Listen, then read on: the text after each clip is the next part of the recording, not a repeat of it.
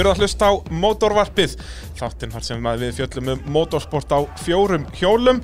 Ég heiti Bræði Þórðarsson og með mér í stúdíón í dag, já ekki í fyrsta skipti hérna í Nóa Sirius stúdíó podcastofarinnar, er eh, Kristján Einar Kristjánsson. Fyrsta skipti í Motorvarp-stúdiói Nova Já. Sirius stúdiói podcastöðunar Akkurat, eitthvað svo leiðis. Eitthvað svoleiðis. Það er nú er þú að fara alveg í annan mikrofón og allt og er búin að svissa þess öllu upp, sko. Já, já, Það er hérna, við náttúrulega erum með, með podcast sem heitir Pitturinn, mann sem að við tölum um Formule 1. Uh, við ætlum ekki að gera það hér í dag. Nei, þú ert búin að, búin að tala um þetta svolítið lengi Já. Að fara að gera þetta. Það er En að- við endum alltaf að tala um Formule 1 ef við hittumst.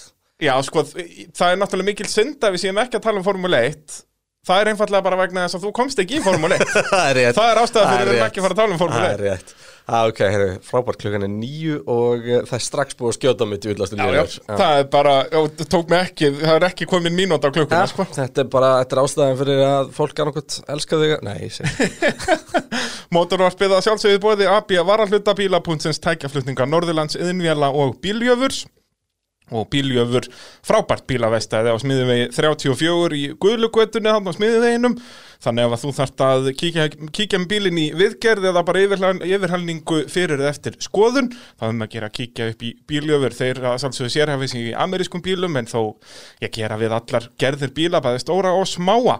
Og Bíljöfur þeir spyrja alltaf að spurningu dagsins. Ég ætla að henda þér bara beint í það Kristján Einar áður en við förum að fara yfir ferilinn. Og spurning dagsins er Hvað voru margir verðandi Formule 1 ökumenn að keppa í bresku Formule 3 seríunni árið 2008? Verðandi Formule 3 menn F- Verðandi Formule 1 ökumenn. Nei, ég ætla að segja það, ég ætla að segja það. Um, uh, Hæmi, Brandon Sergio Pérez uh, Ég var ekki bara þessi þrýr Ertu líka að taka reynslögum en eða? Nei, sem að keftu í Formule 1. Er ég að glemma ykkurum? Já, hvað er loka svarið? Þetta eru það þrýr. Hæmi, Brandon, Pérez Eriksson Eriksson.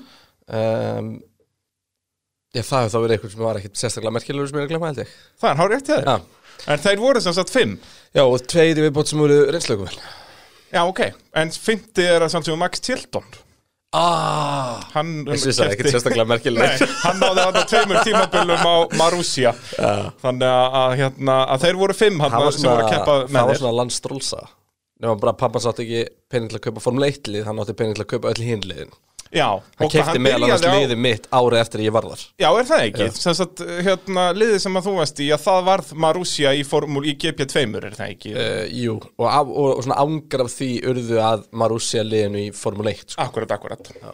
Uh, já, fyrir þá sem ekki vita, þá var Kristján Einar, uh, já, þú náðu góðum árangri í, kappakstri, einn að fáum Íslendingum sem náði að já, ná góðum árangri erlendis og, og svona hæsta level að formúla 3, var- varst á valunapalli í þeirri serju og, og fleira og fleira.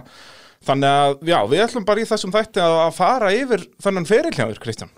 Já. Og eigum við þá ekki bara byrja á byrjuninu bara í badnæsku. Þú ert náttúrulega, það er motorsport búið að vera í kringu þig bara frá fyrsta degi í rauninni. Já, já, þetta Ég ég, uh, ég fættist inn í þetta svolítið sko. Um, Náttúrulega bara um það leiti sem ég er að fæðast Ég, ég er ekki alveg með á hreinu hvaða ár Þú fættist. Ég-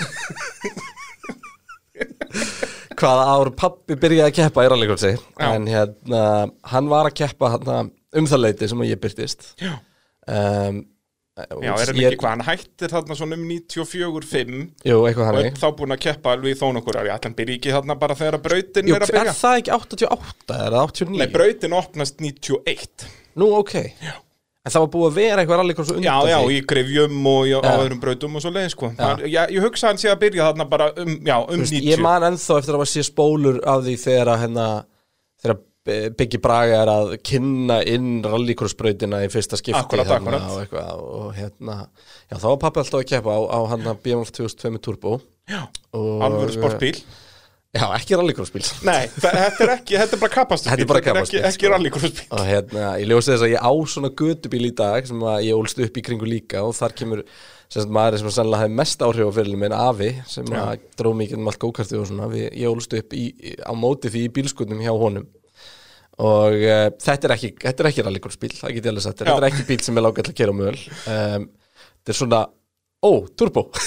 Já, það, þetta er ekki, þetta er svona uppspretta af turbolaggi er þarna. Já, var svolítið, þetta er svona, já, móðið turbolexis og hérna, en þannig að ég var mikið út á braut alltaf og alltaf út á rallikursbraut og hérna Og í rauninni eftir að byrja þarna bara, hvað, ertu ekki byrjar ekki 11 ára að keira bara svona lítinn gokkarspíl? Já, síðan er raun og veru sko áður en ég er komið þangað bara svona aðeins til að fara í gegnum svona mótsport söguna og hvernig maður, hvernig þessi della ágerist og ágerist um, þá sem sagt er ég í raun og veru bara hérna alltaf út á rallikursbraut og svo þegar það er til að enda þá er afi alltaf með stengri minga í rallinu. og, og pappi var líka hellingi kringu það. En ég og afi fórum á allar keppnir. Þannig að ég náttúrulega elstu upp að mínum að í kringu flottasta bíl Íslands sögunar Jep, Nissan 510 SI, uh, nákvæmlega. Bara, og ég get alveg sagt þér það Bræði, að í dag þá, þá er engin bíl held ég sem er langar meira til að keira já, hafandi allist upp í kringum sko. akkurat. Og Og það þetta hérna- er líka bara, stengrum kom nú henni í spjall og, og það er eitthvað sem þarf að láta að gerast að veruleika, sko, byggja hennan bílu upp bara sem kapastusbíl, nota hann bara á malbygginu, Já. Það væri störtlað. ég, var bara til að bakka um í stæði sko. Já, það væri bara draumurinn kominn. Já, og hérna og þú veist, og þetta þróaði svona úr því að, að maður hafði ekkit verkefni maður hafði verkefni þar uh, Afi hefur reglulega mitt með það að Stengrum vildi alltaf taka átaksmæla okkur einustu felgabolta eftir hverju einustu lið og það var mitt jobb sko Já, þú varst með átakskafti hérna, hefslumælin. Já, og ykkur í keppni var ég líka hérna, var ég fyrirfram komið það jobb að, að þrýfa rúðuna Já, Ólinn. og á fyrstu leið þá voru tveir fuglar á rúðinni þannig að ég allt einu bara eitthvað þarna átt ára með, eða hvað sem ég var með æluna í hálsinum og tárin í augunum að þrýfa einhverjar skóaþrasta garnir af framrúðinni Ekki flugur, sko, fugla. Já, Þetta þú veist, er og hann var ennþá fastur undir rúðufyrkunni eða eitthvað svona sko. enda náttúrulega, þetta er náttúrulega 70 Statsun, sko, þannig að framrúðan er liggur við í 90 gráðum, sko, þannig að það er alveg skiljalegt að Þetta er ekki bara að hendast yfir nei. og hérna og um, þetta svona þetta, þetta, þetta, var gaman. Þannig ég til dæmis var í frægu rútunni. Já, rútuferðin frægar Já. á 2000 þegar Stengrimur var á milli rútunar og rallybílsins. Þegar hann styttist aðeins og hérna hann er maður fekk að upplifa ótrúlega margt. Og um, síðan þegar Stengrimur hættir hvenar, mástu hvað árað er? 2000, með síðasta tímabili hans. Já, þá er ég reynda að byrja að keira go-kartinu og það er rétt. Um, Er það ekki bara um, er það ekki 99 2000 eitthvað svo leis? jú, það er eitthvað um 10-11 ára sem að það byrjar Á svona bara litlum, svona hvað Já, þykja hesta í raun og veru sko ég og afi bröðlum alveg endalust Já. og hérna og ég var sérst að keppa á skýðum á fulla ásum tíma Alveg rétt, já, þú varst grjóthæru keppnismæður þar, vannst titla á eitthvað í því Já, alveg svona fram að ákveðum degi Já. þá bara, þá bara hætti ég þessu og fór að keira og það var bara út af því að ég mætti í keppni og var búin að vera einmitt að vinna mót og eitthvað svona og var svona í þessu svona topp, við vorum svona ætlum við ekki verið svona 6-7 hérna heima sem að vorum alveg bara að skiptast á að vinna. Ætlum við alltaf einn gaur sem að þú veist, hann var miklu hraðar en allir hinn en hann kláraði eina hverjum tíu sko. Akkurat, sturlaður þegar hann stóð en það bara gerist aldrei. Ég var svona Mr. Consistent sko. Þannig ég, þú veist, vann alla keppnir sem að einhverjir, þú veist, tveir gerum mistök í sko. Akkurat, og svona var að palli alltaf og var alveg að safna með titlum sko. Já Og er þetta bara þegar þú ert, hvað, bara 9-10 þetta er, ára? þetta er fram til, fram til 14 okay. svona, við erum að við erum svona akkurat þetta þannig aldrei fyrir úlingarlandsliðið þegar ég fyrir á Já. landsmót fyrir norðan og uh, þá var ekki búin að neitt snjóri Reykjavík og mér var pakkað af, þú veist, dalvíkingunum og sigtfyringunum og, og Já, sem voru búin að vera að æfa sig allan sem voru bara að æfa sig bara í marga mánuði sko. og hérna, og ég bara, nei, glemt svo þetta er bara ekki drikkilæg Það bara vantar snjó Já, það var bara engin snjór á höfubúrstæðinu Þannig að blessunlega þá bara gerist það og, og hérna og ég sérst fyrir alferði við gókartið en, en það er aðeins setna um, Já, þannig að 10-11 ára þá vorum við og afið mitt með mér í því öllu. Já. Þú veist, það bara uh, ótrúlegt hvað í raun og veru hann hafði mikil áhrif og á allt sko. Það er bara og amma saman sko. Þegar er hún sagði, sko- já við öllu ruglunu Já, því ég meni það er náttúrulega mikill pluss Og Já, ég var einmitt í öllum æfingum sko og Já, og, Og bara með peptalkið og allt á hreinu. Já. Og ég mitt var að lesa magna viðtal við þig einhvern tíman frá, ég veit ekki, 2010 eða eitthvað svo lesa Þegar þú ert að lýsa þessum árum hann þegar þú ert að byrja í, í gókartinu með afæðinum. Og þá, sérst, þetta var bara þryggjaðastafla einhver pingul þetta var bara, sagt, Einar í eti Akkurat hafði átt einhverja körtu leigu Já. Og nei, hann fengi upp í skuldi ég veit það ekki. Já, já, átti allan að hann átti allavega 20 svona bíla. Og afi bara hefur upp á árum og ringir í hann og veit að þessi bílar eru til og spyr bara, heyrði hérna uh, segja nú bara hvað hann langar að gera. Og, og eina tók svona viljið það að hann svona lánaði okkur en gæsalapa, vildi örugglega ekkert fá hann aftur. Átti 19 viðbóðskossunni þetta var rosalega mikið staðar. Og hann vil svo skemmtilega til á sama tíma held ég hann hafi átt að leikursprinda Já, það getur passað. Þannig að ég fekk líka leikila henni. Já, þetta var sem svona að það vinn-vinn dæmi Já.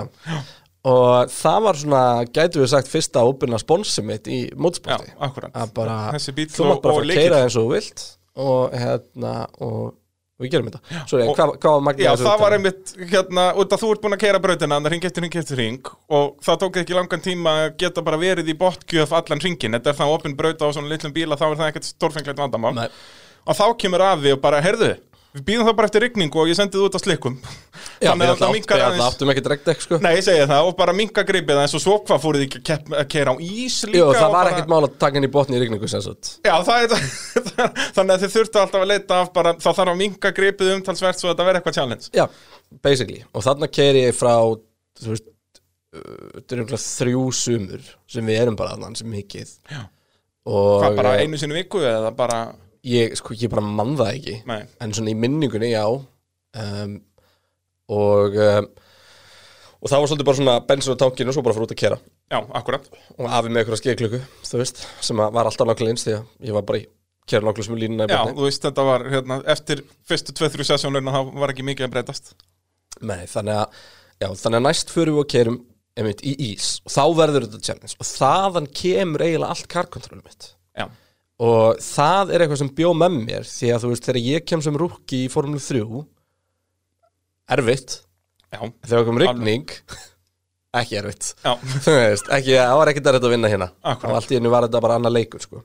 og hérna, En ég minna, fara á ís, var, var það bara snjóra á brautinu eða fóruð þið út á svell, bara upp út á völl?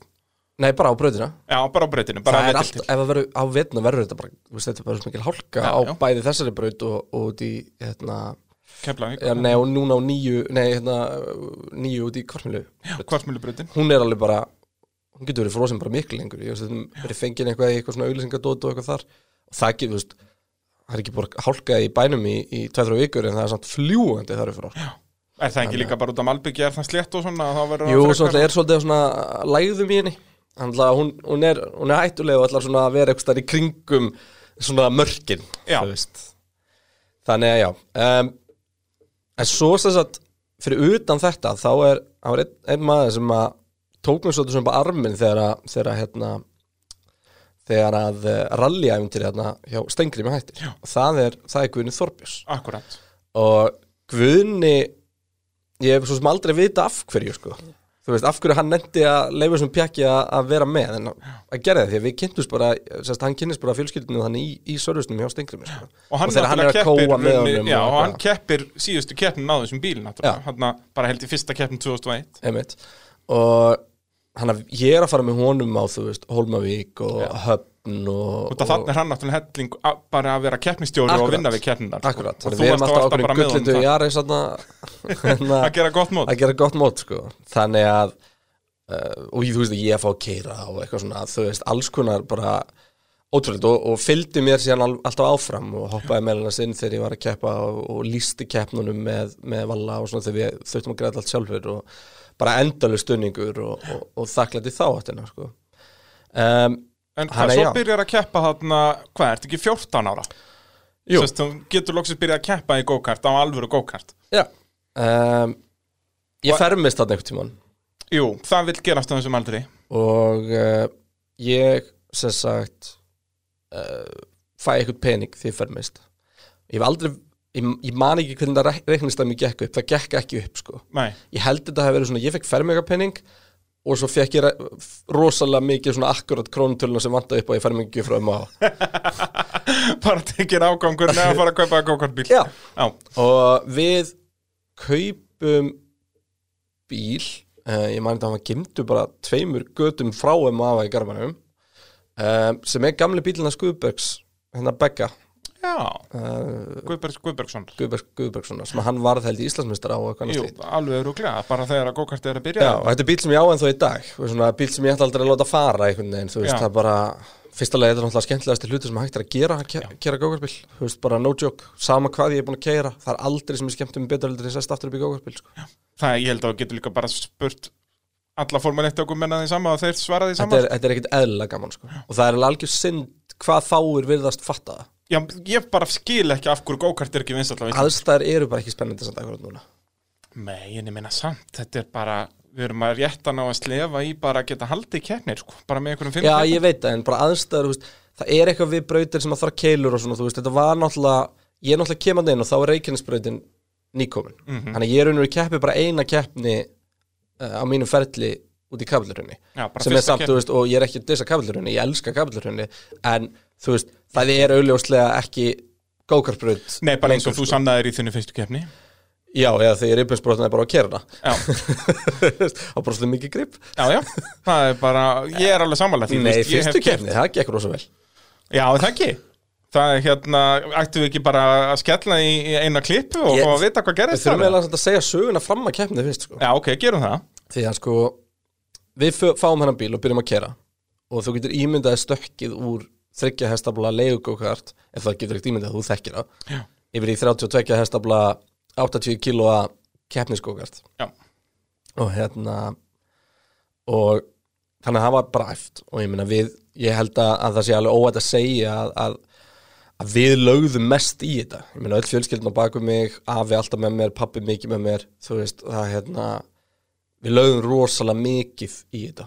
Útgerinn alltaf flott, skilur bílinn alltaf flottur og, og hérna en þú veist, þetta var ekki eitthvað rugl, þú veist, það var ekki verið að dæla peningum þetta eitthvað þannig nei, nei, bara þið, gerðu þetta eins flott og þið gátu já, við vorum ekkert í þeirri stöðu sko. Nei, nei, þannig að hérna, þetta var gamall bíl og svona eftir að higgja hefur hann alltaf verið grindaskakkur og Já, þú já. veist, það er svona alls konar í þessu sko.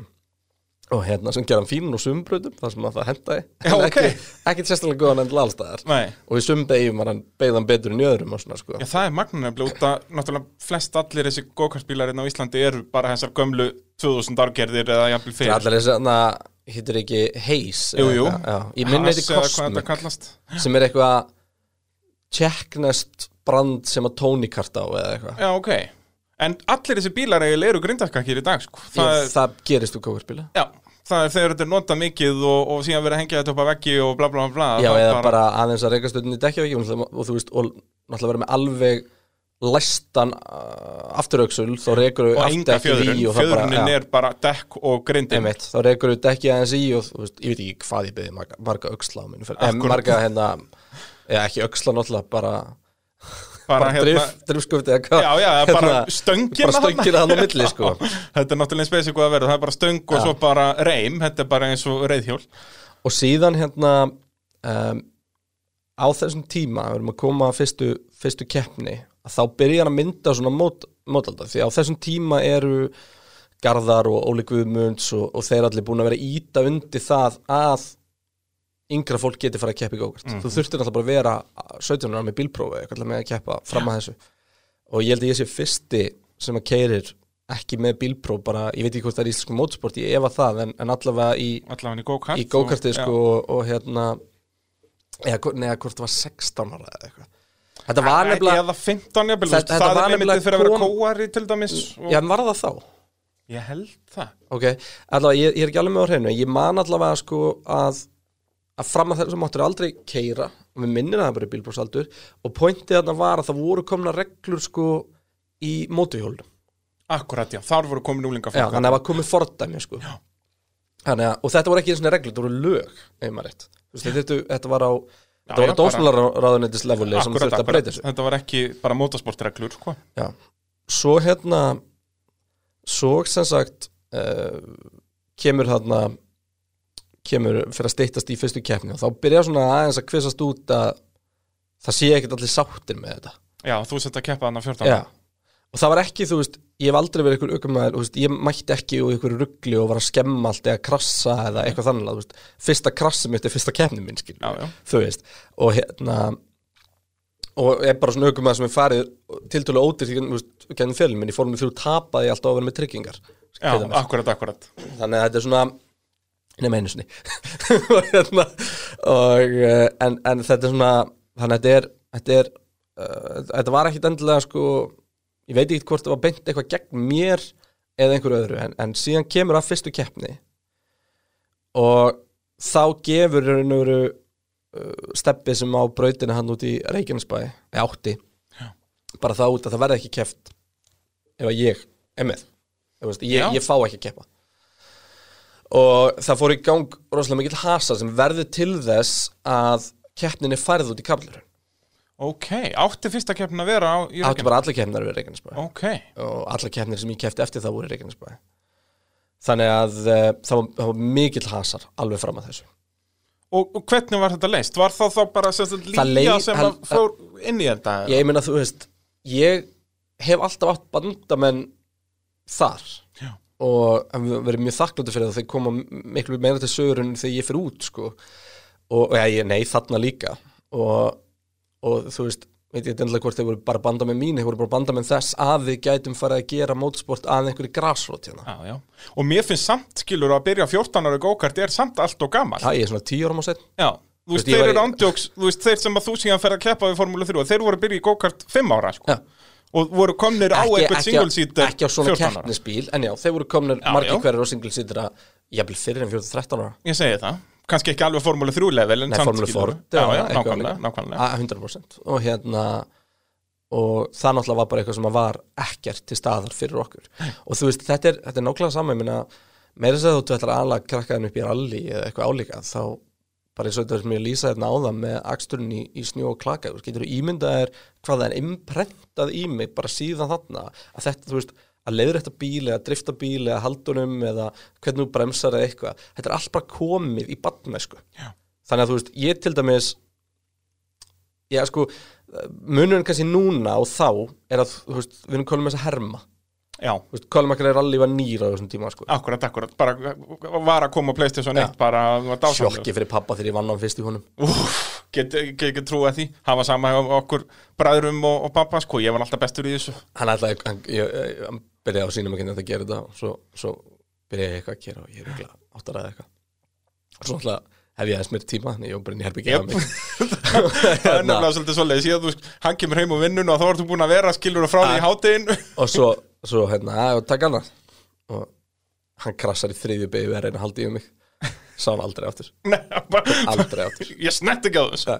Og ég Þannig að svipa gest ekkert með gókarbílinn, hann snýr honum í þriðju beigju þannig að kenna mér eitthvað, hann reyndi aldrei að kenna mér eitthvað en það er alveg rétt, hermannir eru náttúrulega mjög góðir hvað þetta varðar í ég var um í gær með fjárara gauta minn í, fanginu og Já, á bara í go-kartbíl iRacing og nei, eitthvað? vorum í Gran Turismo reynda bara. Já. og ég held honum bara í 50 og bara kennum að halda bílum á brautinu Akkurat, akkurat, þú að pendulunum hann á stýrinu. Já, þetta var til þess að neita að frá að sofa og svona Já, skemmtilegt. Þannig að þú ert bínu þreyttur einn dag. Ég er rosa þreytt Nei, nei. En hérna, þannig já, þannig að þetta er nú leiðin svolítið að þessari fyrstu keppni. Og, og þannig að já, það var búið að vera og náttúrulega á þessum tíma var maður vaknandi allan nættur að horfa á formúluna með afa og það var bara svona heilug stund skilur Já. og hérna og, og endalist bara á mótsporti og fá að vera inn í, inn í ég mann þess að einhvern var að smíða honduna og verið rosa mikið með afa þar. Og maður reyna að finna grömtla léttan hinga og þangað og, og þú veist maður búin að vera í kringum þetta alveg bara endalust Þannig að það var alveg sagt, ég held að flestir tengi við það sem voru að horfa til dæmis á Formule 1 og þetta, þú veist, í kringum 10 ára og þetta að, að það var bara markmið að vera heimsveistar í Formule 1 já, Er það ekki? jú. Og náttúrulega að keppi go-kart og allt þetta þá bara, ég er enda að var alltaf með smá hliðamarkmið ok. Veist, ég hef alltaf haft það rosalegt swag fyrir Le Mans. Alveg rétt, já, ég að Og- setja ykkur í viðtali og í raun og veru, við komum kannski inn á setna þá er ákveð mistök að hafa ekki tekið bara stökki þangað og hugsa með sér að, að Formule 1 væri kannski of stór biti. oflangstótt svo draumi því ég trúi því ennþá að ég hef getið verið frábær Le Mans ökumæður sko. Og þú talaðir einmitt um það í þessu viðtali sem ég var að lesa að líkansbyggingi þín náttúrulega hendar frekar vel í þólagstur Já, þú veist, ég er náttúrulega sko, er í, í alveg keppnistandi þá er ég alveg 80 kíló Já, já. Og á þessum tíma þá voru Formule 1 ökum en 60 kíló sko. Já, og þú náttúrulega ert hávaksin með Já, 183, ris Já, andjóks, það er risi menna meðal Formule 1 okkur með er kannski 1.69 Það var alveg fyndið að maður lendi í einhverju, einhverju samstöðu eða eitthvað og gætt maður alveg verið ógnandi á þess að gera neitt Já. eftir á sko. Þú horfir niður á alla. Já, það var svolítið þannig í beitum sko. akkurat, akkurat. Uh, Fyrsta keppnin, hún er þá í, í kapillraunni eftir allt þetta fíasko þarna sem að var þá leist af Lía, þú veist, var það hvað Garða Gunnars og Óli Guðmundsson þeir sem voru þá aðalmenninir þar í, í Lía á þessum tíma? Já, gott ef það var ekki. Jú, jú, þeir voru aðal þá. Jú, jú, og Garða var, var með mér hérna í fjölmjölum eftir þetta og, og minnir hann að mér sem verið keppni stóri á flest allum þessum keppnum? Já, gott ef það var ekki. Það getur verið. Uh, eigum við þá að hlusta á smá klippu og, og vita hvernig, hvernig þessi fyrsta keppni byrjaði yngsti keppandinn, Kristján Einar Kristjánsson, stóð sig afburða vel þanga til að bílinn hans gaf aðeins eftir. Kristján, þetta gekk alveg frábærlega hjá þér. Takk fyrir. Ertu búinn að stunda þessa íþrótt lengi? Frá februar. Þá byrjaði svona aðeins að æfa og svo fór ég út á braut til að steppa hérna. Spila mann svona í það mánuði senna. Komið þér á óvart hvað eh, þér gekk vel? Mjög.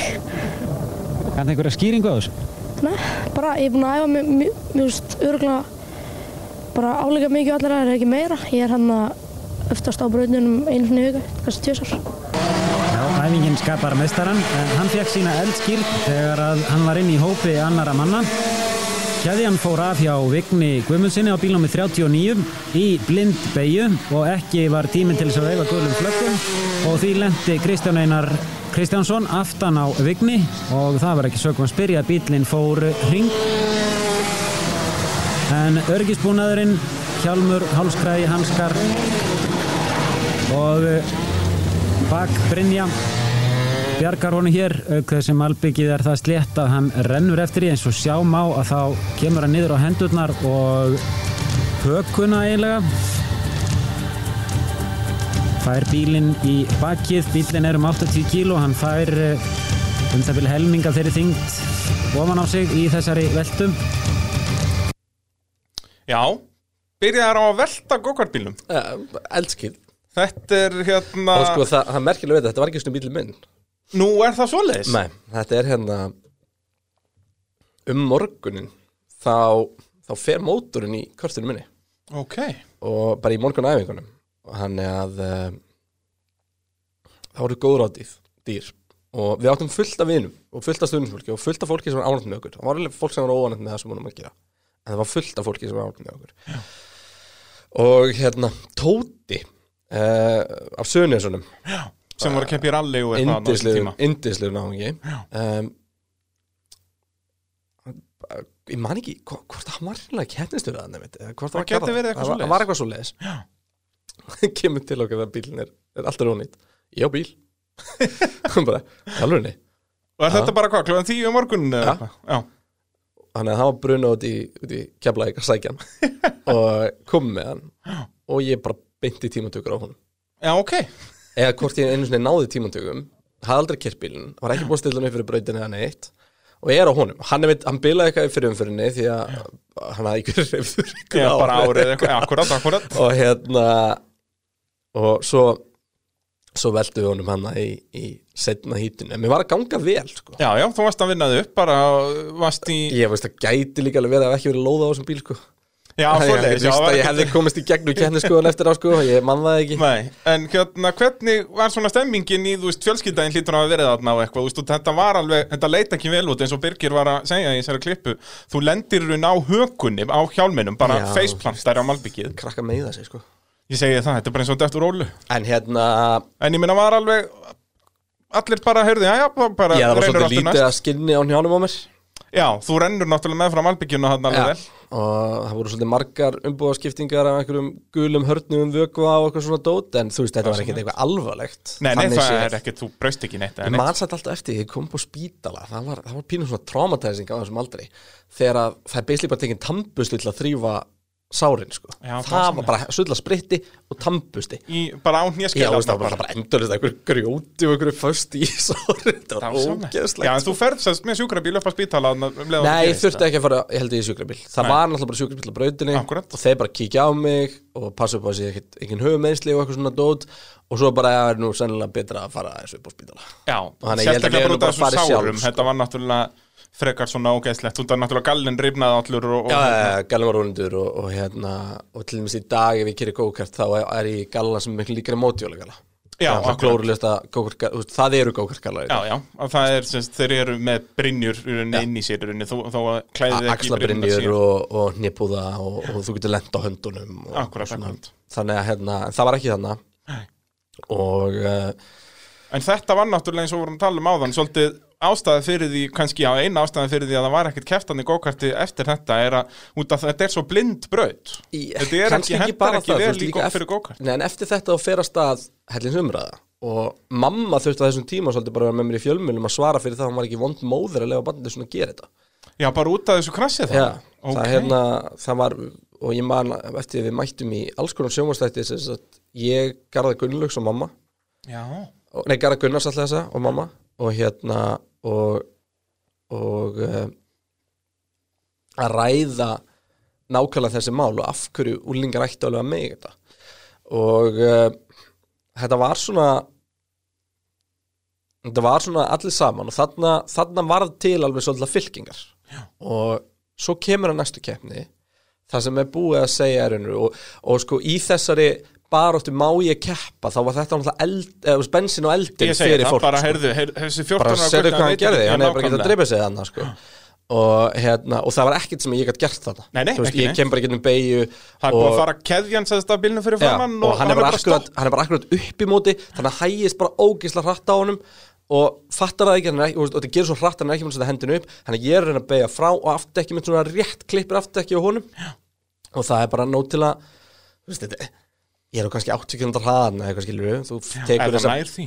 ég held um að það, eitt af því sem var gert um eftir þetta það var svo mikið gert að löggan mætti og hraða alvöru? þarna og það var sínt í fjölmilum fengu þér hérna uh, ekki gummi, hann var rosalega góður í, í góðhverti þannig í byrjun þegar ég var svo hættur hann bara Bara veikindum Guðmundur Ingi eða? Nei, ekki Guðmundur Ingi, nei, Guðmundur Ingi en- kemur ég keppi við hann bara síðast ári mitt 2006. eða eitthvað hannig, já. Já. og hérna og Nei, hann þetta er hann hérna ljósherði gott ef hann varði ekki Guðmundur- mistari á eftir mér Ég held það, þannig. Bara 2007-2008 eitthvað svo leis og hérna uh, og já þannig að hérna og þarna þú veist þetta er svona undir lokin á þessu blómaskeiði gókatsins ég meina við erum Já, við erum alveg er 15 samt- bílar oft sko Já, en þetta er ekki þetta- 40-50 bílarnir sem Nei, voru. nei, það er í kringu, semst um aldamótin þá var þetta alltaf, þurfti líka við að splitta þessu upp og, og allt svo leiðis, en þannig er þetta svona að dvala, en eins og segið, þið náið alltaf þessum, já, 10-15 bílum. Já, og hérna en, en sem sagt, þessi orust að vann að þú fegst að keppa. Já og hún vannst með hjálp margra. Og við komum í næstu keppni. Og þannig um morgunin þá hérna fyrir næstu keppni þá er ég mættur út á braut á bílnum mínum og mættur út í Reykjanes og ég mátti alltaf æfa sko. það var ekki Já. málið, ég bara mátti ekki keppa og við mætum hann útir og, og þá fæði maður bara stuðningur alls konar áttum þá maður bara búin að eignast vini og fólk sem að stóði baki á sér og ég man sérstaklega eftir Evu Annett og, og pappa hennar og þau voru yfirleitt með tveggja bíla lið Já. og ógeðslega flotta útgerð og Siggi og Eva hjálpuð okkur rosalega mikið. Þú veist, ef mér vantaði eitthvað þá var því bara reddað og svo Þau var því bara reddað náttúrulega þegar það með vanti peningu svaka fyrir því og, já, og Siggi sá um sko, gerði við alla, alla mótora og, Já, og þannig svo að- leiðis átti allar varahluti og, og þannig að og talandi um varahluti þá á ég ennþá upp á vegg inn í bílskur hérna uh, vaskrassan úr veldunni því hann er snúin alveg Já, hann er búið að snúast upp á já, hann í hann er alveg, alveg snúið upp á hann sko. Það var samlegt. En hérna og Eva segir bara hann að ef hann fyrir að keppa á ekki Já, ok. Og það kom að stað þú veist, það voru bara þetta er, þetta er, þetta er rosa skrítið, það er rosalega margt sem að svona svolítið herti mann á þessum ferli því að bæði náttúrulega var maður alltaf í peningavandræðum þegar maður var að keppa úti og svo þarna. Og ég hef óþægilega oft setið klukktum fyrir keppni ekki vita hvort ég er að fara að keppa. Já, svo leiðis og það gerðist til dæmis þannig og í raun og veru þá hérna þá uh, uh, já, var þetta alveg bara ótrúlega dagur og, og það bað enginn eins og þau um að hjálpa okkur. Nei. og þau fengu fleiri með sér. Og allt í hennu bara hefði ekki orðin í keppnin um ég fengi að vera með Það var bara og, komið fylking hérna bara. Já, og tóku bara svona vendavang utanum mig og, og, og maður komst á stað. Akkurat, akkurat. Og þú keppir allt þetta tímbil, endar í áttundasætti í Íslandsmótinu. Já, Og svo er unni fór þetta bara batnandi ár eftir ár. Já raun og veru. Og við lendum í rosalega mikið af bílunum. Já, um, það var mikið, mikið um, um þannlað og, og hérna. Og uh, svona á þriðja tímabili var sannlega tímabili sem þetta að- að vinna. En það sem gerist á þessum tíma er líka bara að, að það er svona ímyndslítið í gangi í mínu lífi. Og bara svona andlega. Já, og eftir að higgja að hugsa að þetta sé eina ástæðan fyrir ég var góður að gera já, svo leiðis en ég náttúrulega sko bætti svakalega á mig þannig að ég var yfirleitt svona 40 kílóum og þungu bara ég og bílinn sko Já, sem að hlutfarslega er rosalega mikið í gókarti já, já, og var bara orðin rosalega bara andlega þungur og, og, og líkamlega ennþá þingri og, og svona sem hafði allir þessi áhrif. Og í raun og veru hef ég aldrei skilið hvernig og hvað þessi viðsnöningu var því ég man ekki eftir hún nei. Hvernig ég svo allt í hennu bara orðin uh, þannig sé reis fitt í, Já, já. í kapastur ennlendi sko en þannig ég var alltaf að gera mér þetta rosalega erfitt fyrir. Og Og en þú veist, var breyttist þetta hugafæri eitthvað til dæmis bara fyrir 2006 tímabilið nei, þegar þú verður meistari? Þá var ég bara orðin ennþá betri Já, og hérna og það kemur nýr í algjörðan svona neilbætir í síðustu keppni. Og ég man að mamma og pappi komu frá Fraklandi mitt kvöldi áður komu með einn nýjan dekkjagók með sér. Já, bara í handfárangri bara í handfórangri á splungu nýjum dekkjum. Oh. það var það sem vandaði upp á að gulltryggja þetta sko. Já, sko, þetta 2006 tímabil var nefnilega magna Ég er hérna með klippu úr, ég held að þetta sé þriðjaða fjórðaumferðin Þar sem var sko grenjandi rigning upp á keflaði bara, Hún er á floti þegar eru runni að keira bara í pollum allan tíma það var ef ég maður eitt keppni sem ég átti að rústa Já, en bara mótorinn fyllist af vatni í hver, hvert bara einasta skipti. akkurat, akkurat. Það bara ég komst tvo bara ringi og örgulega var ráspól og eitthvað, ég komst eitt Já. ring þú veist, en var alveg bara miles away Við skulum auðmitt heyra hann, okkar mann Birgir Þó Bragason tala um þessa kefni Og ekki minkaði rigningin og enn er það Kristján Einar Kristjánsson sem tekur fórustuna.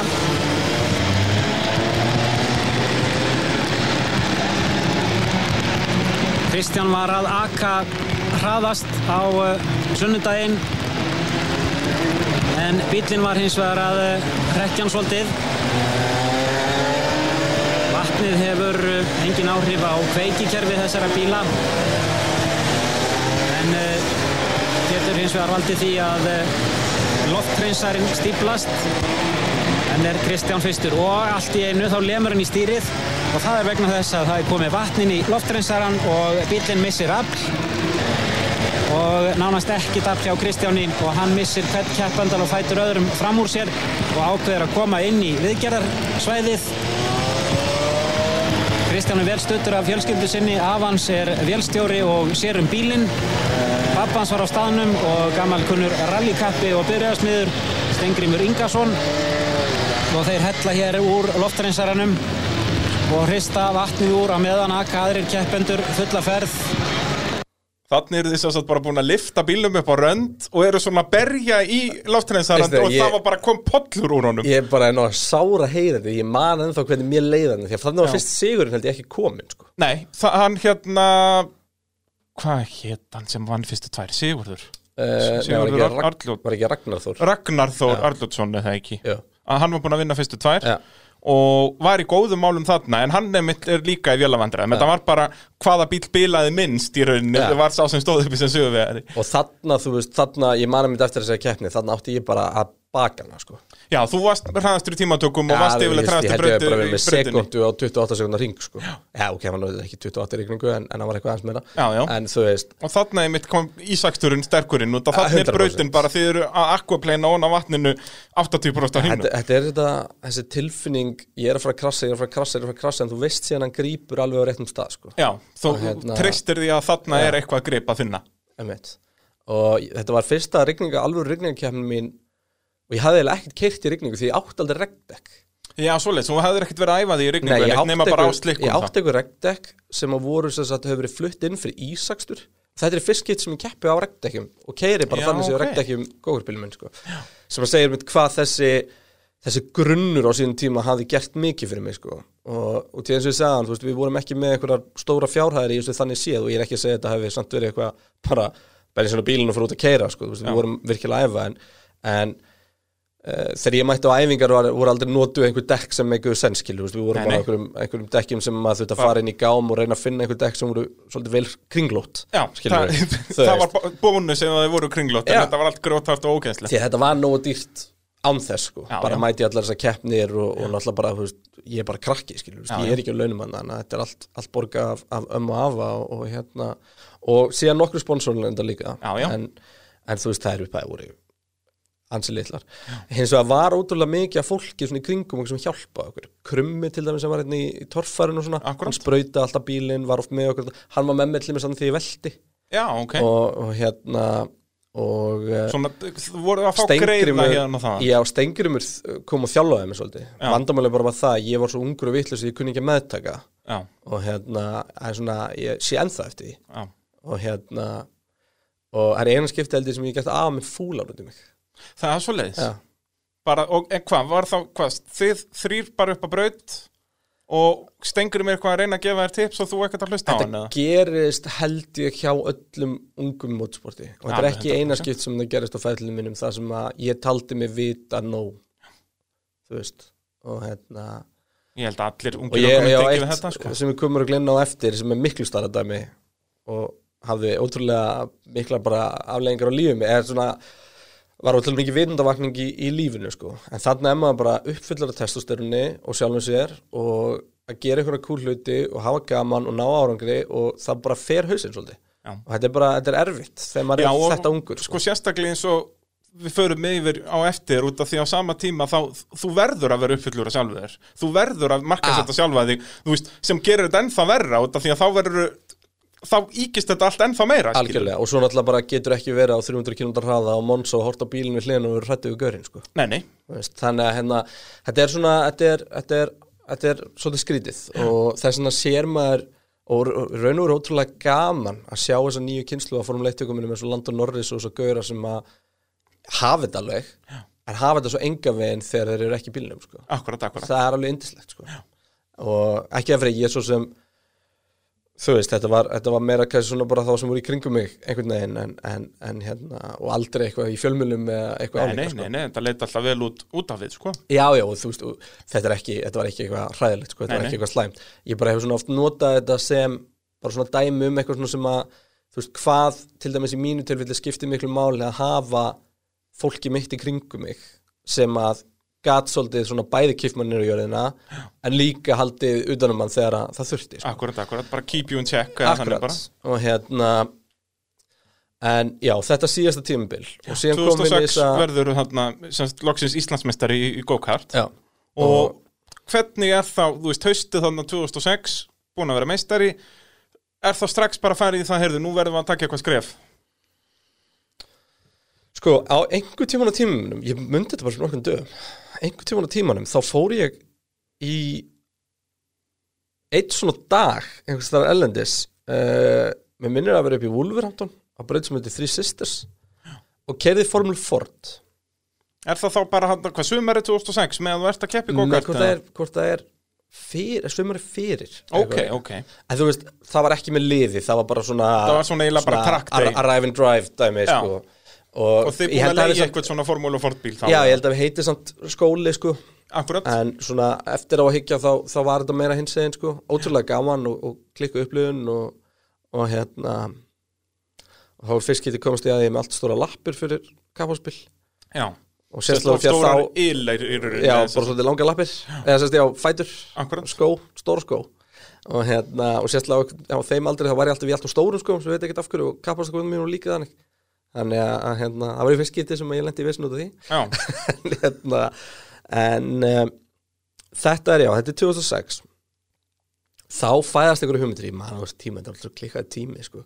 ég man þegar hann Æsland Motorparkæðin kom að hitta mig hann út að brauta segja mig söguna, mæta á Cadillacum sínum og já, talandi um A1GP-liði sem hann alltaf búið til og það er kannski bara, er ég í því ekkert tíma og er bara, bara, það var náttúrulega svakalegir draumar þar að, hérna, og hvað, þetta náði einni skoplustungu eða svo? Já, glæsileg skömmlustúku mjög glæsilega fullt af myndum og allt já, þetta sko, en, en ekki mikið meir en það. En þannig að já Þannig að það er svona Gókartferðlin er, er þarna og að honum kom óbúslega mikið af fólki og eins og segja, afi stóð svo þéttu baki á mér og amma og mamma og pappi og þú veist, ég og afi vorum við vorum út að braut einu sinni í viku sko. Já, akkurat, bara keira, keira, keira á Ég- og einmitt held- svona eins og talaður um áðan sem komið svolítið óvart að þetta var allt svona eins professional að þið gáttu haft þú veist, hann var með stopwatchið og, og allt svona og það verið að tíma Já. allt og alltaf verið eina betrum bæta og heyrðu, ég var að prófa að gera þetta og da, da, da, þú veist, það, þetta var æfinga, þetta var ekki bara, heyrðu, förum að keira, Já, við fórum heim og lásum bækur um það hvernig að stilla gókartbíla og, Akkurat. og hérna og ímislegt og um, og og þú veist, bara passionin sem að afi hafði í þessu með mér skilur, þú veist, ég kannski kom til hans einhvern morgunin og þegar við komum heim og af æfingu þá hérna, var kerrunni bakkaðin í skúr sem hann smíðaði Já. og gömlum runu svona, hérna, Já, var þetta afturendin af, af kangu Það er mjög gott. Og hérna, geggju kjæra samt sko.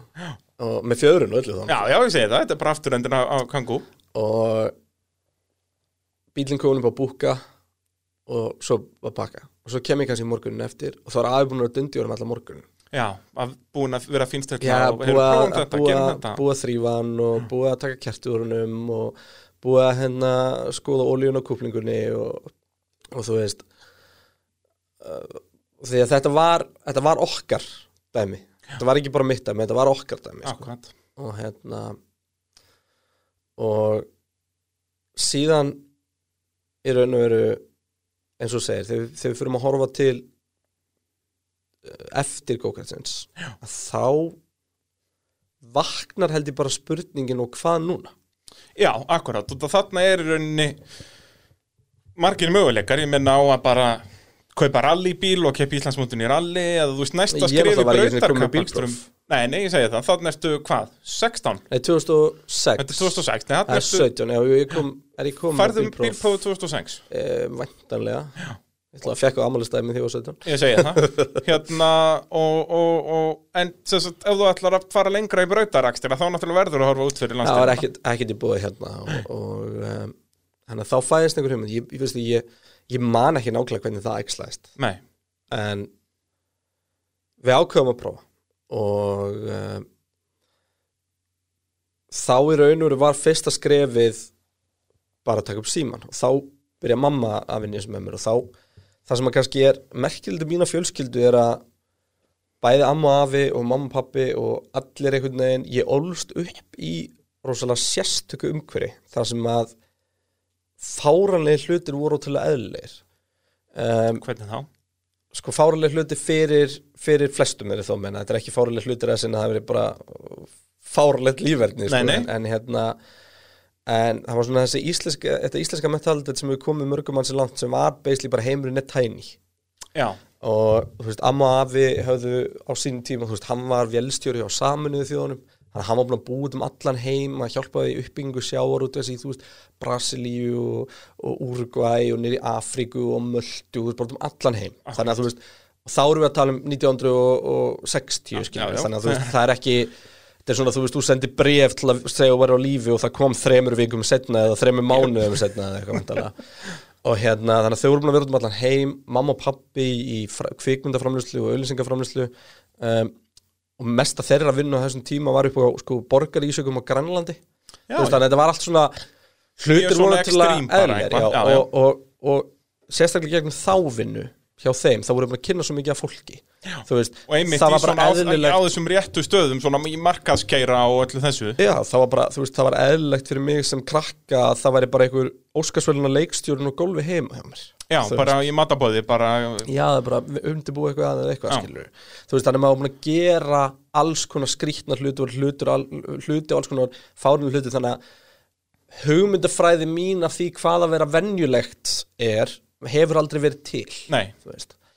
Og þannig að, við á einhverju tímpúndi þannig að förum að, að horfa, horfa út og það uh, byrja með því að, að við horfum til Bretlands enda það er það svona mekka motorsportsins. Já, og gott ef, jú, þau voru nýbúin að gera auglýsingu fyrir BMW á Íslandi. Já, hérna fyrir X3 og tengdust þar leðandi eitthvað inn í markastil BMF og mamma hefur sambandi BMF tengiliðin sinn þarna Já.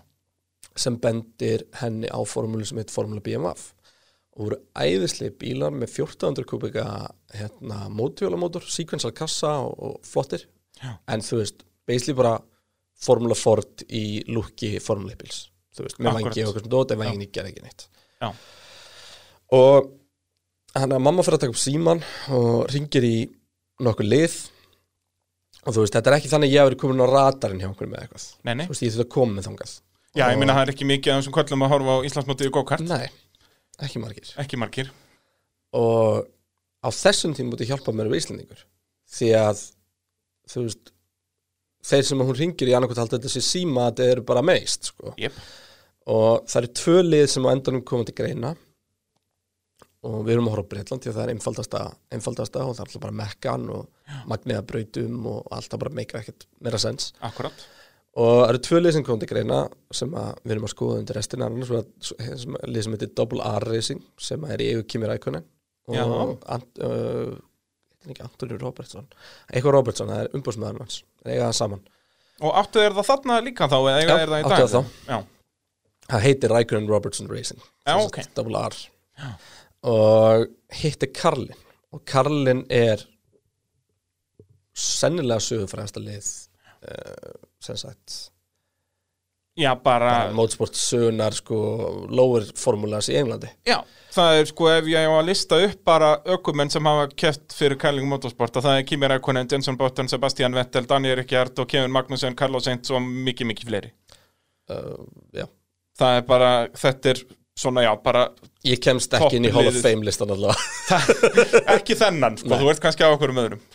Og hérna, þið eru að tala við þessi lið um að keppa þá hvað, í Formúlu 3 eða þessari Formúlu BMF? nei, þannig er alltaf stefnan sett á Formule BMF Já. og fyrst um sinn þá er var þetta bara Karlin með bíl í því líka? já, já, og þetta verður til þess að eftir eitthvað samtal þá, þá förum við um, á keppni, nei, við förum á keppni á Alton Park það sem við verðum að keppa í formúlu BMF og erum gestir Karlin með það sem er búin að ákveða það að, bara kaupa í testdag Já, já. og ég man ekki upp að hérna en ég man að þetta var sko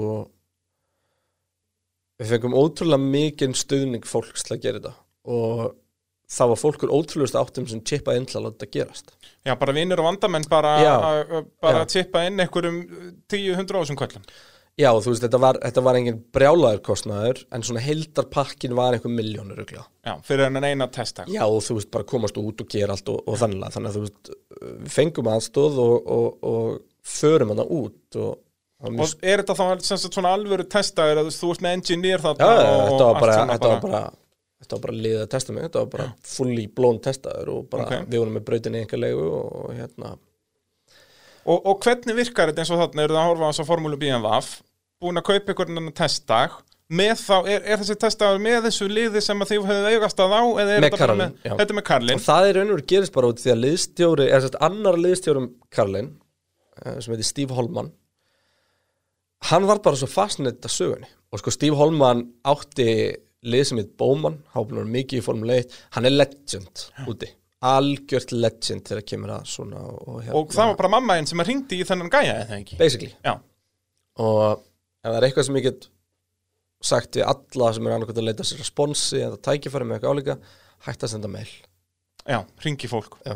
Og það er mitt, þú sagðir í einhverju viðtali þarna sem ég lasa að það var akkurat að- að mamma einn ringdi bara í þessi lið og bara heyrði á, er eitthvað liðstjóri eða eitthvað annað sem ég get tala við? Og bara óvart var byrjuð að tala við hann svaraði bara óvart símanum Já, sko. nákvæmlega, og þá bara heyrði ég á Ég er hérna með hann Kristján Einar, uh, Íslandsmeistar í go-kart, bla bla bla, og ég man sko þegar ég ég labbaði inn í höfustæða Kallin fyrst og svona utan þar eru reyndur undan miklu flottar eftir að Pappi Chilton byði nýtt.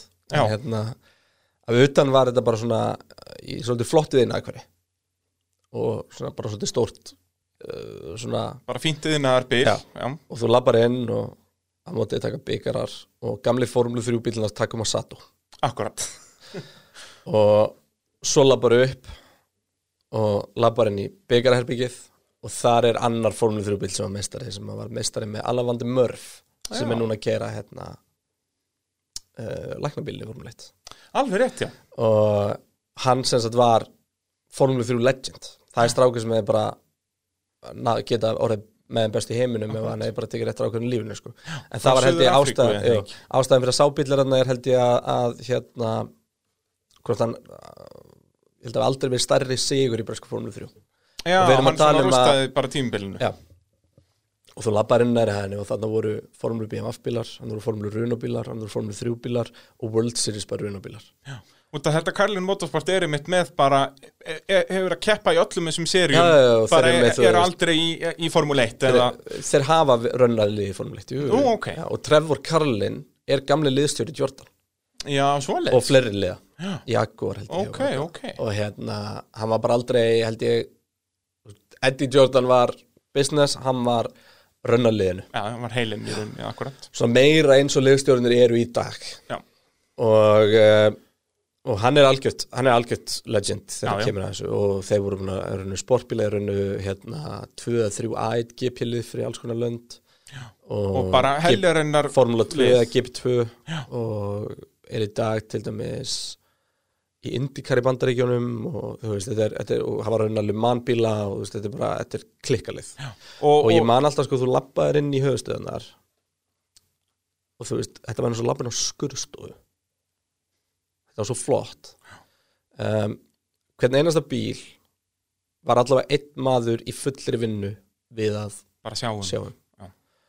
og það var ekki ríkotn á gólunum Nei. og verkfærin voru svo flott og þetta, voru, Allt þetta var alveg bara- það var allt eins og í Formule 1 bara nákvæmlega þú sér myndinar bara hvítu herbygging, hvítu veggirnir geggjar, kistu, innrýtingar bara líkum við þetta að gera við bílana á sokkalistónum bara. Já, þegar ég held að þú hafi verið inn í skóm sko, Já, akkurat. Þú veist og hérna og gjössanlega styrla og svo þess að segja, svo labbaði maður hann upp aðra hæðin og þar var þessi bíl og, og allir þessi byggarar. Og maður bara, wow, Hvert er í komin þetta er í komin Og, og hvernig virkar þetta? Þarna sérst eru þið búin að kaupa einhvern veginn testdag með, með þessu frábæra liði.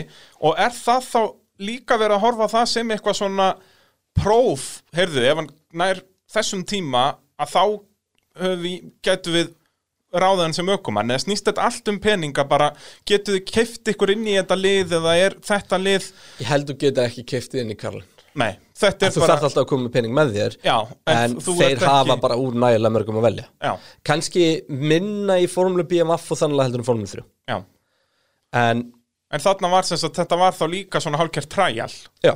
Já, Og, og træjalið þarna snýrist held ég minna um hraða. Ok Og meira um bara application. Þú veist bara hvernig, bara persónuleiki hvernig er þessi gaur? já, Hvernig hagar hann sér? Hvernig hagar hann sér í bílnum? Tekur hann því sem verið að segja honum? Getum við gert hann góðan? Já, akkurat. Og við erum að tala um, þú, þú nefndir nöfninu það, við erum að tala um gæðir sem er búin að þjálfa þetta lið, skiljum. já, já, Og ég fer hann í fórlum BMF dag og það var mjög fyndið út í að mamma hafði alltaf verið í sambandi við, við hérna, við lið, hún er alltaf Einarsdóttir og ég heiti Kristján Einar. Að ég kem á bílum minum og það var íslenski fánin og Einarsdóttir. og þetta er legendary mynd af litlu sýsti mín að plokka dóttir af og þannig festist að það stóð alltaf Einar á bílum minum, sko já, alveg rétt já. og það var líka svona óðritt lafa en hérna en uh, þarna ker ég þennan rauða formúli BMF bíl Já. Á braut sem heitir Pembrey sem er, er svolítið svona heimavellur og þú eru glæðið að sapna í gegnum formúli 1 pælingarnar í sögustundum og svona kemur þessi braut hans oft upp. Það var svona, þetta er svona go-to braut. Og og hendar einmitt vel til svona rauninni, hún býður hún upp er á margt. ódýr og hún er hröð, þetta er stuttur ringur og uh, hún er, það er engar takmarkanir hún er bara við einhvern herflugull skilur og þú veist, yfirleitt þegar við vorum að testa þarna þá var breski loft herinn að testa við hliðina og hérna, þannig að þetta var bara svona in the middle of nowhere ógeðslega matur, ógeðslega skítugt allt sem hann, þú veist, algjörlega andstætt við það sem við þekktum. En fínir skúrar og hérna og og brautin flott. Brautin fín. Geggjur rallygrúsbreyt, það er geggja já, rallygrúsbreyt ok. Og ég byrja bara að keira og svo byrjaði ég bara að lappa. Og svo fyrir ég bara að gera það sem mér er sagt. Og li, á móti mér var strákur sem heitir heit, heitir Anthony Comas. Og pappa hans heitir Erik Comas. Og var formuleittökum í mörg ár. Akkúrat. og hann var þannig, það er gaurin sem að kannski muni ykkur eftir þegar Senna stoppaði á spa til að kíkja á krassið. Já. hann var, E- var Erik Comas og þeir voru þarna að kera og og, um, og bara allt í, allt í blóm með það og við, við kerum hann og, og hann var búinn að vera að keppa alla sinna sko. og mér gekk bara svona fínt þú veist, mér gekk fínt að kera en allt annað impressaði liðið alveg bilaðislega. Já, og ég fæ bara svona review eftir þetta sem er raun og veru bara þú veist, við höfum áhuga á Kristjánu ok. og þetta eru ástæðnar, þetta eru kvalitín sem hann hefur. Og svo fyrir bara heim og veist, hvað nú? Já, en þú að veist þannig að svona eftir á að hekja að þessi testdagur í rauninni bjó bara svolítið til þinn feril Já, þetta var make or break dagur sko. Já, er það ekki? Að, að Þannig ertu komið með basically bara recommendation frá Carling Motorsport um að hér sé ökkumæður á ferðinni Já. sem er, já, ansi gott að- recommendation þannig að þetta er þetta er 2000 og er sennilega snemma árs Sjö. 2007 Já, gott ef Alton Park var ekki fyrsta BMF-kefnin þú veist, við byrjum að fara hana, fórum svo niður til Kallin og fórum svo niður til hérna þannig ég kerði, þú veist, frá Norður Englandi niður til Wales til að gera þetta og, og svo einhvern aftur til London og heim. Akkurat. Og svo fljúi heim og hvað þá? En þá allt í unur hausum hans einhvern veginn komin í að þetta sé möguleiki. Mm maður ætla bara að gera þetta. Að þá að tekja á því veist, þá var bara æft og æft og æft og æft og ég fekk Bara á go-kartinum hérna heima Nei, bara, í, og- bara í ræktinu og annað slíkt og, og jú, þarna fór ég back to basics. Ég fekk líkilara líkvarsbröðinni Já, ég dró bílið minn út á braut hendur um út í kerfunni, fyllt hann um bensin og kerið til að dó þú veist, og þannig þjálfaði ég hálsin og axlirnar og, og allt þetta. Já.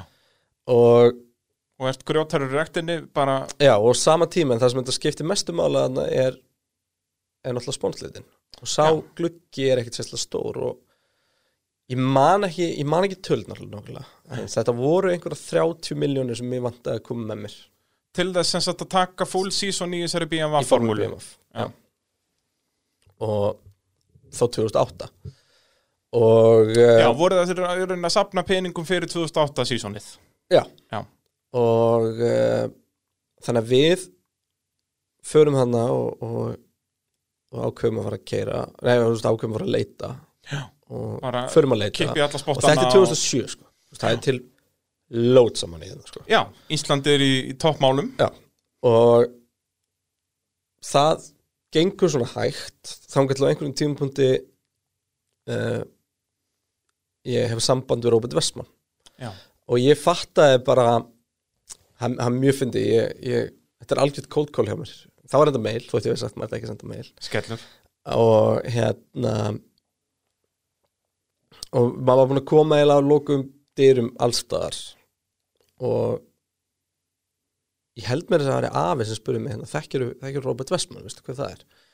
Og ég sem sagt fer inn á actavis.is þannig þá fórstur actavis og, og hérna vissi að hann var orðin stór í fjárfestingum og, og mikill, mikill bíla áhugur alltaf ungur og, og hérna rosalur, rosalur bíla og bara mikið eðalmenni og ég sem sagt svona crack the code hvernig tölvupóstum er raðað upp hjá Actavis. Já, og sko það var r.versmann að Actavis eða hvað þannig. Og ég prófaði bara að senda. Ok. Og 20 minnir setnir ég komið svar hefur maður rétt. Sæl Kristján, þetta er áhugavert. Getur hitt mig hérna? Ok, Ég bara- ringi mömmu og bara "Herri, við þurfum að gera eitthvað, undirbúa eitthvað.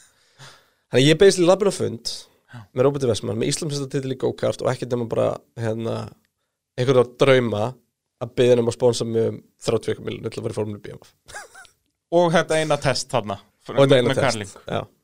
Og hvað, þetta er bara sömarið 2007 já, og, Og- og þú veist hvernig fór þessi fundur, ég meina þetta er bara ef ég á að segja alveg svo er þetta sennilega stærsti fundur í, í motorsport sögunni.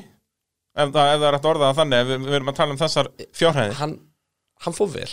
Já, ég trúa því. En, en hvernig svari kom ekki þar. Ég þurfti Ok. að býða hans eftir og, og í framhaldi þá þá uh, fæ ég bara þau skilabóð þeir séu til í þetta sérst, hann og, og, og nokkrir. Sérst, hann og hans hópur sem hann fór fyrir. Og hvað, var þetta þarna, já, 30 pluss miljónir með minnir það já. Með minnir það. Og, og fyrir að skrifa A4 og salta á bílinn. Já, salt held ég að það var nýbúið fjárfesti að fjórum með eitthvað Já, svona eitthvað svo leiðis og ná og einhverjum svona dóti þetta var basically Já, og akkurat, planið ná var alltaf að selja auglýsingar á bílinn líka. Já, og, og það, það var alveg hellingurinn í myndinni þú veist, að reyna að sér tilbaka helmingnum að þessar upphæði eitthvað álíka. Nema ef ég maður rétt þá var búin með þess að búin að setja upp þannig að sko hann var til að bara grunninn og ef við getum selt eitthvað meira á þetta og hann alltaf hjálpa okkur með þá færi það bara í frekari æfingar og annað slíkt. Já, svo leiðis, það kemur myndi bætast við í staðin fyrir að, minka hlut Roberts. Já, Já. þannig að ég, ég fæ þarna full prí, eða sérst, og þá, þá sænum við hjá Karlin já, já, bara boltin farin að rúlla og bara stefnan tekin að full season í Formule B va? viku eftir það sæning, ég er ekki sem bara fyrir fyrsta testi mitt sem ökumæður Já. Þetta er Þá- ennþá þarna bara sumari 2007 Já. Já. þá hérna þá uh, breytist Formula BMF Formula BMF var svona regional keppni. Og það var keft sko þú veist það var Formula BMF Bretland og það var Formula BMF Þískaland og það var Formula BMF Ítalía og eitthvað svona dót. Nema að það er semst verið að slaufa því og það er bara verið að búið til Formula BMF Evropamestramót Akkurat, sem eru þá bara, já, um og það var support serið við Formule 1 og það bæði tvöfald að vera með hann og eiginlega bara þýskuliðin komist inn. Já, Þý, þýskuliðin og lið sem voru nú þegar að rönna GP2 já. Þannig að Karlin voru ekki í góðum Kallin málum voru ekki í góðum málum, fengu ekki bóð sem að þótt alveg skandal því að þú veist þetta er þetta lið. Akkurat, Þú veist, þetta er, það vilja allar mótoræðar hafa Kallin já.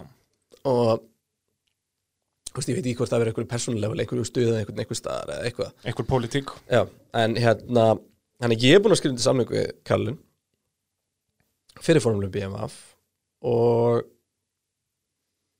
þeir eru ekki að fara að keira Nei, þeir eru ekki með miða í þá formúlu. Já, og þá eru góður á dýr. Þá eru góður á dýr og þá, þá ekslast þetta þetta formlu þrjústök sem er eftir á higgja er náttúrulega fárlegt. Já, og við erum, við erum hann að um, í algjöru óvissu að plana framhaldið. Og uh, bara þú veist skoðum formula Runo það var ekki spennandi á tímanum. Og þá kemur þessi hugmynd eigum við að fjárfesta í sem sagt national, eigum við að taka það var akkurat, akkurat bílaskipti í Formule 3 bílarnir endast í svona eða sagt eru, eru í, í, í svona þrjú ár og kemur nýr. Já Og sérst þá reglum eitthvað breytt og sérst koma Já. nýjir bílar. Og þá í Breitlandi var kerður svo kallar international class og national class. Og national class var þá bara bílinn frá því fyrra og international class var bara bílinn frá því í árið Já. virka þannig að sko þú ert með nýjustu fórnum þrjúbílina í Breitlandi Europamestramótinu og, og álíka og svo ferðu faraði nýr í sem sagt, Kópa í Europamestramótinu og national class í, í hérna En þið keiruð allir saman samt á brautin Þetta er ekki skiptið mismunandi reis. Með með með og þú veist þú eh, sem góður ef þú ert- ef þú ert framúrskarandi nationalklassaukumar þá ert að banka í topp 5 jafnvel í, í Akkurat. hinu. Ja, ég segi það ekki Svona allan topp 10 en þú, þú, þú getur og bara eftir brautum svolítið og eftir bílum náttúrulega bara alveg séu formulega, það kemur nýr bíl hversu mikið hraðar en bílinni fyrra Akkurat og hérna við- svipa vel að spekk og, og þannig að Og náttúrulega allar þessar formúlur sem við erum að tala um að þetta er allt svona það er allir á eins bílum Sérst, þetta er ekki, liðin er ekki Ish. að hanna Já, Ish. en þetta því er ekki sko munurinn ástæðan fyrir við horfðum á þennan flokk því að var að munurinn sko á þessum flokki eru flokkinum er að í eru flokkinum þartu svolítið þú veist, hann kost svolítið mikið meira því að þú ert líka fjárfæst í vindgöngunum sko. Já, en það er búið að banna það þarna en hins vegar fæ ég að nota alla bita sem er búið að rönna áður. Ok, þannig að við vorum, að, vorum í vindgöngu, vorum að smíða og vorum að, að hérna modda þannig að bílinn sem ég var á. Var, var til dæmis bílinn sem Sebastian Vettel kerði í Macau árun undan. Já, svoleiðis, bara sami bíl og hann var komin í Formule 1 þarna sko. og bara saman bíl þannig að þú veist, var, þetta var bíl sem var búið að alveg passa upp á. Já, já. og um, og uh, þannig að Hven er þessi ákvörðum þú tekin að að fara í þennan ég national man flokk það í, ekki alveg, í mér minnir 3? að þetta hafi verið þetta var ákveð og tilkynnt á nefntum í februar nei, jú. Eitthvað bara enn fréttina, nátt Kristofina 2008 skrifur undir hjá Karlin Ég er ekki með hana sko, miður. ég man ekki En þetta er þá annað, kannski skiptir ekki alveg máli þetta er hvaða einhvern var. fyrir það tímabil En hvað er þetta með að þú fer til Nýja Sjálands? Það er í, í Já, byrjun sko, 2008 Bi- eða ekki? Við getum aðeins byrjað þarna því að þarna koma actually svolítið skemmtilegar skemmtilegar sögur sko hérna þegar maður er að kynnast um, aðeins þessu því að við erum veru erum mætt þarna og erum komin hann út og það er ákveð hopp yfir, yfir fórnurinn og fara bara beint í þetta. Þannig að náttúrulega vitum við ekkert. Nei. ég vissi ekkert hvernig það virka ég vissi ekkert hvað mótur það hefur verið til nema þessi ég er búin að kynnast. Og Formúlu BMF bílinn versus Formúlu 3 bílinn er ekkert eðlilega ólík græja. Nei, það er náttúrulega aðalmunurinn þar er það ekki er, er sem sagt downforce og það er alveg Jú, vangir sem að gera formúla, þú, það er alltaf að fara beint og kókast í Formúlu BMF Já, það akkurat. er ekki lægi að fara kókast í Formúlu 3 Já, það er rauninni stærra stökk sko, þó að kannski í afli og svoleiðis eru þeir svona þannig sér svipar, þó að þessi meira afli Formúlu 3 Formúla BMF er kannski bara nærið að vera shifterkart Já, þú veist. þannig að stökki í rauninni milli hann að Formúla BMF í Formúla 3 er miklu stærra heldur en bara go-kart í Formúla, BMF Formúla BMF bíli kannski ná svona 170-80 km hraða. Formúlu 3 bíl er ná 300 Já, og Formúlu 3 bíl beigja sem Formúlu 3 bíl tekur á 200 tekur Formúla BMF á 120 já, þú veist.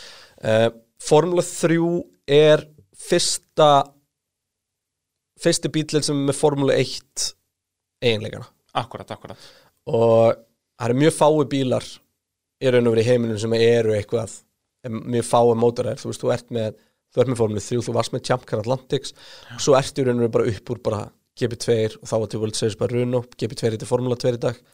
Um, og, og Formula 1 og IndyCar og Superformula í Japan Veist, þetta eru basically mótoræðinar sem eru Formula 3 level og ofar. Veist. Og, og, og, þarna svo LMP bílar eru líka með þetta Já, vissulega, vissulega, svona En- Le Mans bílar. en annars ertu ekki annars, þetta er bara þetta er, annars er þetta bara sérstakgerð og þú veist, við erum talað um Formule 3 bíli er undir, vil þessi 1,700 Já. þú veist. Og, Og þarna náttúrulega þurftu þú Og að á læra á, á downforce.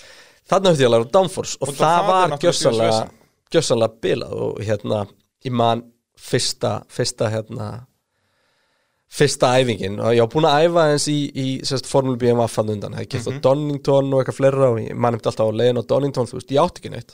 Ég ég höfði bara koma við í GP Direct á leiðinu og kaupa allt. Já, bara búin að það þess að skamma og ég, svoleiðis. ég, átti ekki löglegan galla, ég átti ekki löglega hanska, ég átti ekki löglega skó ég átti ekki go-kart-gallann eða hjálm ég átti bara eitthvað svona serviskalla Já, já. Þannig að þú þurftir að hérna- byrja á að eða einhverjum já, mörgum 10.000 og 100.000 Já, kallum ég í... fekk, fekk þægild vísakortlán Já, hérna, það var, nei, það var bara hluti af, af, af pakkanum, skilur en hérna en þar mætu við og, og hérna og, og náttúrulega bara það sem Róbert gerir þarna fyrir þetta að koma mér bara á þann stað að ég setist upp í bílinni fyrst skiptið sem sænaður formúlu eitthvað aukumæður er eins og þú segir, sennilega stærsti stöðningu í Íslands mótorsport bara ever sko. Já, alveg 100% og þar var þú veist þar er bara maður með áhuga og svo jákvæður og svo peppaður og svo veist, innilega áhugasamur í þeirri stöðu til að gera þetta til í að taka eitthvað stök til þess að sjá okkur fara lengra En af hverju hefur þetta aldrei gest fyrir nýja síðar? og til að fólk sendur auðvitað bara mail Þú sendir bara mail Já, reyndar En þá var ég samt sem áður 17 ára Þú veist, ég held að pósturinn hafi verið það fáralegur hann ákvað bara að hitta mig bara út af því sko Þú veist, þetta bara, ha? Hvað steik er þetta? Þá, þú veist, hvernig, varstu þá með sest, of stóra drauma eða hvernig, hva- hvað meinar Ég held að það var ímislegt, það var bara það var ákveð exposure sem fylgd þessu. Þetta er hárrétt tímasetning. Þetta, þetta er, reyndar, Já, þetta er kolröng tímasetning í stóru myndinni, þetta er hárrétt tímasetning þarna. Akkurat, það er allt í blóman og, um, og cool að vera Íslendingur. mjög kúlur Já, íslendingur Það átti eftir að það var minna kúl að vera íslendingur í Breitlandi hann á megi bjóðar og um, þetta var bara ótrúlega ótrúlega áhugavert og bara, þú veist, ég get ekki sagt nægilega oft hversu þú veist, það eru, eru fjóra-fimm mannesku sem er, hafa verið algjörlega uh, grunnurinn að því að þetta gat gest og bara hver ég er í raun og öru og bara sem einstaklingur og, og hann er einn af þeim, sko. Og þarna er mitt fer líka helling svona markas herrferð í gang semst bara að marka setja þig að gera þig að einhverju nafni og, Já, sem að, sko, við þurftum að gera. The Icelander. Já, já, við þurftum markast ykkur úti og við þurftum markast ykkur heima sem að er ekki drauma staða Nei, því að ég ko, strax kom með pressuna sko eins og hérna Kitty Björslendi á skíðunum þegar hann nær einu, einu sinni frábærum árangri að þá er bara ætlast að næst líka. Já, já. og ég er, þú veist, ég er búin að keppa á þessum tímapunkti, hvað er Íslandsmóti í gókart það hefur verið margir kemni? Fimm? já Ég er búin að keppa 20 gókartkefnir og ég er komin í Formule 3 Já. Þú veist, það meikar ekkert sens. Nei, nei, þú ert að hoppa yfir allavega svona þrjú skref Já, þú veist, gaurarnir sem er að keppa í gókarti ungir, eru kannski að kera svona 30 keppnir á ári. Veist, Á mismunandi brautum Á mismunandi Ekki í sama brautum, ekki alltaf á sa- bílastæðinu í já. Reykjanesbæ. sem að þú veist, þú fannst einu uppstilling á bílinn og, og gast gert. Já, um, En síðan sérst kemur að því að prófa Formule 3 bíli fyrir skipti. Já. Og er það þá hérna bara februar 2008 cirka? Nei, það er fyrir áramönd Það er fyrir áramót, Já. ok. Og í raun og veru sko var mik mikla efasendir um þetta skref og alveg mótlæti þar líka. Og við, ég man að fyrsta testi mitt var á Croft og það er mjög fyndið, þú kom, kom með mér upp í GT Akademi og svona og þú sé skóna mína sem er búið að klippa. Alveg rétt, ja, það gerist þar. Það er rétt Og Þú ert búin að segja þessa alltaf- sögu í, í pitnum. Já, að þess að þá lendi ég annars skipti í því að skótni minni passa ekki. Þeir passuðu fínt í Formule BMF við 3 var bara ennþá meira meira já, og ég gat ekki bremsa og við komumst bara því inn í pitt að bara stýristöngin liggur yfir bremsuna og táin og skónum minnum var föst í stýristönginni og meðan bara milli lappana og ég er náttúrulega ógeðslega stór og, og hérna búið að búið eitthvað sæti og svona reyna að finna út hvernig það var þægilegt og, og þarna ég, það er brasilísku gæði hann var, hann var, hann búin að kera, sérst, kera trukka í formuleitt í mörg ár og, og vera í pitkrúum og svona. Og það er rosa mikið, Karlin var rosa mikið þannig. Já. Svona fólk sem var ekki lengur til í geðveikina sem Formule 1 var og í staðin var maður með svo frábæra tæknistjóra og, og allt sko. Bara hókið að vera og hitt voru svo ókslega ungigöra sem ég sé núna. Þetta Já, er þessi mjög gaman eða þegar við sjáum inn úr skúrin hjá Mercedes í Formule 1 þá sé ég alltaf einn af görunum mínum sko. Ok, það er hérna er mjög skemmtilegt Já. bara sem mekanik þannig að þetta var svona fullkomin blanda hvað það var. Þarna var fólk semst að stíga sín fyrstu skref í þessum geira og svona þessi Að geðvægt reynslu miklu gæri á sem eru konum við fjölskylduna get ekki enn svaka sirkus Já. og eru þá í þessu svona út að þetta er, getur farið heim og á þess, kvöldin þessi gæðar eru náttúrulega bara svolítið svo rótarar hjá rockstunum sko. Já, já, Því að þú 100% veist, þetta, er, þetta, er, þetta er ekki, stíl sko. Það er rosa mikið jams sem fylgir heim og, og hérna, vaka framöndur og vakna snemma og, og hérna og þannlega og, og sem að sannaði sig með þrjum á pembri og þeir eru að allir að drekka Guinness og svona hefð hjöðum eftir, eftir daginn þeir bara, býtu nú, þetta er ekki rétt bræða Guinness hér. Þetta, hann á að bræðast öðru í sig hérna. Nú, en hann er mjög góður. Það var sérst dælutna þrifnar í fyrsta skipti ykkur mörg ár kvöldinu aðeins sko. og þeir bara, heyrðu, heyrðu, þetta er ekki alveg rétt. Þetta, veist, hefur voru það invested í bara- því, sem við vorum að gera. All-in en hérna en, Fyrsta testið, þá fyrsta þarf að- testið. Hvað, gera eitthvað við skóna. Já, og klukkan er komin í gang ég á geta verið komin út á braut og ég er ekki komast út á braut. Og náttúrulega mínúta góð- af testi bara kostar, ég veit ekki hvað mikið það voru góð ráð dýr. Og þá segja hann bara, brett upp á tanna hennar kemur með stóru játtklippundar og klippir framan á skónum mínum og bara, þú veist, og svo bara gaffelteip yfir, út. Og þetta byrjaði ekki vel, sko. Uh, þetta er Croft, þessi braut hún er upp í Norður Einlandi á bæ sem heitir Darlington og er gjössanlega eitthvað það steiktasta place sem ég hef komið til og hérna alveg Norður England, bara jafn, þú veist, það er bara, horfði við til Skotlands. Og hérna og þarna er semst Formule 3 test. Og þeir voru búin að vera í þrjá daga að testa eða eitthvað líka. Uh, semst þeir sem að voru að fara að keppa og, eða, eða, ég man ekki, eða hvort það voru að vera að testa nýju ökumenn eða eitthvað. Og þá semst hoppa ég upp í bíl. Og um, gott, þetta var ekki með sannum mikið sem búin búið til sæti þetta er, örugglega- þetta er, nei veistu þetta var keppnislið.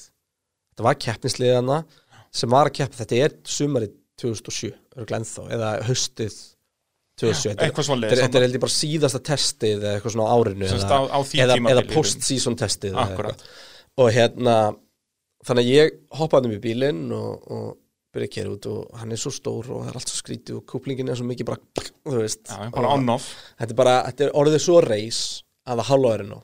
Og og þannig að ég kerði pitnum og ég næði ekki beigunni þannig að ég myndi kera á pittveikin þannig að það er að íta mig tilbaka. Og ég kerði frábært. skúrnum.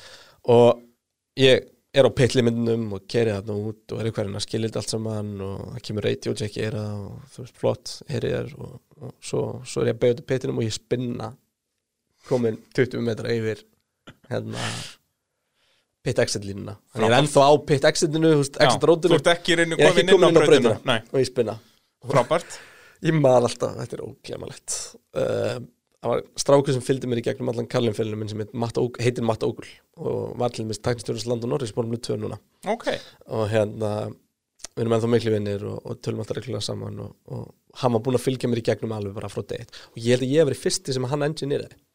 Já Sest, ok. hann Hann er svona að mechanic. byrja í þessu þarna. Já, hann var alltaf mekanik en ég er svo fyrsti sem hann engineerar og, og það myndaðist mjög, mjög stert búnd og ég segist í talstöðuna Matt, I feel like an idiot. Christian, you look like an idiot. Komin 20 metra inn í formlu þrjúfyrir já Bara bing, bara búm, en hvað, svo svo fer ég út og keri Já, já, og, og þarna er reyslið að gera. Og þetta er rosa skrítumbraut að mörgur leiti, mjög skemmtileg, mjög hröð. Og ég er að dóla og ég er í ykkur beigju og ég sé ekki einu sinni að bílinn kemur fyrir aftan mig þegar hann kemur svo rætt fram mér. Ég er bara, ha? Þannig ég keri bara nok nokkar ringi og þetta var bara svona shakedown. Já. var ekki bara lægur neitt. Nei, nei.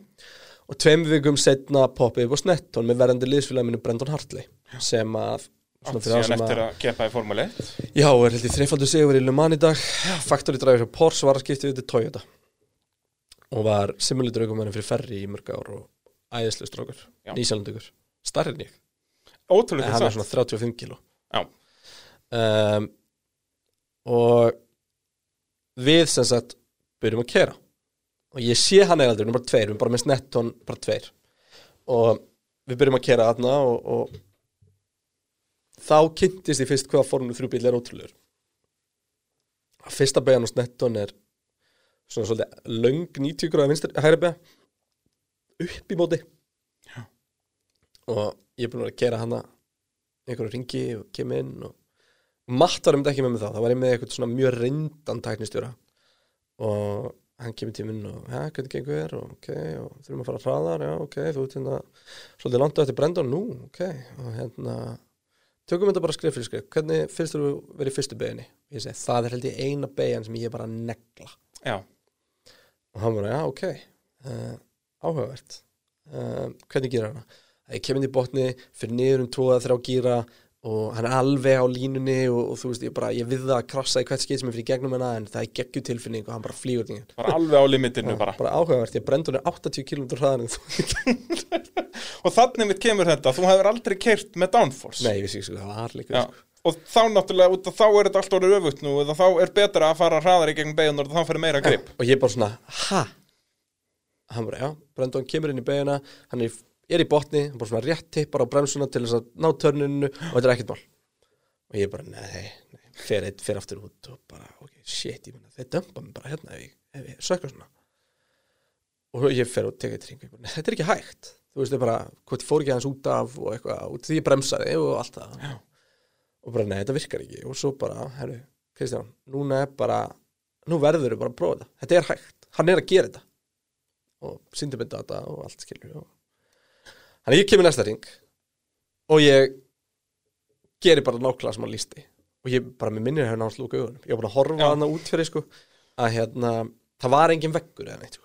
þetta var bara uh, akkur þess að þetta er bara svona stórt engi bara það var gras og bókstaflega, ko- nei, og kornakur þarna Já, framan. svoleiðis bara ég hef bara einu sinni farið út í hann Hérna, en um, og þannig að þú veist það, það gæti ekkert gest Nei, nei, Þess, ég var bara að fara að skauta eitthvað í næsta bæjarfélagi en þá var bara slett ángað, þú veist. Og en ég bara, fuck it, prófum þetta. Og stenda bara þetta í gegn. Það var bara ekki mál. Já, og þá breyttist eitthvað í hugsunarhættunum hjá mér þar sem að þú ert með eitthvað ós þú veist, þú keirir í undir með þetta þú keirir ekki yfir með, með, ef þú keirir, yfir með, meðutundinni og hugsa nú ætlum ég að beða hér en nú ætlum ég að beða þarna þá ertu hægur, það þarf allt að gerast automatist. Þú ert bara, þú ert nánast heila laus með þú ert að keira, nema bara þegar þú ert í samskiptunum. Já. og allt er bara reactions og fyrirfram ákveðið, þú veist, aldrei hugsa þetta. Og þetta var bara ekkert mál. Og þarna þurfti ég að eyða einhverju sem að allur minn axtusferill fram á þessu skildi sem eðlisfræðin sem hægt er að gera á bíl. Já, þurftir að bara dílíta því og nú veistu að þú getur gert þetta. Já, pretty much. Já. Þannig að uh, Þannig að restina af þessu testi gekk bara ágætlega. Restina af þessu testi gekk bara ágætlega og ég var ekkert með mikið testing budget. Nei, nei. Um, Klárið þennan dag og næsta test er Ég man ekki hvort það var eftir jú, Nei, það var eftir. Það var eftir þetta. Við testum eitthvað meira Já, það var eitt testi við búið alveg rétt. Og það var Alton Park. Það er skemmtilega það er fyrsta krasum mitt. Alveg rétt. Og hérna og Alton Park er lítið braut fyrir utan Manchester. Og þetta var ískaldur nú á byrjum mánu, ég ætti flug heim morgunin eftir. Og bara að fara heim og vera heim með jólin. Og við erum búin að ákveða að fara til Nýjasons í, í, í januar og ég ætti líka að koma heim og græða keppniskriftinu minn og svona, þú veist, ég var ekki svona keppniskriftari og þannig að, að við þannig að ég fyrir að testa þetta á Alton Park. Það gekk bara vel og Alton Park er ógæðislega skemmtileg braut. En það sem var merkildu við þetta að ég krassa sem sagt í hérna, í lók dagsins. Eða bara, það er bara ná sko myrkur þegar ég krassa. Og það var alltaf okkur myrkur þegar bílinn kom aftur upp í upp í, já, eða svona, ekki, beint myrkur þetta verður svona fjög-fimm leiti að, að fara að dimma. Og við vissum við þetta var að hættra okkur tíma þegar það var einhver auglýsing að fara að tekin upp hana í einhverja tvo tíma eftir okkur.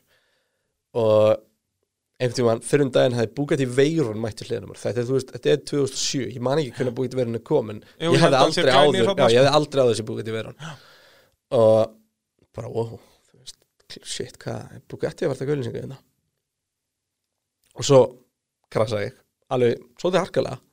Já, á mjög öllum staði dekkjavegin eftir beigju 2 þegar við kæft hana í vinstripa kemur niður brekku vinstripa og ég er svona að klippa aðeins grasa á utanverðinu og fyrir dekkjavegin á innanverðinu og tíu spinniði bröðina og rústa þessu stað. Já. það var þetta akkurat tökustæðarinn Akkurat og það var svona smá við segja það var svona áhugur Já, dekkut um allt og, og hérna og gras út um allt og nema það sem að ég vissi ekki og þannig að þegar ég kemur tilbaka þá var all liðið mitt ansi starströkk og þá sagt, er bílið minn komin til ég þurfti að fara í medical center í eitthvað check og hérna og þá tekur Cristiano Ronaldo mútið mér. Og mjög pyrraður umbósmaður og leikstjóri. Já. og ég var sérst búin að skemma tökustað fyrir Nike og Cristiano Ronaldo. Þannig er þarna að fara að hlaupa eitthvað að keppa upp gætt í verðun í Nike-auðlýsingu og uh, já, þetta var mjög áhugavert. Já, ég kan trúa því. Og uh, ég var ekki búin að ekki búin að vera lengi í þessu því fokkaði ykkur upp. Já, og, og, og fokkaði því upp fyrir Cristiano Ronaldo, það er ekki margir sem lendir því. En hérna uh, síðan, síðan fyrir við bara heim. Já, já. Og þá kemur það þessu, nýja sjálfspælingu Akkurat, og það er hérna bara í byrjun 2008 Og hvað er málið með það? Þannig veistu að þú ert að fara að keppa heilt sísón eða svo gott sem heilt sísón í Formula 3 Já. af hverju að fara í þessa Toyota Racing Series í Nýja Sjálfland Ég þurfti International BS-kistinni Já, sem þú hafðir ekki og þú hefði bara kæft í Nei, en sko, ég man alveg eftir því ég fekk kærnskiptum minn, veist. Það, mér var alveg hjálpað. Já. þetta var ekki gert mjög erfitt fyrir mig en það er ekki til neitt, neitt ferill Nei. fyrir hérna heima. Þannig að ég var meira svona tekin í mat og Óli Guðmunds var mátti gefa út fýja skiptinu þessum tíma. Akkurat, hann er náttúrulega fullu bara að vera dómar í Formule 1 hana, og, og hann hjálpaði okkur mikið og ég man alltaf að þetta fyrir eitthvað lækniskoðun og það var svona meira bara Ertu gæðið ykkur? Nei, flott. Snilt Snilt, gjör svo vel fyrir múskall Þannig að þetta hérna, nýja samanstæmi var meira, já, bara til að fá þetta Já, bara það var, það var bæði keppnir sem ég Þetta er rosalega sniðu mótorið og hún er rosalega mikið notuð. Og sko að nöfnin sem fari í gegnum þessa mótorið þá er þau mjög stór sko.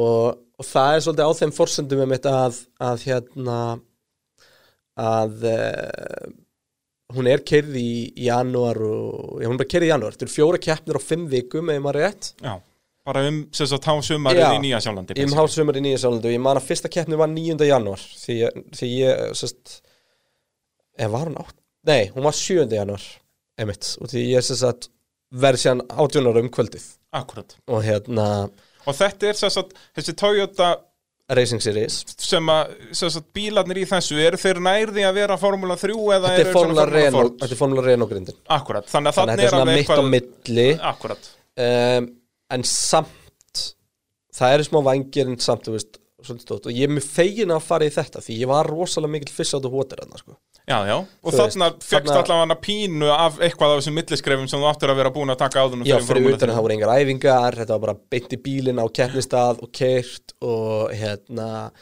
og þú veist uh, og svo bara beint á næstu bröð og keirt og keft og hann þetta var meira svona eftir á að hyggja fyrir mig þú veist, ég ætlaði að ná svaka árangri þarna en eftir að hyggja fyrir mig þá vantaði mig bara að átta mig að bara já, heyrðu, það er grænt þú veist, eða, Já, já, að keppa. Svona keri inn í pitt í keppni Bílar í eða- kringum þig og allt þetta, sko. Þannig að þú veist, árangri var engin sko. Keftur í hvað, voru þetta nokkra keppnir sem þú keppir í? Já, þetta voru heldur fimm keppnir á Nei, Ok. fjóra keppnir á fimm vikum. Og síðasta keppnir var svolítið skemmtileg því að hún var supportkeppnin fyrir A1 í Nýjasálandi á ógeðslega fl flottir braut sem við tápa þetta er síðasta árugla sem A1 er í gangi. Það eru geggja græður sko. og þú veist að þá var heldur þú veist, ég manni það var Bruno Senna en Nelson Piquet sem var að keira fyrir Brasilíu og, Ok. þú veist, og fyrir Þískaland var, voru flotti gaurar og, og svona alls konar. Og hérna og ég sem sagt um, kem hana út og, og það var svo heitt það var svo ógæðuslega heitt. Já, og hásumar Nýja Sjálandi já og ég manni mitt svo þú veist, maður læriði alls konar, bara alls konar hluti sem maður læriði veist, fyrsta daginn og skildi ég ekkert með sveið svo ógæðislega mikið í augun. Bara augun mér voru að drepa svo, svo þurr og mér sveið svo mikið og alltaf að brenna í augunum. Það fattaði ekki, ég sérst, var bara svitna með sólavörn og í Já, augun mín þú veist, það var svo alls konar svona Já, sem enginn segir þér. Bara svona basic Já. sem að, samt, já. Já, og ég held að var eitthvað til við vorum að kera á hreinu etanóli Já, það væri að fá það svona einhver það var eins og já. það var, það var svo skrýtna reglur það mátti ekki vera inn í pitt ef að hérna, ef að uh, þegar var að fylla á og því það er uh, ósynlur Já, bruni bara brennur og hérna, það var svona alls konar hlutir. Og og ég man ennþá tilfengi, ég og pappi fyrir sérst í Nýjaslands og Matt kemur með mér. Matti er engineerinn minn þannig sko. Bara frá Karlin og við fyrir í bíl og ég kerði með gaur sem heitir Matt Halliday. Og Matt, þetta var mjög skríti, ég veit ekki hvað Matt Halliday var að kera hana Matt Halliday var búin að vinna alls konar champcar-keppnir fyrir þetta sko. Já, já, veist, hann var svona næstu í Formule 1 þreymur ára maður sko. Ok. Og þú veist, hvort það var bara eitthvað Hann bara í ykkur æfingu eða eitthvað? Já, neða, þetta var heldur meira bara eitthvað til exposure á TRS eða eitthvað álega sko.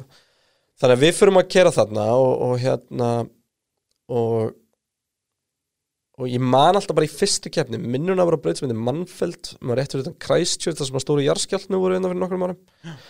Og uh, maður lendi í alls konar eitthvað svona skrýtnu þannig að það var óglemandi dýrasti simreikningu sem ég fengi var á hóteli og þá sem sagt hérna þurfti ég að fara á eitthvað galakvöld. Þetta var svona alls konar skríti þessu, svona alls konar treyning bara, það var já, galakvöld, það var eitthvað charity mode og allir fjandir hana og manni leiði rosa eins og einhverju stjörnu. Og hérna og uh, ástæðan fyrir að simreiknum mér var svo dýr var að neti var svo dýrt og ég kunni ekki að ströða skirtu þannig ég hringdi heim í mömmu á Skype og leta hana að stýra mér í að, í að ströða skirtunum minni í gegn það enda á að kosta bara 50 skall Já, dásamlegt og hérna þetta var allt eitthvað svona og hérna og ég sem sagt, en ég mæti á brautina og, og, og byrja að keira og þú veist, ég, ég var alltaf bara eitthvað 5. síðastur eða 7. síðastur eitthvað, þú veist, og alveg 20 eitthvað bílar En þú veist, þú færð þessa reynslu Já, og, og keira sko, og það sem ég vantaði var sko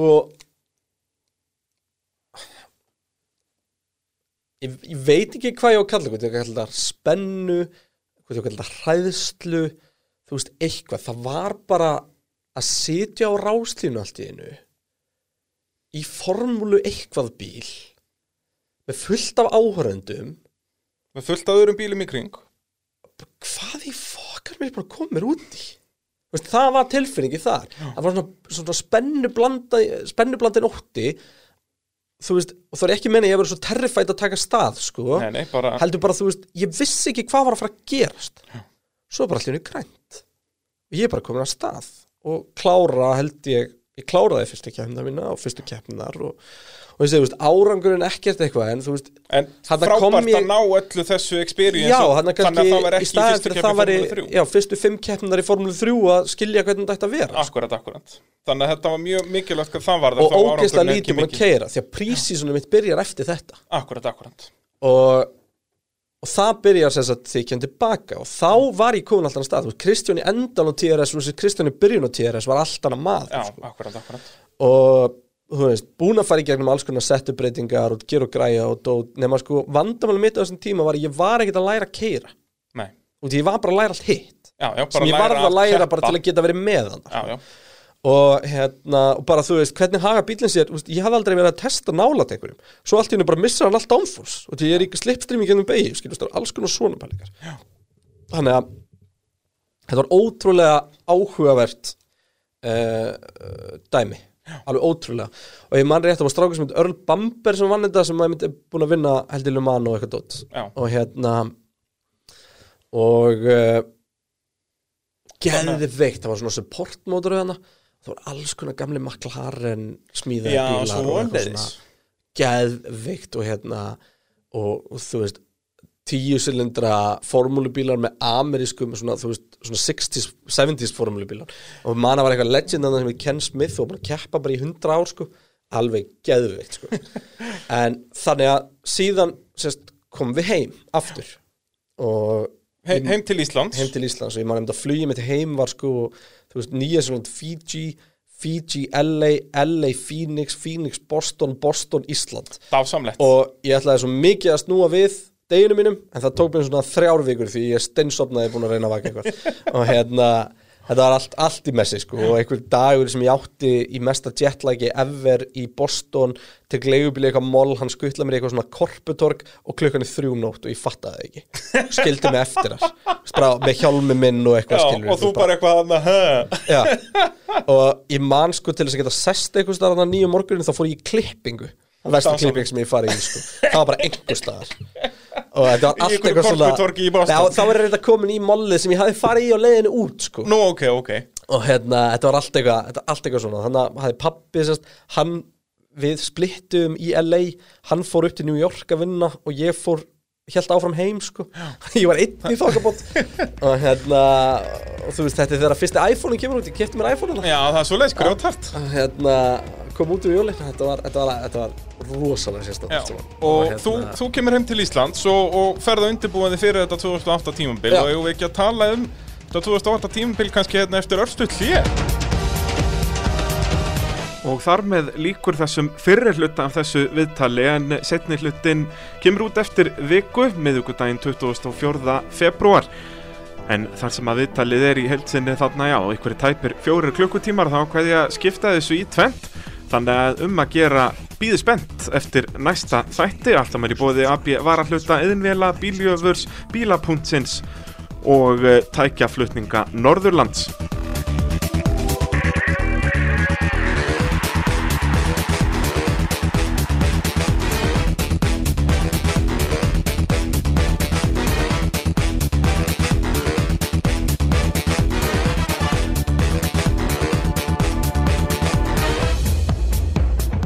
Ert að hlusta á mótorvarpið, ég heiti Bræði Þórðarsson og með mér í þættinum í dag Kristján Einar Kristjánsson.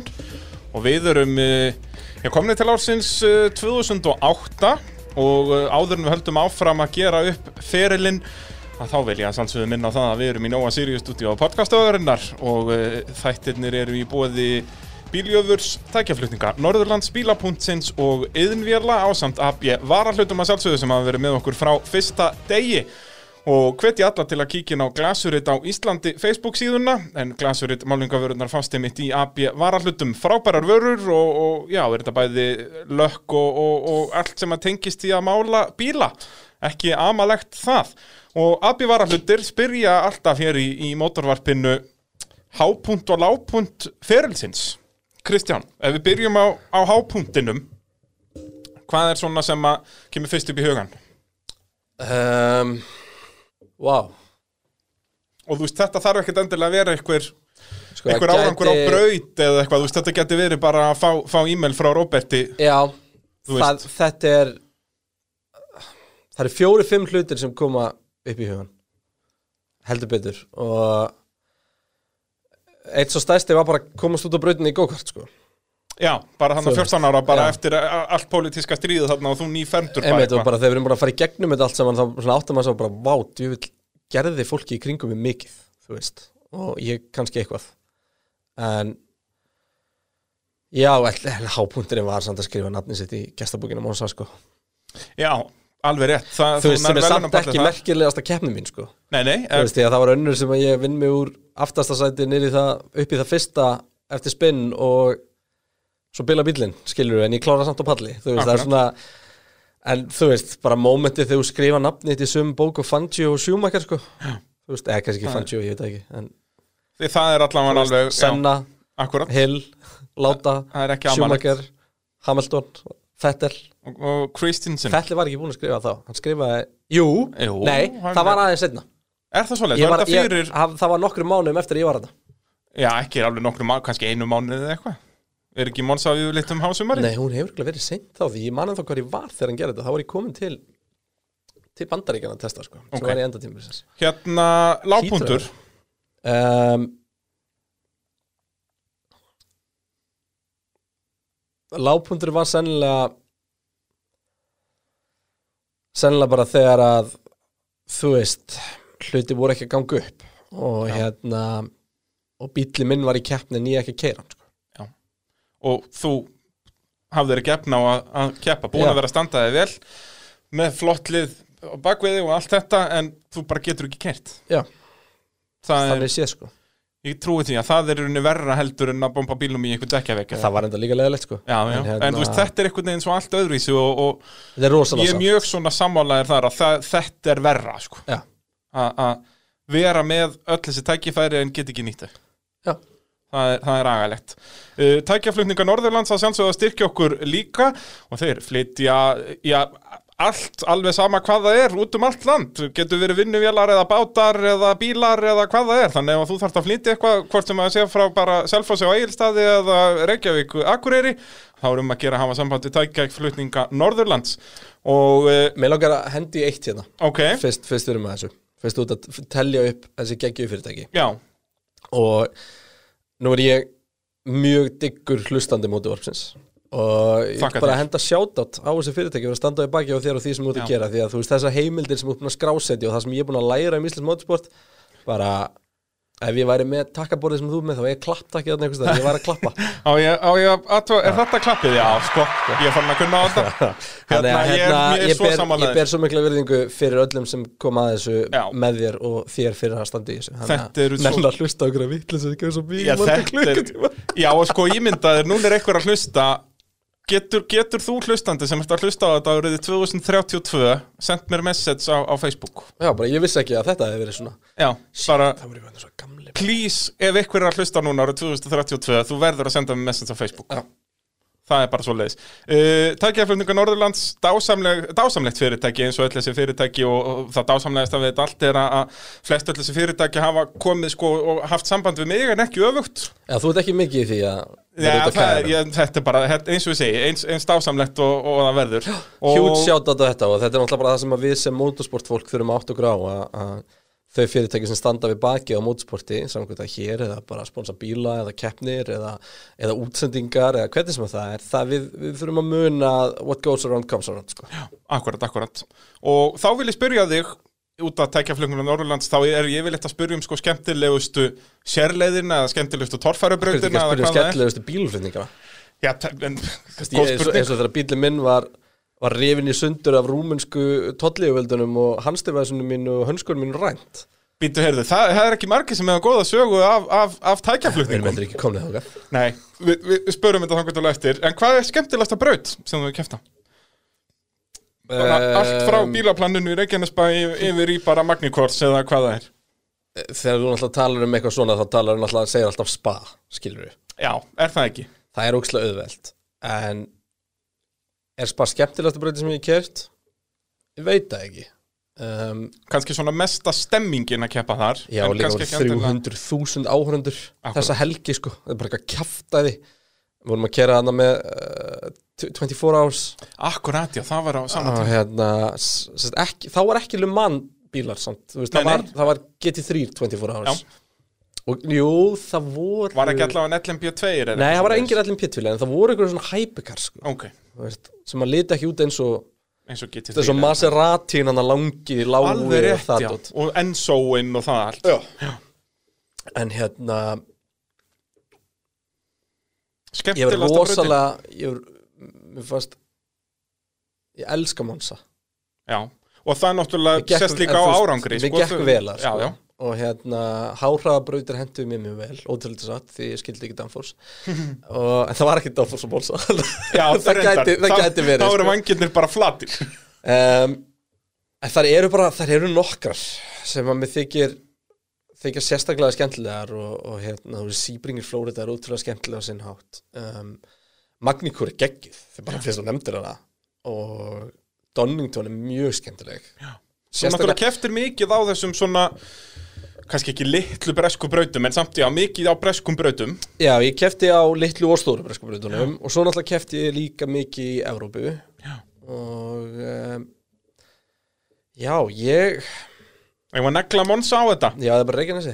Nei, djúpaðatnið Get- Djúpað vatnið, getur ekki klikkað? Í Monsa er allavega mitt uppáhald og, og Ascari beigjurnar á Monsa eru skemmtilegasta komplex í motorsport, segi ég. Já. Það er hérna, Vinstri, hægri, ég eins og vinstri. ég sé að tala í pittunum allir að vita hvað um fórum leitt Já, Þetta er hérna, það er fræg síðasta benn, þetta er parabolika en sérst og undan henni kemur vinstri, hægri, vinstri og þú ert sérst að þú bremsar hart og þú ert að keira upp hraðan og þú ert að henda, þú veist bíliðin þarf að vera rosa kvikur, þú ert ekki með neitt downforce og þú ert að gýra hann upp um gýr í gegnum þær og í alveg kvínandi botni út úr að taka jafn mikið exit og hægt er. Og ef þú nærði rétt þá græður þú veist hálfa halva sekúndu sekundu bara. með beinakablan sko. Og hérna það er oh, Þe- Þegar það hefnast og þá er það bara Já, það hefur líka ekki mér Nei, nei, en Og það fór- gerir það ennþá betra þegar það Já, hefnast ég held ég hef einu sinni farið fram úr fimm bílum var með að fara yfir möluna þegar það var krass inn í beginu bara út af mistökum með mér þá allt í hennu ekki dæmt ég en ég fór fram úr slapp við krassið og, og, og fórnalum þess. Dásamlegt. Uh, 2008, þú búin að fara til Nýja Sjálands, keppir að nokkra keppnir í Toyota Racing Series. Uh, Svo kemur aftur heim, er jetlagt í þrjár vikur. Og hvernig var planið þarna? Þarna vissur að hvað, þú ætlaði að bara flytja út til Bretlands og eiga heima Já. þar um sumarið, eða ekki? Þarna vorum við farin að skoða mögulegan á því hvað, hvernig það myndi ganga Já. og á endanum þá var frábær niðurst á því um, ég flutti inn til fjölskylduðan úti og vildi svo skemmtilegt til að hann sagt, uh, hann var þjálfari minn uh, sagt, varð þjálfari minn líka og þetta er sagt Jónarda Magnússon fyrir Mólimpífari í, í, í tugþraut. Alveg rétt. Og, og sennilega ég eiginlega bara lega mér að segja að ég hef aldrei nokkuð tíman kynst mannesku með meira innbyggt íþróttagen. Það var ekkert, ég ætla að vona að segja að hlusta því. Ég var náttúrulega eldgamall og lungu hættur að æfa og gerði ekki neitt. En hann bakaði mig í öllu sama hversu mikið ég var búin að æfa. Þú veist, ég er ekkert endilega að tala um í byrjun þegar ég var ekki komin í eitthvað form en þú veist, í endan þú veist, ef ég tók 10 uppbyggingar þá tók hann 30 Já, ef ég tók 20 arbegur, tók hann 50 akkurat. Bara, ef ég tók 100 metra Magnaður. sprett þá tók hann 400 metra. Það var allt svona. Og þetta var óþólandi en þetta kerði mig svo áfram. Og hann er, hann er svo skemmtilega klikkaður þegar kemur að þessu. Þú veist, ég var bara rifin fram úr klukkan 6 Já. Þú veist, ég bara var með næra hæðina fyrir mig hann í húsinu.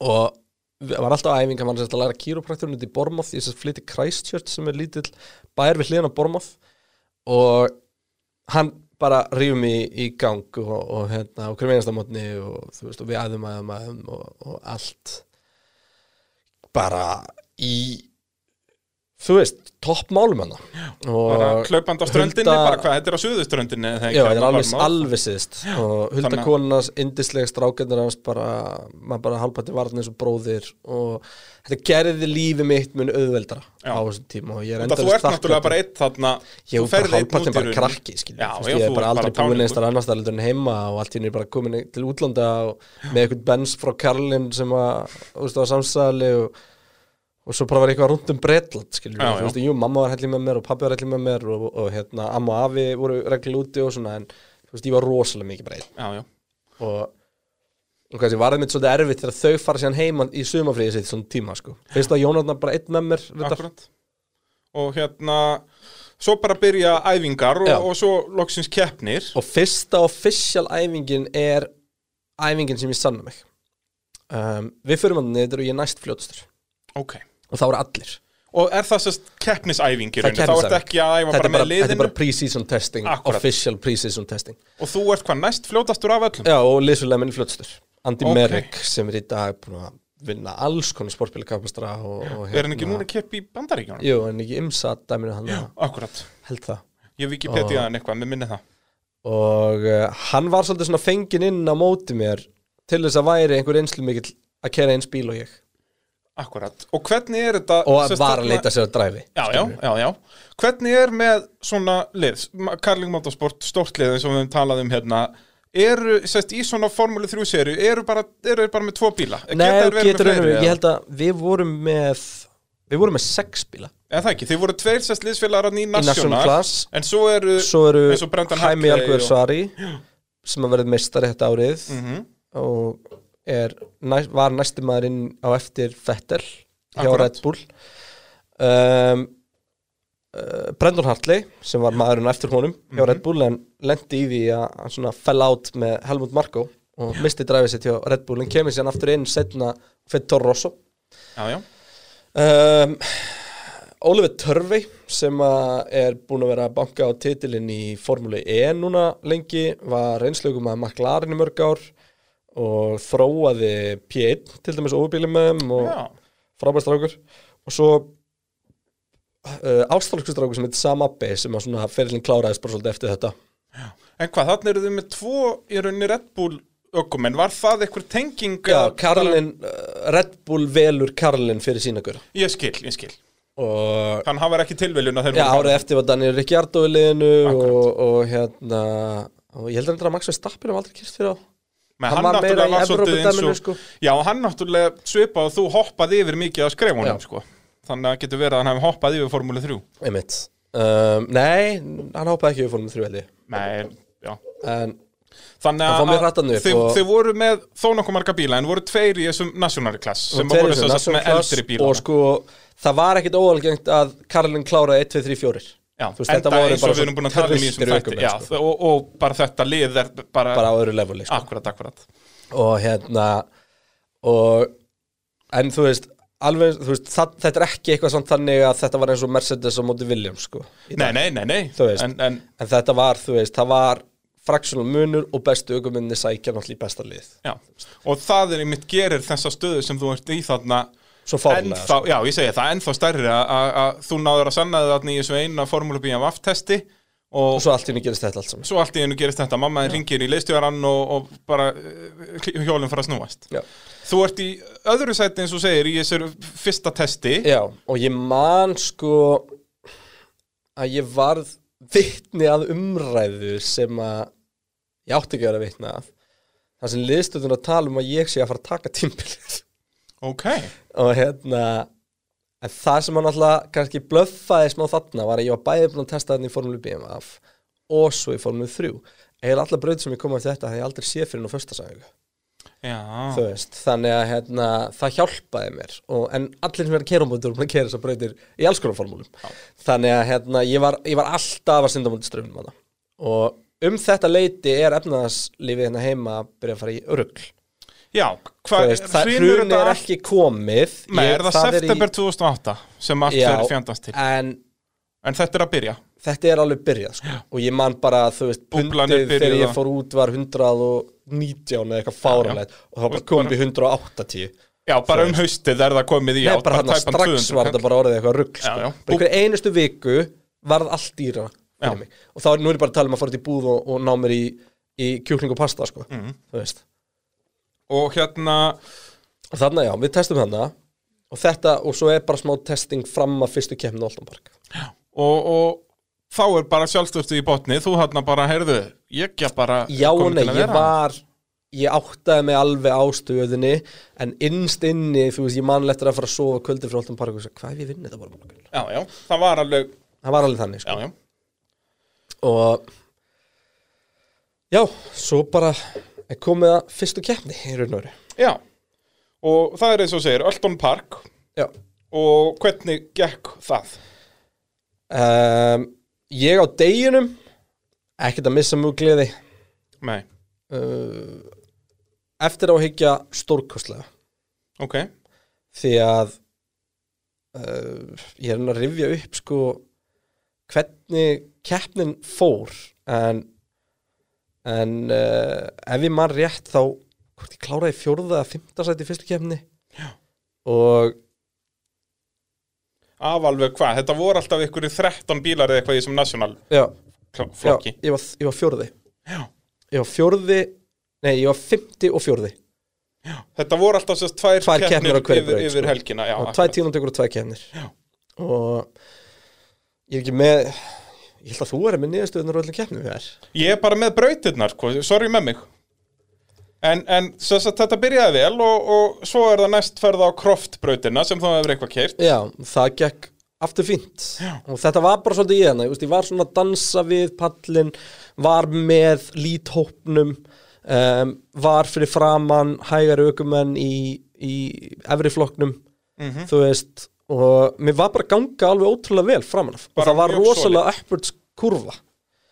Og í raun og veru átti velunapaldurinn að vera lungu komin hana þú veist, Já, en ég var náttúrulega bara að gera ykkur mistök og, og sko það sem gerist þannig strax til þess að tímatökur voru ekki vinnum minn. Ok, og ástæðan fyrir því var bara einfalt. Um, ég kunni ekki tímatökur. Hvernig? ég fekk aldrei að læra tímatökur. Uh, þegar fyrir tímatöku á í, í einhvers konar alvöru kappastri það sem eru keppnisdekk sem enda stutt og annars slíkt Mhm. þá er þetta bara, bara, þetta er bara nákvæmlega saman formule 1 dag til dæmis. Að þá snýst þetta allt um það að ná hringnum á réttum tíma og að ná saman öllum þremur sektorunum. Akkurat og ég var að lendi því að kannski liðsfélagi minn hann kemur inn og segjum bara tíminn hans ára hefur bara verið 1.00 og það var ráspól ég var 1.005 en svona optimal tíminn ef þú tókst besta fyrsta sektorum mitt besta annar sektorum mitt og besta þriða sektorum mitt var kannski 59.5 Já, þú veist. Og það var bara ekki að ná þessum fullkomna ring Nei, og það var bara, þú veist, ég, meni, ég var bara alltaf að læra brautina, læra á bílinn, læra á allt, þú veist, skildi ekki hvernig ég átti að hita dekkin, kunni það ekki, kunni ekki að, hérna, að passa upp á bremsurnar, kunni ekki, þú veist, það var, bara allt, ég kunni ekkert. Nei, nei, Þú veist, ég var bara í fáranlega djúpri laug. Og, og þú veist, þess að segja eftir á var árangurinn eiginlega alveg fáranlega góður. Já. Og, og þú veist, um, en var þetta tímatökunum, var þetta dekkin þetta er þess að þú færð, það munar alveg svona á vennilegri braut alltaf sekundu á dekkjunum á öðrum ring og sjötta ring þú veist, já, og ég var bara sjálfnast komin í þann hraða á öðrum þriðring, ég veit að kera mig í gang svona og þú veist að láta allt virka strax í byrjun. Þannig að, að, að er raun og veru það flækt alltaf máli, þannig að ég var oftast að ræsa svolítið aftur en að vinna með þessu upp í keppninni sko. og reiskraftið mitt var alltaf gott. Þú veist, ég var með lítið áreisturum ég var góri að blokka, ég var góri að fara fram úr og hérna og þannlað. En svona tímatökurnar var alltaf arkilesan hellin já, Formule 3 er ekkert ósöp á Formule 1 þú veist, það er erfitt að fara fram úr sko. Já, já, þú veist, þú ert með það mikið downforce og þú ert með diffuser og þú ert með allan pakkan þú veist, það er erfitt. Já. þannig að hérna hann er já. Og, og þar leðandi þá bara þú veist, var maður bara banka, safni reynslubankarna og, Og- ná sér í ná sér í upplýsingar sko. Svo er fymta keppnin, semst þriðja helgin það er Monsa litla helgirni það var. Litla helgin sem það var. Uh, og þar nærðu þínu fyrsta velunarpalli, já, í setni keppni var það ekki? Held það sest á þá sunnudeginum. Já. Um, jú það sem, þetta var mjög áhugaverð keppni. Ég kláraði öðru seti Nú, og uh, það sem gerist þarna er að ég man að liðsilega minn kemur til minn Andi á Monsa eftir fyrsta aðeins og segir þú ert að vera að vinna með þetta og var ekkert þetta var ekkert eitthvað það var ekkert eitthvað bear, sko. hann var búin að vinna alla keppna heldur fram að þessu sko.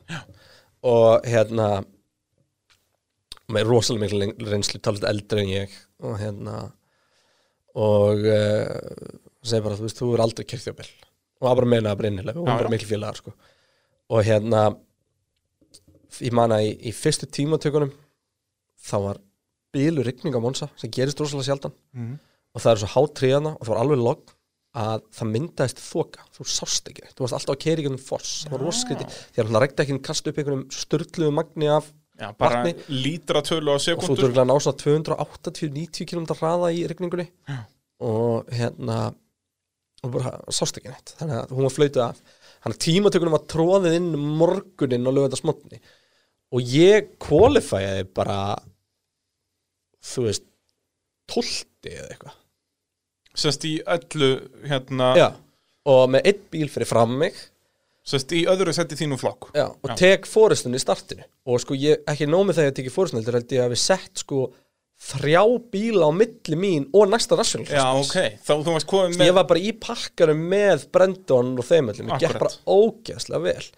Og er að keira þann og ég man ekki hvort ég var í fyrsta öðru sæti og þá brotnar hérna húsið á drifinu á leiðinu út í fyrstu byggu bara kaput og Hjúland mættir hann bara sorry, sorry, sorry, sorry, þú veist þetta á ekki að geta gæst og fórum við þrjú bíla alveg smíða þannig það á ekki að brotna. Nei, nei, þetta er bara um, þetta er limit, marg- þetta gæti verið öflura skilur Já, já, og allt marg prófað og bara er mikið fyrir keppni og já. leigir allan dreifbúna en vélina, uh, það girkassan þetta er, ég man ekki hvort það var Hjúland að kveifkatsi í þessu, Hjúland drif allavega og svo var ég með mjúkan Honda mótor þannig Hvernig mótor í þetta? Er þetta hvað, bara 1,6 Tveggja eitthvað? lítra. Mm. Tveggja litra Og enna, hérna, bara Já. engi, já. og, Og bara hvað er þetta í hestöflum? restrikta við hérna við uh, með lofti loftin Já, er það það er túðan.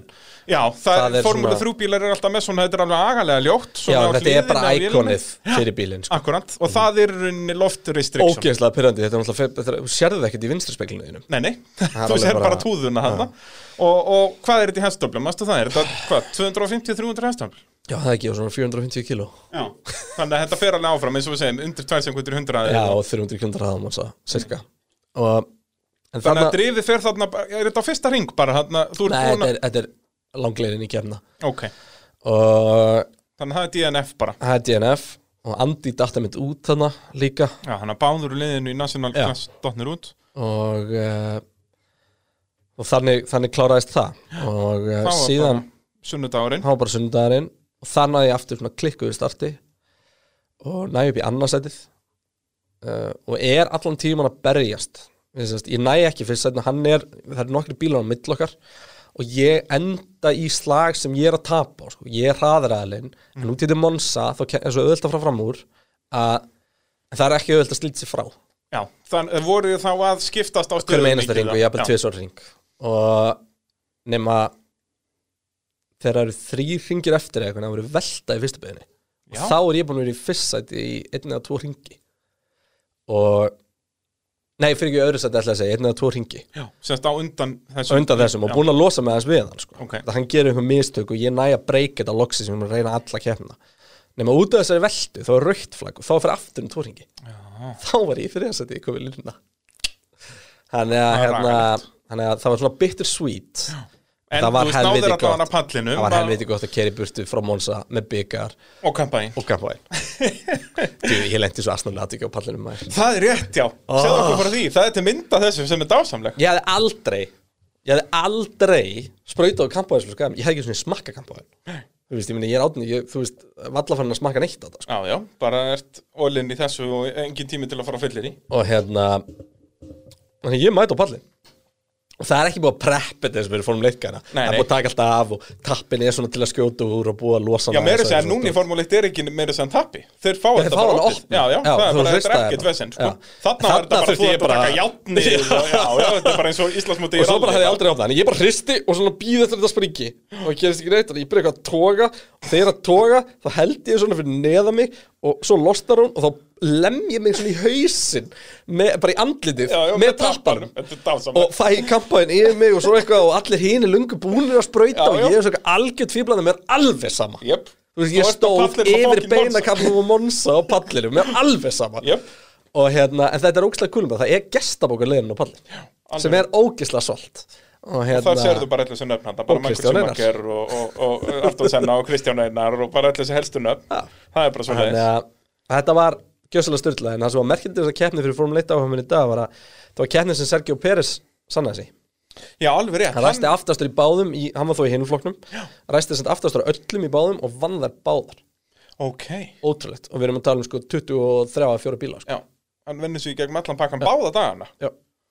og ef maður eitthvað voru með þess að fleira monsa því að þá komu svona gestakeppendur úr ítölsku formúlu 3 og Já, svoleiðis. Þannig að, Þannig að þetta hafi verið að slá í 30 bíla bara. Já uh, þannig að þarna fer ég freka kókraustuðun með fyrsta alþjóðlega velunapalli mér vitalega, ég þekki ekki söguna Sverris. Nei, ekki ég heldur. Því þú þarfst að fá hann í spjall. Já, það, Mér þú- langar alltaf að þú vita talar- meira Talar aðeins um hann Sverri, hver, hver er þetta segir Sverri Þóróts sem að kefti í formúlu 3 Já, með Frank Williams. Akkurat Og þetta er hvenar? Ég veit það mér ekki. Er þetta eitthvað 80s eða eitthvað Nei, svoleiðis? ég held sér miklu fyrr. Já, það, það er svoleiðis. Held sér miklu, miklu fyrr sko. En það er sagt, þú varst ekkert fyrst Íslendingur til að keppa í Formule 3 Nei, Og svo var náttúrulega annar Íslendingur þarna með þér. Á sama tíma Já. Viktor Jensen. Akkurat og hérna Sem er hvað, af kanadísku bergi brotinn En var að keppa undir íslenska fánan Já, ekki, góðu gaur, mjög góðu gaur. Ég pekka hann um upp á bíluna spilaðar og leiðinni heima einhverju braut. Að það? og hann bara stoppa hann með frá Það var samlega mótavegin eitthvað staðar og skullar hann heim sem var eitthvað, þú veist, þryggja tíma auka rundur því ég var fyrir sögur eða það var alltaf en, hérna, hérna- en honum gekk alveg svakalega tímabil og, og hérna og var í raun og veru, þú veist bara mikið, dæmis bara fyrir aftan mig í nationalklassunum sko. Já, sem að var náttúrulega ekki gott og það er ekkit eitthvað testament um hann, hann var með ömulegu liði sko. Já. Og part-time program og, og hérna en þú veist, það náttúrulega bara var öruglega ekkert skemmtilegt fyrir hann heldur að koma nýr Íslendingur sko Nei, sem að það- talaði íslensku og þannig að Já, já. bara spónslega sér þá það var það meira appealing og, og hann alltaf var búin að vera að nýta sér þess Íslands tengingu til að fá pening því að hann var ekki þannig að hann var eh, þú veist ekki frekar en ég að vera komin á þann stað að geta bankað í Breitland og sagt ég er the next big thing, Mhm. sponsaði mig sko þannig að hérna hann það var flókið sko Og eins og segir, þetta er að eina alþjóðlega- komin í Formule 3 og þá er annar Íslendingur þar. Þetta er alveg bara, og þið eru bara tveir einu Íslendingatir sem hafa komist annað skiluru fyrir utan, hérna fyrir mörgum, mörgum árum síðan. Einmitt. Þannig að þú ert kókraustur eftir Monza og þá er næst Rockingham Motor Speedway Jésús, það er maður. Það Já, sko, ég, já, ég hafði ekki hugmynd um þetta. Ég var bara þegar ég var að googla þetta núna hún var byggð fyrir eitthvað svona naskardæmi í, Í Bretlandi, já, já, það er náttúrulega keft í NASCAR í Evrópu Já, það var samt ekki, ég veit ekki hvort naskar ekkert var kæftið þetta en það var svona mjög ekki, skrítið sko. naskar-ish bílar þetta Og þetta er sem sagt bara fjórar beigur, bara óval braut ekki sem ég kepp á, það er innfíld sko Ok. það er svona eins og Indianapolis Ok. okay. þú kerðir hálft óvalið Já. og innfíld Ok, ok um, þetta var mér gekk illa þarna manni, ég man lítið eftir þessari keppni en ég man mér gekk allavega ekkit sérstaklega vel. Um, hvað gott ég datt ekki út í fyrir keppni. Jú, og svo var ég hvað, eitthvað 50 eða 70 eða eitthvað eitthvað þannig og, og hérna. Og þetta er náttúrulega Við tölum um að þetta er breska Formule 3 serin En samt eru það að fara þarna á Monza og Spa og svoleiðis En þetta er annars mest allt í Bretlandi Og þá farið þið næst á braut sem heitir Snetterton Já, sem er breytið sem ég lísti inn í byrjun með fyrstu Akkúrat. beginni. Það er mjög skemmtileg braut um, og þar, ef ég man rétt uh, gekk mér bara fínt í annari keppni en ekki hinni Mhm. og uh, Hvernig er svona hugar ástandi á þér þarna þetta tímbil? Þú ert búin að ná þarna einu velunapalli Hugsaru að Ok, þú veist, ég þarf bara að halda áfram að það, þú veist, með svona já, árangur fyrsti sigurinn átti alltaf að koma sko. Já, þú veist að stefna fyrsta sigurinn anda strax 2008 Þú veist ekki Já, að hugsa, já, heyrðu já. Ég, Ég ferði ekki í hérna kappakstur til þess að halda þér í þriðja sæti bræði Nei, nei, Fáraleg þú veist, spurning, er búin að tala við nóga marga hérna en, en sem sagt Þú ert ekki, þú hugsa með þér Ef ég held áfram að vera bara heitin þriðja og fjórðasæti Að þá er þetta búið eftir þetta tímbil Þú veist, var þannig pæling í gangi? Nei, því að þriðja og fjórða sæti var sjúklega impressiv Já, ég segi það, Þa, það er það sem ég er að spyrja um sko. Þó að auðvitað vilt alltaf vinna En sagt, hvernig En voru, var stemming? Það var kannski frekar það að, að, að bara að það væri eitthvað progression. Þú verður að halda Já. áfram að verða betri. Akkurant Og hérna Þannig að það var kannski svona meira meira pælingin sko. Já. Og svo heldur áfram að keppa þarna Þrögston næst og svo skrítinbraut Það er Hva- hvernig- eldgömulbraut sem er nánast óval en hún er samt ekki Ok. óval sko, hún hallar ekkert eitthvað neðan þú, ert í botni svona 80-90% af tímanum og hún er fræg fyrir það að það eru háaðatakmarkaðar í hádegin og sunnutum því að það er kirkja brau- á brautinni. Og þá er messa. Og í kirkjan er sérst inn í brautinu Nei, er það er bara við erum að beigina Já. Þetta er bara gamall, þetta, er eina af svona legit gamli flugvellir brautum Já, já. sem er ennþá bara bara, flugvellir. gam, bara allir þessi gömlu herflugvellir að Já. þeim var öllum bara breytt í kappasusbreytir og það var braut sem hendaði mér ekkert bráðast að vera rosalega high downforce, rosalega mikill hraði alltaf í botni, alltaf í beigju aldrei koma á gáður, þurftir að vera rosalega confident á bílinn. Það var svona braut sem að ef ég bara fengið testdag þar en ekki klukkutíma æfingu eða tekjutíma æfingu, þá hefði gengið miklu betur. Akkurat. Og, og að- var svona, já, hraðar beigjur og, og vesend Já, uh, Svo náttúrulega Brands Hats sem er sögufæra braut, þar hefur verið keft í Formule 1 og, Já og Brands meira og Hats meira. var rosalega skrítinbraut uh, það var það var svona á þeim tífumpunkti fannst mér það vera lágpunkti fyrirlis Ok, mér gekk hræðilega. Þetta var fyrsta keppnin það sem sagt liðsjölaði minn fær sýkingu í heila eða eitthvað álíka ekkert ósvipað og, og Rúna Jónslendi í raun og veru. Já, svoleiðis, eitthvað bara svona heila ekstri eða svona bara þá, þá kom svolítið betið, þá mætti eitthvað gömul formúlu 3 hetja sem að var sérst þjálfarnars og þetta gerist bara nokkuð um aðra og ákveður bara taka þátt því að hann gata Ok, og keiri með mér hann og ég man ekki hvað hann heitir sko. Nei.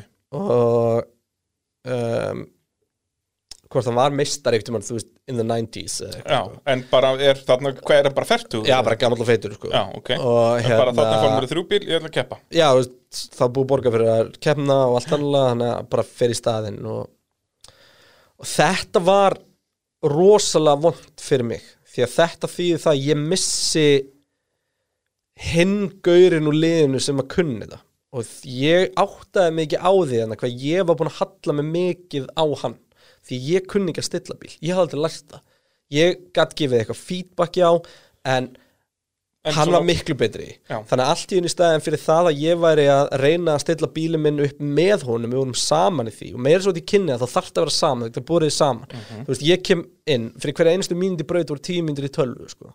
Veist, það sem að við erum að analæsa herru, hann er hérna að bremsa þrem metrum fyrir en þú eða eitthvað álíka og, og einmitt svona fárlega hlutir sem maður gleymir aldrei á eins og Monsa, þú veist, þú kemur inn í fyrstu begin og 300 kundar hraða, þú ert beðin um að bremsa 30-40 cm setna, þú veist og þú ert að fara hvað 50 metrar á sekundu já, já. Þú veist, og þú gerir það? Já. því að hausinn er bara komin á einhvern annan stað. Já, þannig er það sem við varst að tala um á þann að undir með þetta tekur við. Já. Það er ekki, og hérna þannig að þetta allt sem hann vantaði þegar, þegar þarna var komið. Og það svona það skemmdi rosalega mikið fyrir mér. Og, og eins og þú segir, þetta er eitthvað sem að þú kannski endilega áttaðir þig ekki á, á þeim tíma. Já, og ég fyrir að já, ég raun og veru. Og ég áttaði mikið á því fyrir að var skrifað í grein um árið eftir tíma Já, svo bara í fjölmiðlum ég bara. motorsport.com var að gera upp árið. Já, og hérna og tala sérstaklega um þetta sko, hvað þetta hefur verið slæmt fyrir mig í raun og veru. Og, og hérna en brandsæts, við erum að kera international brautina sérst ekki stuttu indie-brautina heldur Akkurat. löngu gömlu og sem erum við líka í svona háa við sem nútíð einhver ákveð að byggja hús þar og hvarta svo yfir að vera kapalsbraut í bakarinu en hérna en hann að við erum að kera þarna og mér gengur alveg hræðilega. Og þetta var bara ömulega keppni og það er mjög, þetta er mjög eftirminlega því ég var rosalega upptíkina og mjög fyndi ég bara fletti myndi upp þessari grein á mótsport þess að gefa tímbilum fyrir nokkuð dögum og það var talað um media friendliness og ég fekk 20 af 10 já vel gert. Þannig að þú veist, þannig að það var mjög út úr karate fyrir mig þannig að ég bara kláraði keppnina ég kerði bara innringið minn ógislega hratt ég sagði blessu liði, ég sett sér við bílum minn í kerriburti og hérna ógislega óanaði mig sjálf á mig skammaðist minn og það er ekki góð hugmynd því að ég sett stand upp í diesel bensin minn og, og kerði það stað og svo er ég komin inn í ringtork því ég fatt að hann fer ekki hann í gegn á 170 Já, eins og frábært. formule 3 bílinn sem ég var í fyrir þreim varst en, þá bara í, bara, í, í þeim já. og hérna, þetta slapp einhvern veginn en uh, ég náði eitthvað að bremsa, bremsa mig niður hérna á leiðin inni og taka það eins og ég væri í kaffastri Já. og bara cruise control og bara rólega ræða og eitthvað. Þetta bara, ég var ekki komin út af brautinni sko. Nei, nei, þú bara eins og segir, hoppaðir beint, það var Já. ekkert eitthvað cooldown og þetta tími. var bara, hausinn minn var bara ennþá þarna sko, og þú náttúrulega þá var þetta bara heitt í bílnum og þú ert ekki með vindin í andlitið og fattar ekkert ákvæða ræð og ert eða neitt sko. Þannig að, já, um, það er það endur illa. Já. en uh, Og En- sagt aðalmáli með þetta er eins og segir að þú, þú gast ekki verið að setja bílinn upp með liðsfélaganum. Já, það var svolítið mikið það. Og svo og svona það eftir á náttúrulega er, er restin af tímabilinu er svoleiðis og hann kemur ekki aftur í það úr þessum eh, heila vesenni nei, kemur ekki aftur. Og en ertu þá en þá með hennan færtu að feita gæja nei, með það þér er bara engin já, það er, þú ert einn í liðinu. Og þannig að allt í einu var data samanbörið minn orðin við annan bíl með annan mótor já, og annan downforce skilur sem er vita vonlust það gaf okkur alveg eitthvað indication því að bílinn er alveg líkir. Já, já. þetta er bæðið Delara og þetta er bara, þetta er bara þróun á honum en þetta er eins og að Racing Point og Mercedes var að bera saman data sitt í Formule 1 skilur akkurat. og hérna næsta keppna eftir Spa sögufara braut já, mig gekk nú ágætlega þar ef maður rétt já. hvernig Nei. var stemmingin að koma á Spa wow.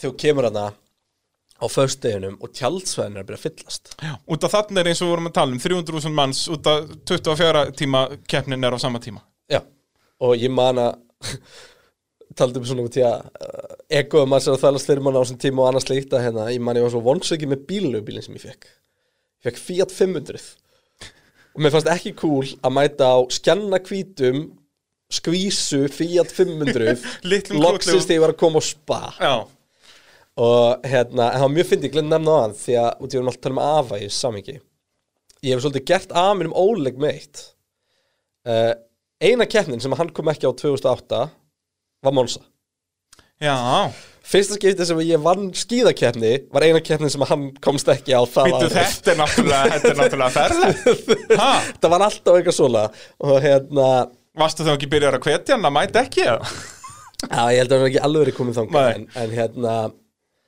Spa var nei Spa, já, mér gekk sko, niðurstaðan á Spa var vond ef maður rétt, en á persónulegu leveli stóð ég með óbúslevel Ok, Eh, Ég lendi í bylun í tímatökum og ræsti aftastur og ég tók besta start ever og ég man sko að að- að voru nokkri vini mínir á brautinni með og hérna höfum við mitt farað á Nörbugring norðusleifuna og leiðina á gað og gert alls konar eitthvað skemmtilegt og hérna skildi enginn þegar veist bensin minn var kerður einhverja 600 km og þurfti nýja hérna Bara brems, já, nýjar bremsöður og hérna, eitthvað dísel svona kompakt sé-bens og hérna þurfti nýja diska því ég skila ánum og eitthvað.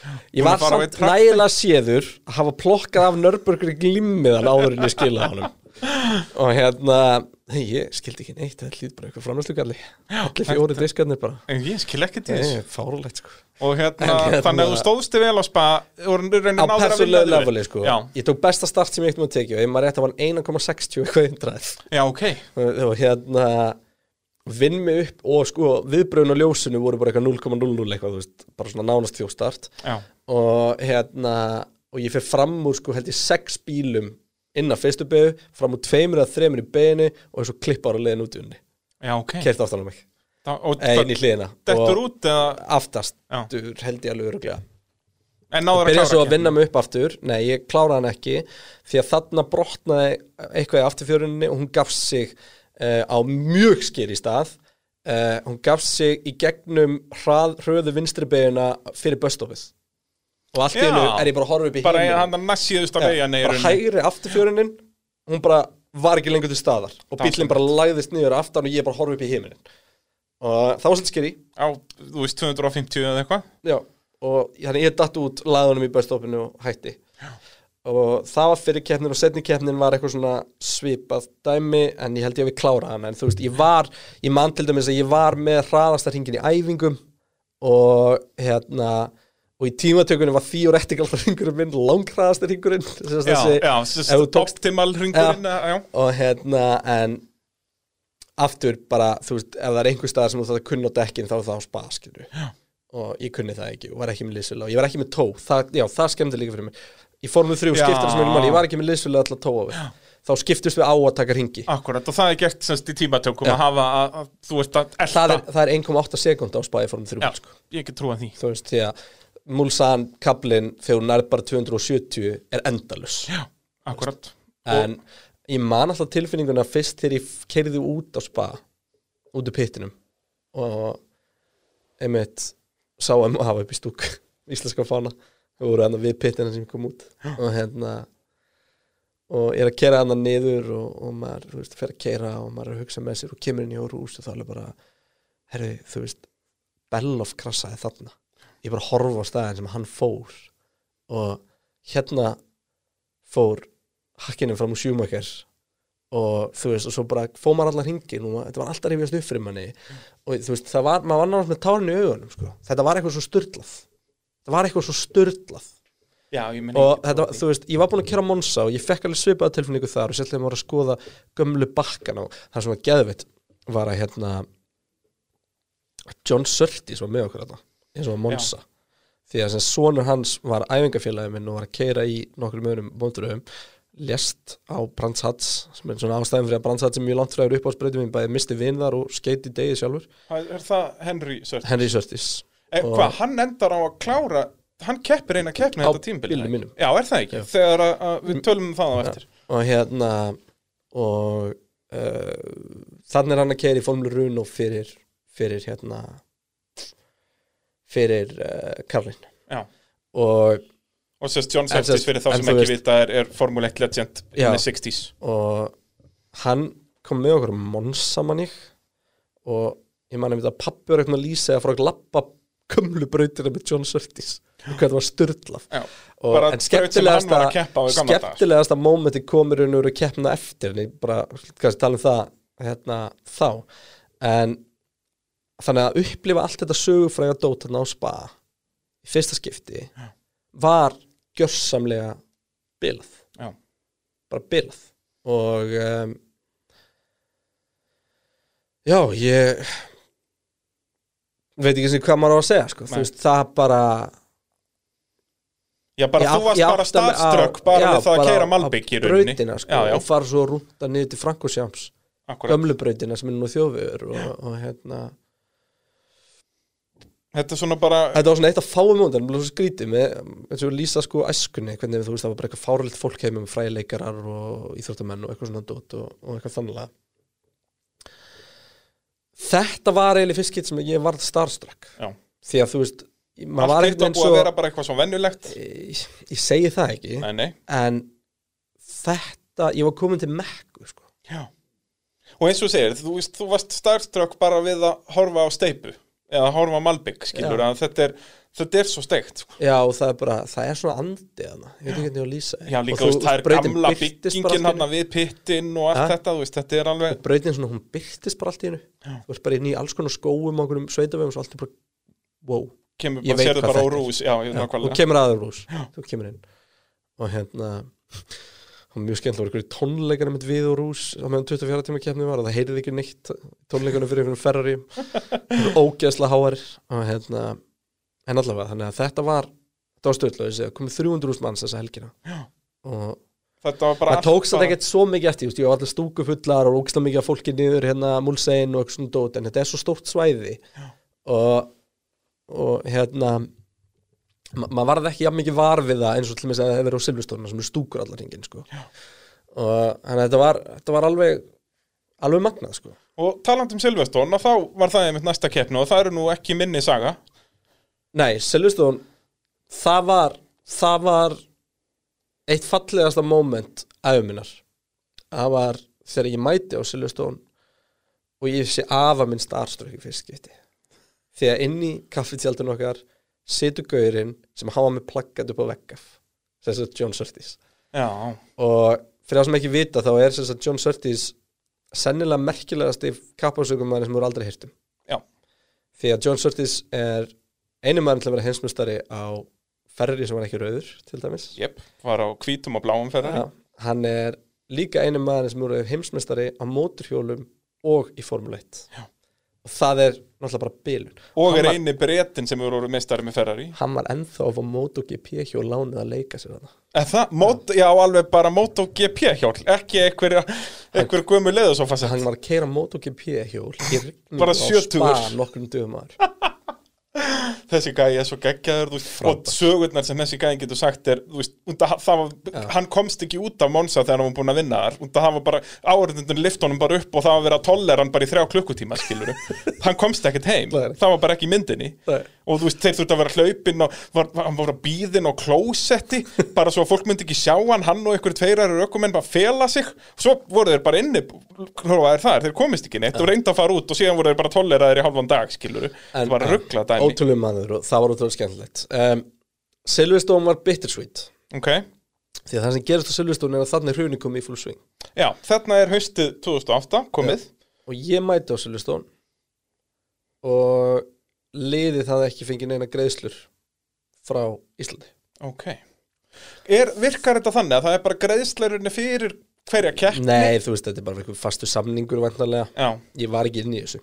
Nei Og, en þessi peningar, er þetta þá, veist, þið verða að borga liðinu og er það þá aðalega bara fyrir ekstra kostnaði, bara dekk og, og laun sko, starfsmanna Það og, þurfti að staðgreða dekkin á staðnum. Ó, ok, Þú veist, alltaf. Og liðið sá bara um það, skilur já, Og það meiri sann í Formule 1 heldur líka, sko. Já, það er bara, það koma bara dekja vekstæði á braut, brautina rauninni sem eru bara Og trukkar, þarna var bara Avon sem var dekkjasupplærun okkar. Akkurat, Og ég átti ekki dekk Og ég átti ekki neitt. Og þannig er komið gjaldarisöft Þannig að þú veist, það var ekki svona hægt. Þetta var ekki það að Robert vildi ekki Eða Nei, það var bara ekki- það var það var bara bara- ekki hægt. hann var titlar sem hriðiverkamaður líka við bara, mm, Hann reyndi að slappna alveg við það ok, Því að hans business var ekki hluti af þessu. Nei, nei, en þú veist, þarna er æsef í full swing og bara, Já, ég, er var, ekki- ég, ég svona minnast það svo æsef eftir en, en hérna, þarna er hruni komið bara í full swing og, og hérna þannig ég mættur ásölustun á að fara í tímatökur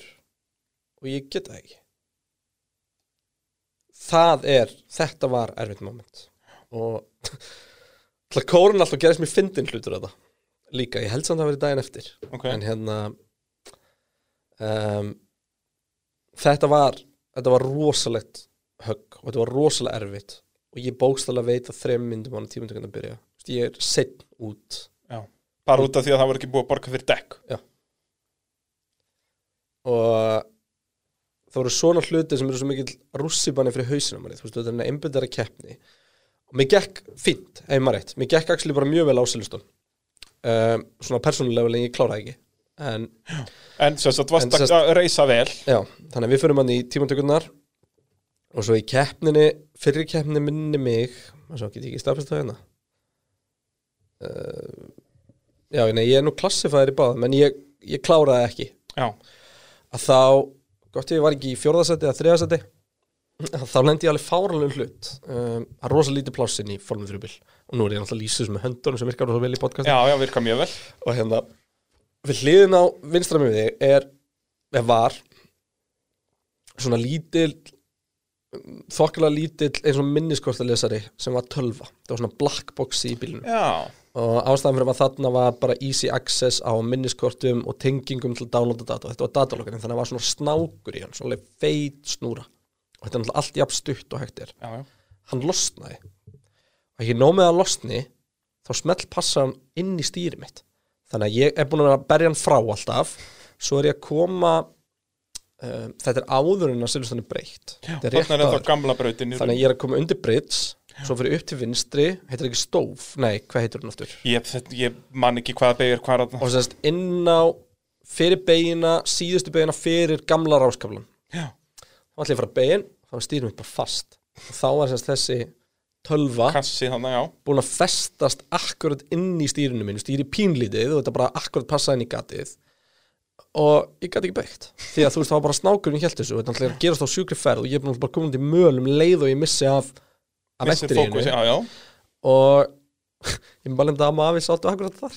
Ég horfði upp og þau Frábært, afi, íslenski fáninn hérna, þú veist bara með hendunar á höfðinu og skilur ekkert að gera þessu bara af hverju beigir það ekki? Já, þú veist og hérna ég mannliði skammaði sín svo sko eftir allt sem ég hef búin að ganga gegnum þennan daginn sko. Og þá var það Að bara nokkur bensli á okkur um kassa sem að gáðu sér. Það er náttúrulega agalegt þetta var ekki svona bensli, það var eitthvað svona rosalega svona franskur hennilega svo plastegnin, ég veit ekki hvernig þú lýsir svona sem bara alveg limdist saman. Og hérna en allavega, þannig að við erum við erum uh, fyrir sinni setningi hérna, þá gerist nú frekar fyndi atvik. Ég uh, fyrir keppna um morgunin og ég sagði engum frá þessu þá um, er ég að hita upp inn í bit og hita upp fyrir utan trukkin þar sem skrifstofa mér var, við vonum með svona sér herbyggi fyrir okkur, allt alltaf skiptum föt og allt þannig alltaf fjóri trukkar sem vildu Karolín allt sem við fórum sko. og 40 mann starfslið sko. en ég er að hitta upp hér að hoppa og gera eitthvað froska og eitthvað sundur saman og eitthvað. Jú, jú. bara svona, komur í gýrin og glugtum í keppni og fara komur í bílinn og, og hérna hann mæta skvísundum með skiltin Já, og koma lambandi framhjá og ég eitthvað svona tegja mér hérna að sjá svona hver er mitt á mér að gera aðeingarnar sjá hver er með mitt skilti. Og ég er eitthvað auðvitað um mig einhver, einhverju hluta vegna. Og uh, snými ökla vel gert! Já. og uh, það voru góður á dýr. Já. ég horfði á bólgun að byrja að koma og blæðinguna í löpina neina, ég sest, uh, er einn af þeim sem er alltaf að snúa með ökla Já, gerist alltaf svona, ég fyrir badminton tvisvar og þá er ég búin að snúa með ökla það var samlegt eða ég fyrir fótbolta eða whatever sko. og hérna, en það var búin að gerast mjög oft yfir æfina hárgóður á dýr ég leipli bíl fyrir næstu gaffeteibrúlu sem ég sé, teipa löpinu minna fasta. Já, Og- stoppa bólkuna með og- gaffer og tremur í skóin á mig ég geta og herði hann bara fast og ég geta og bara onni bíl og bara býð þar. Og svo keri ég á pittin og þar er náttúrulega vinkunum mín Já, já, og hérna Þú er ekkert snúið aftur úr ökla Nei, ekki þá. Ekki hinn. Og þetta var hægri sko sem betur fer því að sko vinstri fótinn, ef þetta gerst að vinstri? Það geta kyrt Já, því að það sem maður kannski fái vita þú kerir kappaspíl þá er ekkert það er ekkert sem hjálpa þér að bremsa. Þú fáir alltaf tilfinninguna.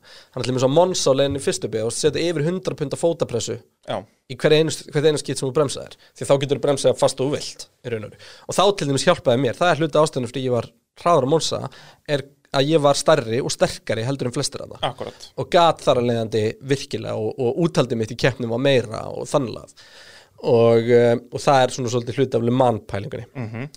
en svo fyrir þess að keppnu ég gerði nú held ég ekkert merkilegt í henni. Það var eitthvað frekar ómerkileg keppni.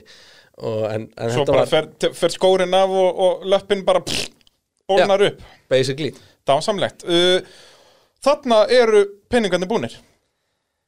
Ekki alveg Ok, náður að keppa í hvað næst er Búkarest eða ekki? Já. Og, það var síðasta keppni minn í skoðunum þrjú og það var, keppti ég bara aðra keppna já. og hvernig endaði það? það endaði dýrt Það endaði áhugavert Já. Er ekki best að orða það Um, þannig? Þetta búkaristafintri var rosalega skrítið Já, þetta var götubraut Þetta er götubraut sem er kerð hringin í kringum höllina Sjesesko Palace of the People eins og hún kölluð sem var mesta uh, harraði stjórnar hérna, monark dæmi bara allan tíma sko. Þe- Hérna, ég held að það sé rétt hjá mér að þetta sé þingsta bygging í heiminum. Já, hún var stærst svo allavega sko, í fermyndurum Já, ég held að hann sé ennþá sko þingsta Það er Já, svo mikið að steipu og kjallarinn er, og þú veist, Já, þetta og er göng út um alla borg Já, og já, ég held að bara- Pentagoni sé eina sem er er hérna eitthvað er var allavega fleiri fermyndar þá. Já, og ótrúlega bygging og þar var ég bara með mitt herbyggi inni og, og, en allt þetta rúminni er bara með því óþægilegasta sem að ég hef, hef upplifað. Hvernig þá? Og Þetta var bara, svo óþægilt að vera annað þá sem er algjöru fordómur örgli mér en það var bara svo mikið skrítið í gangi. Hvað, hvernig? Þú veist, mér fannst ekki þægilt að gæðin sem að skoða við breyðum mitt var með AK hangandi um halsinn Já, svoleiðis, það var þannig stemming bara. Og þetta var svona, ég upplifði með bara óreikan og uh, það var tveimur ræntur einu liðinu Já, frábært. Bara mannrán, þeir fundust bara allsbyrður út í sveit eitthvað búið að ræna og, og allt. Og Já, snild það var rosalega skrítið allt saman. Og maður lendi alls konar einhverjum uppákomum manna og um einhverju hóteli lengst fyrir utan bæinn og, og eða að svona útjæri bæjarins. Og ógeislega skrítið þú veist, hver einasta kílómetri sem komst nær brautinni þá hækkaði allt bara um 100% allt dýrara. Þannig að sko á, í, í sjoppanum í kringum brautin til var eitthvað í gangi var kóki bara Bara þúsund kall bara. skall eða eitthvað sko. Veist, að meðan að kosta eina krónu út í búð sko. Já, og hérna, þetta er allt svona rosa skrítið og, og hérna lendi ykkur um aðtökum ykkur að leigu bílstjóra og, og þú veist. Og ég hef alltaf að fela passa minn. Og þarna voru við bara súpestjörnur þú veist, það voru tvö stór ívent á Búkarest. Þetta er, þetta er ekki, þú veist, Búkarest er mega borg í dag, þetta er, þetta er svo stutt síðan. Já, er bara, og að mikil breytast breytast. bílamenningin mitt Sko, það Já, er annarkur Dacia maður á, á. Já, Daciuðnar maður. Það var Dacia Logan Support Race það er fyndasta rétt, keppni sem ég sé það voru bara, þú veist 60 Dacia leigubílar með veltibúri að keira og þeir veltu svo margir. Þetta var geðvikt og þetta er sko áður en að runa og kaupi Dacia sko. Já, já, Þannig þannig að þetta er bara- orginal þetta er Dacia bara lötur. Þetta er bara kappakstus og hérna ógeðslega fyndi en uh, síðan sem sagt byrjuðu að keira hann, ég ætla aldrei kert á Gautabraut mér gekk ágætlega Og þetta, þetta er alveg klassisk göttubröð, það eru bara vekkir út um allt Já, og, og já, bara, eh, bara, það var ekkert refsað. eftir og við vorum að lendi að, hérna, að niðurfullur að koma upp og svona og, Já, frábæl, og frábæl leiðinni þangað þá sest, það kemur ekki allt dótið mitt því að því var rænt á landamærunum sko. Já, það er svoleiðis. Ja, þannig að ég þurfti að vera með lánaðan hérna, með lánaðan uh, lána hans device og eitthvað svona og hérna, en allavega það var ógeðslega heitt hana ég get ekki líst í bara í hvað var heitt hana Var þetta verra en Nýja Sjónland? Já, miklu, þú veist, það var, hérna, svona 45-46 gráður og e, loftið hann er rosalega mengað og það var alveg þurrt, það var engin raki, það var samt einhvern veginn var loftið ógeðslega þungt og hérna, nei, hvort það var svona raki, ég maður, finnst þess að loftið er ógeðslega þungt en það hefur verið alveg þurrt og Það var bara almennt ógæðst það var engin góla, það var ekkert. Já. og þú veist, og ég man eftir því sko að maður kom upp úr bílnum og maður hljópi í ískápin og maður tók ískalda tveggjaldra flösku af vatni og maður teigaði hana, þú veist, í einu sopa en áður náttúrulega svona kinginni, það var hann volk. Já, frábært. Þú veist. Og hérna, og ég man sko að ég þurfti að vera ég með svona svakalega fóbi fyrir augunum að mér sko, ógislega, þú veist, ég get aldrei með linsur eða eitthvað og þú veist, ég þurfti að vera að fá okkur að uppdróp alltaf og stelpan sem var liðstjóri þetta svona, þú veist, hún lá með hnén ón og öxlunum á mér og, og svo bara spettur Og upp augun á mér og bara pyntingar það í að gangi bara. sko. og, en þannig mitt er þú veist, er peningurinn ekki að skila sér, liða ákveður svona að rönna mig og, og hérna og það sem gerist sérst, í fyrstu keppninni er að, að hérna uh, Stefan Wilson heitir hann sem var uh, litli bróður hans hérna Justin Wilson sem var lest í Indikar fyrir nokkur árum. Já, um, hann klippa mig því ég að fara fram úr húnum og ég bombaði hann á vegginn og ég er á okkur um 180-90 km hæði lenda á veggnum. Já. og risa tjón þú veist blokkin brotnaði, girkansinn brotnaði ég karbon konfetti út um allt. ne, nefið, sko bílinn leit ekkert svo illa út þannig séð, en sko nefið fer inn í veggin en út í þetta svona veggur sem er engin dekkari, þá stoppar hann ekki þar heldur, þú veist, rennur hann til hliðar og þá smellur aftur þetta og kemur rosa högg í hliðina á öllum dreifbúnanum þannig að var basically allt brotið. Og ég man, ég hugsaði hann að vitandi á bara reyna einhverju liði og eitthvað dót, maður fann ímyndi sér bara einhverja þú veist, bara líffæra ráni eða eitthvað sko, ógeðslega ykt, en maður er bara svo ungur og vittlust að maður bara- bara skilur þetta ekki. Já, já, og þú veist þetta, þetta var líka svo mikið ferðalega og svo mikið steik. Ég man alltaf sko að ég áttaði mig því að fara heim því ég var ekkert hún að Monsa því ég kom alltaf heim til Íslands þegar ég vakna og ég vissi ekki hvað ég var. Þú veist þá er ég bara búin að vera á 20 mismunandi hótelherbyggjum síðustu fjóra vikunar eða þrjár vikunar eða eitthvað. Og ég þurfti bara að opna skuffuna og lesa um hótelið. Og því ég, ég man ég komandi um nótt og fór bara beint að sofa svo þetta gett skríti herbyggi það var svona herbyggi sem var sérst hanna með hjólastalagengi í huga og og það var svo skríti hvernig það var allt gert. Þetta myndi meira á fangilsi sko já, og hérna allt gett stórt og hátt og eitthvað, svo svona risast og gluggatjöld á veggnum. Og hérna, og ég svona rýf frá og þá bara veggur. Bara beint á móti. engin gluggi. Eða, þú það er gluggi en það er sérst bara uh, þú veist 30 cm bil Já, í, í vegg. hlaðin vegg. Þannig ég vissi ekkert hvað ég var. Ég geti út um gluggan og sé landslæð sko. og hérna og opna einhverju skuffu og les bara já, alveg rétt, ég er á Monsa þú veist, Bara alveg stektur í kollin bara þetta var bara farið sko. En hérna um, en þannig í Búkaræst þá sérst, uh, segi, það var bara svona bara svona almenn hræðsla, ég man Já. þegar ég ranka við mér eftir krassið að Hvað, mistur meðvutund eða? ég s- veit Svona, vast, það ekki svona alveg. að, aðeins Svona Það er svona dansaður taka nokkra sekundum og þú sérð, ef maður, þetta er á YouTube og maður sé svona, ég er farin að horfa svona í allar áttir, eitthvað svona að reyna að átta með aðeins Já. stöðunni og þá var semst hægri hnéskili minn ekki lengur á sínum stað Já, frábært. lamdi slöppi minn upp í stýristöngina sem smalli hliðan á hnéskilinni og frá skíðunum er ég sem með svo kallar slitkikt í njánum sem að þú veist háði mér þannig sé ekkit í kapastri. Ég, hérna, það var svona var erfitt að hlaupa langt og eitthvað svona dót en, en hérna ég ætla bara vann markvist að ég að styrkja það án þess að þingja með lapinnar Já, og hérna þannig að það var svona löst ég gæti alltaf hriftana eins svona, Og og, það er actually bjargaðist þá slitnaði ekki neitt eða brotnaði ekki neitt. Já, bara, bara svona færðist úr stað. Já, og um, þannig að þannig að þarna þá sem sagt um, man ég eftir að hafa fundið það var eiginlega engin nýjaskil hérna með hægri löpunni svo smallum bara tilbaka því ég stegi upp úr bílnum og ég man bara því ég hugsaði bara, ég ætla ekki að sjúkra á sér rúminu ég ætla ekki að sjúkra á sér rúminu, ég ætla ekki að sjúkra á sér rúminu og ég var svo fegin því að sko til þess að fá að halda þessa kemni það voru eitthvað svona ekstra læknisgröður þannig að það var ekki sko Formule 1 læknatemið á brautinni. Já, ég var svo fegin þegar kom ykkur þjóðverð og tókum upp á bíl. Það voru ekki rúminar með AK-47 eitthvað. Dacia. Já, á Dacia, að gera gott mót. Og hérna og það var alls konar svona þú veist og eftir á ég hefði ekki tekið þátt í þessari keppni ég vita og ég var mjög ég var svo reyður því ég heyrði þetta. Eins og frétti það eftir á að það er í Rúmeníu eða var á þessum tíma svo kallu holræðsaböld Já. og ég hef aldrei fengið meira áfall en því frétti að Rúmenía í sviðsljósinu og eitthvað annars lít að öllum holræðsum var lokað þessa helgina það var bara svoðin föst á svæðinu hvað þýðir það? þýðir það að það þú veist, þú veist þetta er svo mikið mannvorska og svo mikið viðbjöður Já, ég myndi þarna getur, það, það var bara verið að drepa fólk til að ég veit hafa það þetta ekki, sjó ég skil það ekki ég veit ekki, einhvers stað lítur að komast út eða eitthvað en þú veist, það, bara í fyrsta lagi sjokki að fólk búi í holræsum, en það sem hefði gæst árinu undan var að þau höfðu komið upp um, um nætunar inn í patokkið og rænt ógislega miklu Já. Og það átti ekki að gerast aftur þannig ég veit ekki hvort það var bara rétt þar í kring eða hvernig en þetta var ógeðsli tilhugsun. Og ég man ég var svo reyður því ég kom aftur heim og frétta af þessu að ég bara, ég veit ekki, mér er ekki dótt ég að fara að aftur allavega. Nei. en hérna, Já, þetta hefur nú skánað eitthvað þarna held ég vona en, það. Já, það, þetta er mjög svona frumstætt þarna og, og var það sérstaklega þarna og fyrir svo, svo 12 ég segja, á þessum tíma sko maður þetta fela passan sinn þú veist, þess að mínum náttúrulega stóð bara driver og eitthvað svona út og, og hérna og við vonum bara einhverja rockstjörnur hana. þú veist, ég var beðin, ég var tvisar sem með var hann að beðin um að taka, að giftast dóttur Það er einhvers, þetta var bara eitthvað svona rugg sko.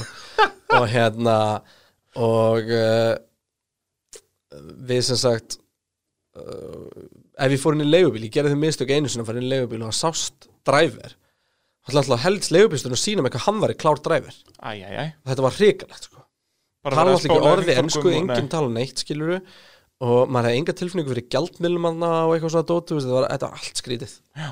En Uh, þarna semst er stærsta krassi mitt fyrir og síðan sko. Já, taland um það þá er ég, ég alltaf með, með, með spurningu í, í mótorvarpinu, starta krassið. Við erum búin að fara yfir krassið og þetta er að sjálfsögðu bóði bílapuntsins og það ef að þú krassar þá skottast upp í bílapunt og gerir við Ég hef bílinn ekki verið lengi að laga hennan sko. Nei, Valdi hafði retta þessu, ég gott ef hann er ekki með carbon fiber treppa bara á hendi sko, en það er náttúrulega motorsport kalla, hann hafði rettað það svo nú leitnið og sprautað þetta og gert og græða sko. ekki að Ah. spurja að því Það er, eitt enn að þessum stórkostlu fyrirtækjum sem að hjálpar öllum Já, að heldur betur, bílapunkturinn grófinni sjö Reykjanesbæ, ef að þú þart að uh, láta eitthvað gera við bílinn, hvað var þar útlitt bílamálun, réttingar, framrúðuskipti eða hvað það heitir, eða bara almennar bílaviðgerðir, þá talar við hann valda í bílapunktunum og hann rettar þessu fyrir þig. Uh, þetta var stærsta krassi og þú keppir ekki daginn eftir. Var það af líkamlegum ástæðum eða bara bílinn var ónýttur og það var ekki hægt að gera við hann? Það voru þrjára ástæður. Ok, um, Það var í fyrsta lagi líkamlegar. Mm. Ég hefði getað örgulega komin í gegnum með svona hálfpartin banna á Ok. læknunum uh, Ég fekk heilarhisting og, og eitthvað svona. Já þetta var alveg bulland högg. Ég veist, ég var næst í 200 km hraði, ég lendi head on á vegg. Með yngri, það er engin fjöðurinn í þessum vegg þetta er bara Ég veit ekki, nei. eitthvað sáralítið Þetta bara, þetta er bara nákvæmlega eins og Monaco já ég segi það, þetta var ekki svona einhver safety barrier. Og uh, þannig var líka allt í hennu komið tjón upp á 20 miljon á bílinn já, og uh, ekkert vita hver myndi borga fyrir það skilur þannig að hérna, það var svona ímyndslít í þessu og, og þar endaði tímabilið mitt. Þarna endar þinn ferill með þessu liði eða það ekki? Jú, í raun og veru. Það er í vegg í Rúminni Já. og, og talandi um þetta, 10 miljóna tjón á bílnum, peningurinn þá þegar búinn og bullandi hrun í gangi og allt steik, hvernig endaði það? uh, Það græjaðist einhvern veginn endur bara, þú veist, eh, náttúrulega bílinn var að einhver leiti í kaskó, sko. Já, þú ert náttúrulega varst að tala um það áðan að þá, partur af budgetinu var tryggingar. Já, þannig að, en þú veist, sjálfsafbriðin var samt held ég 150 pundi, nei, 100, ekki 100 pundi, 15 pundi eitthvað, sko. Já. En hérna, og þetta var eina krassi á ferlinu mínum sem að, sko, ég tjónaði fyrir meira heldur en sjálfsafbriðin Já, þú veist, venjulega var þetta kannski bara eitt framvengur eða eitthvað en þarna náttúrulega Já, meiri segja valla, sko. Já, Ég, hérna, ég var, ég ég er svona aukumæður sem að uh, fer ekki út og gerir heimskulega hlut á fyrsta ring Já, ég er svona, meira svona build up to it Akkúrat. og því ég er ekkert að segja að það sé betra að verra sko. nei, nei, en bara þú ert þessi típa Já, ég er þessi típa, ég er svona, ég tek mjög kalkuleraðar áhættur og hef alltaf verið og það er, mér fyndi að rosa margir sem halda að maður sé eitthvað brjálaðar ofurhugi en það er svo langt í frá sko. Já, ég já. geti aldrei verið kóar ralli til mér ég er svo oftur, mér er Já, það er alltaf eitthvað svona að skýta afsökun hjá mér ég vill ekki segja bara nei, mér langar Já, það ekki. ég er bara fokking bílhrættur og það kemur ekki til Já, mála ég bara, ég hata að vera farþið í bíl. Já, en þú veist, það eru mjög margir okkur hefur þessi vídeo hérna þegar, Fettel og Webber eru saman í bíl?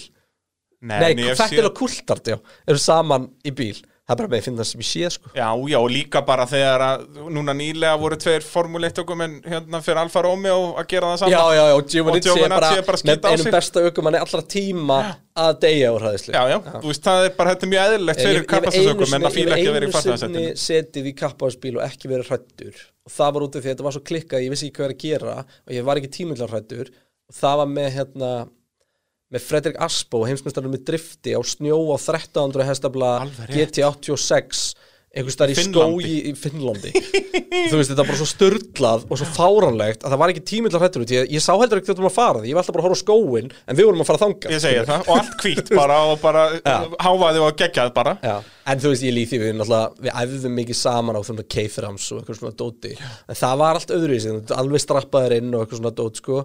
Og þá vissi ég alveg hvað við vorum að gera. Já. Þú veist, og þá var ég að kera og svo liðsfélagi minn og svo ég og svo liðsfélagi minn. Og það er svona eins og ég og þú, þú veist, þú er nýbúin að kaupa í kappaspíl og við fyrir saman út að brauta Akkúrat. að æfa okkur, skilur við uh, Eftir þetta 2008 tímbil við, við skulum kannski taka okkur smá pásu fá okkur smá kaffi og, og, og fara við málinn og svo skulum við ræða já, þessi, þessa mánuði og ár eftir höggimur náttúrulega hrun og, og þá eru góður á dýr og allt þetta. Við skulum fara eins yfir þetta hér eftir örstuð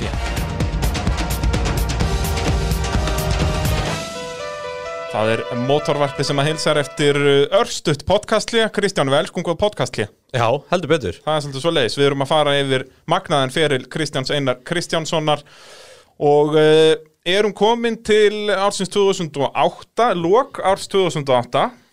Þú uh, kláraðir feril þinn uh, með einu magnaðasta formúlu þrjúliði eða bara formúluliði nokkuð tíman í vegg í Rúmeníu. Lang, lang séu sælast held ég fórum þrjúlega í heiminum, sko Já og, og uh, þá að kannski vissir það ekki þá að, að þá var þetta lokin á, á samstærið þínu með Carling Motorsport. Þó að þeir hafi bóðið þér samning fyrir 2009 eða ekki? Jú, það var á borðinu? Og, og við förum yfir það hér eftir, eftir smástund. Og þá í raun og áttu, áttu við að fara upp í International. Já, fara úr national í international basically, sem eru þá nýri bílar. Uh, Förum við það hér á eftir. Uh, Yðnvélar að sjálfsögða styrkja mótorvarpið og uh, þar getur þú keift allt fyrir yðnaðin, öll verkværi sem þau getur nokkuð tíma dreymt um og já, bara allt frá skralsettum upp í bílaliftur og ég veit ekki hvað og hvað og þannig endilega kíkja upp á smiðjuveg 44 rauðgata á smiðjuveginum eða bara kíkja inn á innvilar.is mæli eindrið með að skrá sig á postlistan þar því að það er alltaf föstudagstilbóð allar vikur sem að eh, eru mjög skemmtileg og, og ja, mjög góð, góðar vörur þar á góðum eh, verðum. Það er tekið upp á fösti, við erum rétt hjá, við getum bara kíkt. Við, það var ekki amaljóður pakki skal ég segja þér að- að vestla við eh, rally legendið Hjört Pálma Jónsson Philip Legend það er bara svo er leiðis eskortin hans geggja Já, sætlan, það við þurfum að fara að sjá meira af honum. Er hann ekki að reyna að búa til Nissan 510 í honum? Jú, gott ef það ekki, ekki það er pínu, svolítið- hann náttúrulega kæft á þeim bíl allt hann gæti ekki 97 fengið tímabilið. hann saman hvað hann hefur reynd Þannig að hann fór í next best thing Já, bara. ég held það. Það er svo leiðis Og talandi um verkværi, að þá langar mér að spyrja þau um bestu servisöguna. Því að þú ert náttúrulega að vinna, við vorum að tala um þetta aðan Þetta er, þú veist, 40 manna krú í, með mörgum trukkum á, á brautarstað og, og allt þetta Allt sem er gert í bílnum er búið að æfa 150 sinnum í, í gegnum 15 ár, skiluru Já. Þannig að, þú veist, var Ég- það einhvern tíman eitthvað að, þú veist, að það fór girkassin hjá þér eða, eða þurft að skipta um bremsudisk og það var gert bara á einni mínútu eða eitthvað? Já. Uh, Manstu ég að segja ráðan en þegar drifið og það brotnaði á Monza. Já, um, Bílinn var fastur út á brautinu eftir keppnuna svolítið. Og út af því að það var svo mikið rigning þá var prógramið í steik. Ég man ekki hvort að báða keppna voru bara með klukktíma millibili eða eitthvað. Já, bara geðvett þétt prógram. og uh, ég, bílinn kemur tilbaka ég, þú veist, við erum ekkert að fara að ná næstu kenni jú, þetta er ekki ok. Já, bara ekki, ekki einu sinni stress bara, já, ég blessa það verðt og ég fer og ef maður eitthvað fór ég bara eitthvað þú veist, ég stökk bara að pissa eða eitthvað og ná mér í vatn og ég kom tilbaka og þá kom nýr kirkarspil ég held að veri innan við tímyndir sko, eða 12 Að mínútur, skipta ekki um eitthvað gírkassa. korter eða eitthvað, já, skipta girkassa og dreif. Já. og eh, við erum bara reddi Ekki málið. Þannig að hérna, Og eins og segir, sko, þú hérna alveg, heyrðu, við erum ekkert að fara að ná þessu og þeir lifti ekki eins og öxlum, bara, jú, bara ekkert mál. já. Þetta er bara, þetta er bara Lego. Já, já, og bolt on, einmitt kemur þetta inn að þú varst að keppa með stærsta liðinu og þeir hafa allir gert þetta 150 Já, þeir æfa sinnum bara. Já, ég segi það, þetta er gert bara á, og bílinn er tekin í frumyndir eftir hver einstu kefni já, þar sem allir eru á inniskonum bara í, á rannsóknarstofinni hann sem við töluðum um áðan, sko, að þeir eru allir búin að gera þetta, þekkja alla bolta og allir hafa sínt hlutverk Já. og þetta bara gerist. Já og sko teimin voru fljótandi þannig að sko ef að ég var ef, þú veist, hver einustu bíl var með sem sagt A-mekanik og B-mekanik svo voru þrýr fljótandi sem fór á milli og þeir sem sagt, hann ef það var ef það varði einhvers konar tjón eða eitthvað álíka þá tók A-mekanikin stjórnina B-mekanikin, þú veist, og það var svona bara listi, þú veist, ef það er bara, ef það er að skipta um girkassa þá er þetta, þetta og þetta jobbið þitt þá er þetta, þetta og þetta jobbið þitt. En það sem var síðan ofan á það var að um, bílunni var alltaf til lungu fyrir keppni og allt klárt. Og sem sagt, nema náttúrulega, það var ekki þannig að all liði fór að hjálpa einu bíl og svo glimtist bara grann á meðan sko. A-mekanikin bara alltaf ábyrða því að bílinn var heitur í öllum tíma, hann þarf að hann þarf að hit forhitan og, og, og, og, lá- láta öll, hann er upp á búkum og láta hjónin snúast og svona og alls konar. Og hérna, og þú veist, A-mekanikin ber ábyrða á viktin á bílnum og það er svona ímislegt og mm -hmm. bílinn er viktar eftir hvert einasta raun það er bara jakkin sem hún kerir upp á áður en hann fór upp á búka eða svona portable liftu Já. það er vikt, þannig að hann bara alltaf viktaði með þér í honum eftir einu starran og hérna, og allt bensin tekið ánum og mælt nákvæmlega hvað mikið mörg kíló af því og eitthvað svona dót. En hérna en síðan sem sagt er þetta þannig að númer tvö mekanikarnir frá öllum hinum bílunum joina inn og eiga þá sín hlutverk líka. Já, þannig að hérna þannig að þú veist, eins og þarna var sennilega áttamanna teimi að skipta um girkassa minn sko. og hérna þetta er ótrúlega flott flæði og operation þegar þetta gerist já, ég get því. Að að- að hafa fólk sem er vant þessu í, öllum, öllum stöðum að Já. þá gerist þetta bara eins og klokkverk uh, Hausti 2008 Já, eins og segir aðan sko, það lá samningur á borðinu fyrir næst tími Já, Ég var missi af bara- Donington keppni og Henry Sörtis vinnu minn emitt keiri bíli minn í þeirri keppni. Um, En Þannig er náttúrulega ISF komið bara í fullsving Þú talaður um áðan að þú hafðir eitthvað sögu Já, kringum það. með iSafe Jésús, uh, það er einn spónstíl sem að mér, ég skildi aldrei okkur fór ekki í gegn sem að ég er svo þakkláttur fyrir í dag að hafa ekki gert það en sem sagt, það var lítið útibú landsbankars í Englandi sem að ætlaði að merkja, kaupa alla merkjagarnar á bílum minn því að þeir voru, við voru í breldi og ég voru að fara að keppa í breldi og ég er svo þakkláttur fyrir það í dag að það er kaffibólli en ekki kappastu spíl með Kristján Einar í sem er myndin á bakvið alla hrunfréttir. Hafði bílinn þá þinn verið mertur ISF? hann hefur verið æsef bílinn Það hafði ekki, ekki þú, Þá hafður bara lent í alvöru vesenni sko, að- 100% En það er náttúrulega Þú ert þarna í, í Bretlandi og þú stert með enn samning hjá Karlinn að keppa næsta ár í, í Formula 3 í Já, Bretlandi. og sko, við slum tala um það, sko, samningurum minn fyrir 2008 eins og ég sagði hann, þetta var held ég eitthvað 30 og eitthvað miljónir sem hann kostaði. Mhm. bara hruni og búið að gera hann að sko 70 miljónum Já, já, út að bara pundið var komið upp í 250 kall sko. og hérna og, og næsta tímbil hefði verið dýrar út í var að fara í sérstu, flokk og, já, og, og hérna og þannig og þá hefði þetta verið að borga með vindgöngunum og, og slíkt. Þannig að hérna og, og við erum bara svo fólk sér á peningum í þessu við erum að tala um þetta en liði var samt með sponsora á alla bíluna Já, þú veist, þú veist, þú var varst bara að borga brota Já, brota af þessu. nei, ekki brotabrót Nei, nei, kannski en, hvað, meir en 50% veit það ekki alveg. Nei.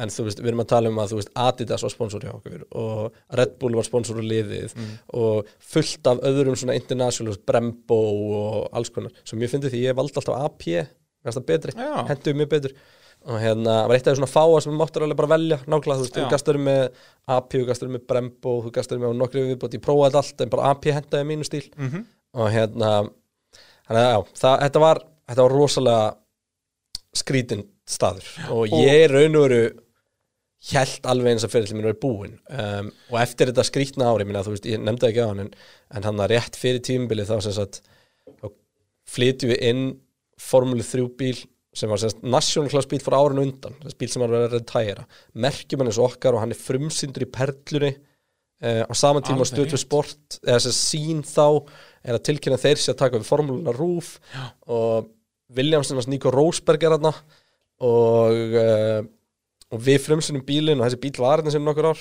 bara til sínis hjá, hjá Roberti og endaði síðan endur á að vera seldur því þetta var fyrsti bílinn sem Sergio Pérez kefti á og Carlos Slim kefti bílinn tilbaka. Og Ok. hann er núna hjá honum og hérna Og var hann sagt með vél og öllu, hann var ekki nei, nei, nei, og við lendum í algjörðu skil. ruggli í tollinum við lendum í einhverju bulli. Hann verður bara að fá númer. Nei Jú, var bara að fara bifriða skoðun. Nei, þannig að við endanum þurftum að tollan sem leikmynd. Já, fyrir, bara eins og bara fyrir þetta var, bíómynd þetta var bara rolling chassis sko. Já, já, þetta var bara veist, það var ekki vél eða girkass eða neitt í dekk, Nei, það var bara svona dömmi drif aftan til að geta fest dekka á hann. Já, akkurat. Þú veist, það er bara eitthvað bull sko. Og hérna, hann með stýri og hann með fjöðu dekk, jésús sko. en hérna allavega um, þannig að þarna, eftir þetta ótrúlega tímabila sem að alltaf búið í gangi og, og þú veist, og sko alltaf eins og við sögum að, þú veist, Robert og þeir gátt ekki haldið áfram. Og það var, þú veist, no hard feelings, veist, það var svekkjandi og allt skilur en þú veist en það var bara svo skiljanlegt og ég bara, ég get ekki sagt það nú oft hvað ég var þakklútur fyrir hennar stuðning og er enn þann dag í dag. En þarna þá, þá þurftum við að fara að skoða eitthvað nýtt og þarna á þessu ári mamma búin að vera með mér allstaðar búin að vera, þú veist, endalsta myndefni allt kynningarefni mitt er ógeðslega flott allt sem við vorum að gera var þú veist, þetta var allt hugsað út frá markasræðinum sjónum og Og mamma Og er ég- náttúrulega var bara urinu titlaður sem bara einn af umbásmönnum þínum Já, raun og veru. En það sem gerist þarna um haustið eftir þetta tímabili og þegar við sjáum alltaf fyrir ógangur ég hefði sem sagt, um sömuna hefði bílið mér verið til sínis og bílasynningu hérna nýr í Kór Nei, nýr í hérna Fífu og Valli Sport var þá sem sagt aðal uh, sem sagt svona aðal hérna, hann var hóstin einhvern var haldana eða eitthvað og, og manni kynnist honum aðeins þarna og, og mamma fyrir að hafa upp á honum því að hún veit að hann hefur gert magnaða hluti í alls konar íþróttum og mikill áhuga maður og svona dót. Þannig að hann kemur inn í teimið og ég og Valur erum búin að vinna mikið saman og gerum það enn þann dag í dag og um, um, þá svona fara hugmyndir að fæðast nema þarna í upphafi og það er meira þess að er aðeins setna því raun og veru bandar ekki aðeins fyrst sko, því að út frá þessu, á þessu ári hafði fæðubóta efna fyrir ekki ná sínt og með mikið áhuga Já, ég var í teimi merktur ná já, það var út af öðru sko. Þú Ok. veist, það var, ég held að Róbert hafi einhvern veginn fjárfest í heildsölunni eða eitthvað álíka. Og þetta kom einhvern veginn þannig til en þannig datti samt inn í eitthvað ná atvinnýþróttamanna teimi og ég man alltaf eftir því að það var einhverjum fór hérna, svona allur hópunin hóaði saman og þá var þetta þú veist landslistefnunar í fótbolta og, og hérna þú veist bestu, besta sundfólki okkar og, Já, og hérna badmyndofólk alls konar íþróttafólk. mjög áhugavert og skemmtilegt kvöld. Og hérna og ég mani þetta á þessu ári það var svo gaman, þú veist, maður var svona að fá acknowledge alltaf og hérna það var svo fyndið, ég fekk svona acknowledgement einhvern veginn eiginlega allstaðar held fyrir utan hérna fyrir utan í mótsportheiminum þú veist, ég var tilnendur sem íþróttamæður hérna, Garðabæjar og þú veist, á svona shortlistum út um allt en svo var ég ekki tilnendur sem, þú veist, í akstursíþróttamæður á sig, sko, já. og eitthvað svona dót og ég var síðan endanum tilnendur eitthvað, veist, þetta er já eitthvað það er bara eins og allir hefur glimt því var svo, hæ, ég býði að vera Já, ég var þetta einhvern veginn þannig að sko aðildafélagi þarf að Jú, klubbarnir Já. rauninni verða að tilnefna og, og BKR bara eitthvað glemdu því já, eitthvað, þeir voru bara eitthvað. horfa á rally eða eitthvað Já,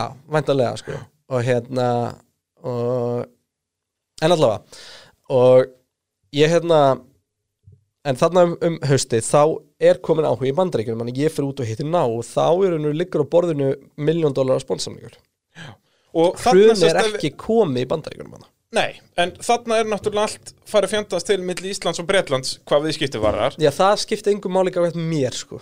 Veist, ég lendi í nokkrum eitthvað, oh, where's my money, you got all my money eitthvað, þú veist, en, Já, nei, en en, veist, svo að ég er að tala um, ég meina, þú, þú gast ekki reynd að fá okkur að sponsamninga í Bretlandi, þú veist, þú gast ekki Nei, farið það að var, keppa það í var bara líka, 3. þú veist, af hverju ætti eitthvað brest fyrir ekki að sponsa einhvern Íslendinga? Að nóa góðum breskum strákum, sko. Já, og hvenar er þessi ákvörðin tekin? Er það mjög snemma bara, Já, út þetta af var bara- Karlin er þess að bauð ykkur samning fyrir 2009 Já, við erum er það mjög fljótt bara tekið á skilurðu. borðinu bara? Já, mjög fljótt tekið á borðinu. Þannig að þá kemur opnast fyrir þetta Ameríkudæmi. Já, það var svona hugmynd sem hún búin með í kollinum að sko kannski ætti sagan mín og það meiri business chance í bandaríkjum því að þarna komum við inn á, ég byrja að vinna með ná og ég er, þú veist um, eins og ég lísti á þann, þú veist bara úlningur í, í mikill yfirþyngd og erfiðum stað og eitthvað þannig sem allt í einu snýr lífunu við og er veist, það er bara svona ópröldsaga en maður þú- hefði náðu The. Icelander. The Icelander. Er þetta, veistu Og- hvað gerist á það ferðin á heimasíðinu þína í dag? Hvað? TheIcelander.com var síðan sem þú notaði til að Ah. markasetja þig. Það er fisk, fiskbúð í Dortmund. Já, Það er- við þurfum að heimsækja einhvern Já, ég held það, við þurfum að kíkja á The Icelander. Já. Sem var bæðið við skrifa á hjálminn á þeir allan þinn feril en er Ah. núna fiskbúð í Dortmund Já. sem ég finnst ásamlegt Já, það, mér finnst það mjög skemmtilegt En hérna Þannig að ná vítaminin það Já, er svona út- inn þarna Ég fer út til þeirra og var búin að vekja aðtekli því þessi árangur vakti aðtekli og opnaði dyr alls staðar og á þessum tímabóti þá er ég meiri sem að byrja að horfa í áttina sportbílikapistur Luman en, en sem sagt í bandaríkjunum á tímanum var mótorið sem var svolítið öflurinn formule 3 uh, en samt ekki alveg GP2 Nei, og hétt Champ Car Atlantics. Og Já. þá var, þetta er þegar sko Champ Car og IndyCar er ekki sami hluturinn. Nei. Þarna er unni indikar búið að splittast það ekki? Þannig er IndyCar bara óval og Champcar er bara götubrautir. Eða hérna bara fyrir ekki road courses eins og þeir kalla bara kapasbrautir og götubrautir. Og við förum eitthvað svona á stúana sem að verður til þess að ég fæ bóð um að testa fyrir lið sem heitir Newman Wax Racing. Já. og uh, gott að er- þeir voru ekki búin að hafa samband og sem eru mikið legend Paul Newman og Paul Eddie Newman er Watts. náttúrulega bara Newmans own Paul Newman, leikarinn. Já, og Eddie Wax er eh, besti vinnur hans, eða var. Og þetta er um það leiti sem að Paul Newman deyr. Já. ég, hann margir sagt sko ég var og veru síðasta, ég var oft orðað þannig allavega við mig, ég var svona síðasta ákvörunin ég held að hann deyf eins að áfyrin í testa.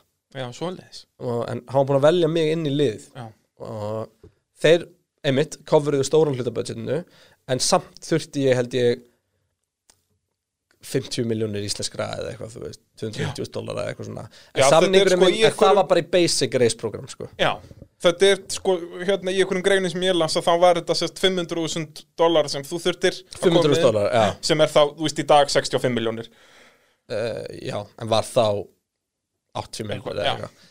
Og hérna, þannig við vissum að það var vonlist ég var enda að koma með undanþáu fyrir gjaldirisflutning uh, í ljósi aðstæðna. Já, en ég þá þetta að skila sko skýslu með að fóra ykkur peningur í Ísland og kanni og það, það er ennur kikkað enn setna með þess að því að já, það kikka með þess enn setna en hérna en um, þannig að við erum hann úti og þetta lítur allt vel út en maður þarf aldrei að skrifa undir við ná og þar lendi aldrei að skrifa undir við Newman Wax og, en ég fer samt í testið. Og ég fer að testa hann á Sebring. Og ég rokkaði það test. Alveg bara, ég bara sagt það og mér er bara instantly búinn samningur. Og Já, þá ok. fyrir við aftur til ná og þá er salan bara búin að hrinja hjá þeim. Já, þannig að þeir heldu í raun og verið að þau heldu að efnaðarsástandi myndi ekki ná þeim og voru búin að sjá fyrir sem mjög spennandi markstæk verið þarna. En þarna var það byrjað að hafa áhrif þannig að þau bara púluð út. Og ég er búin að fara að nú testa nýra Sebring og uh, búin að sigra heiminn í þessu testi og bara allt lítur vel út. Já, og allt í henni bara þessi bandaríkjadrömmur upp upp í veður og vind. Þannig að við förum að gera eitthvað svona sniðut og förum að púla inn gamlar tengingar sem endar á því ég myndi vera að funda með alveg fáralegu sko auglýsingastofum og eitthvað svona dóti sem voru bara þú veist með Nike og Apple og eitthvað svona dót sko. Og hérna þau eru inn og þannig bara verið að skrifa greinar um þig bara og, og verið að gera eitthvað svona support Já, í síður og, já, og, ég sérst kemst inn hjá Jalopnik. Já, alveg rétt.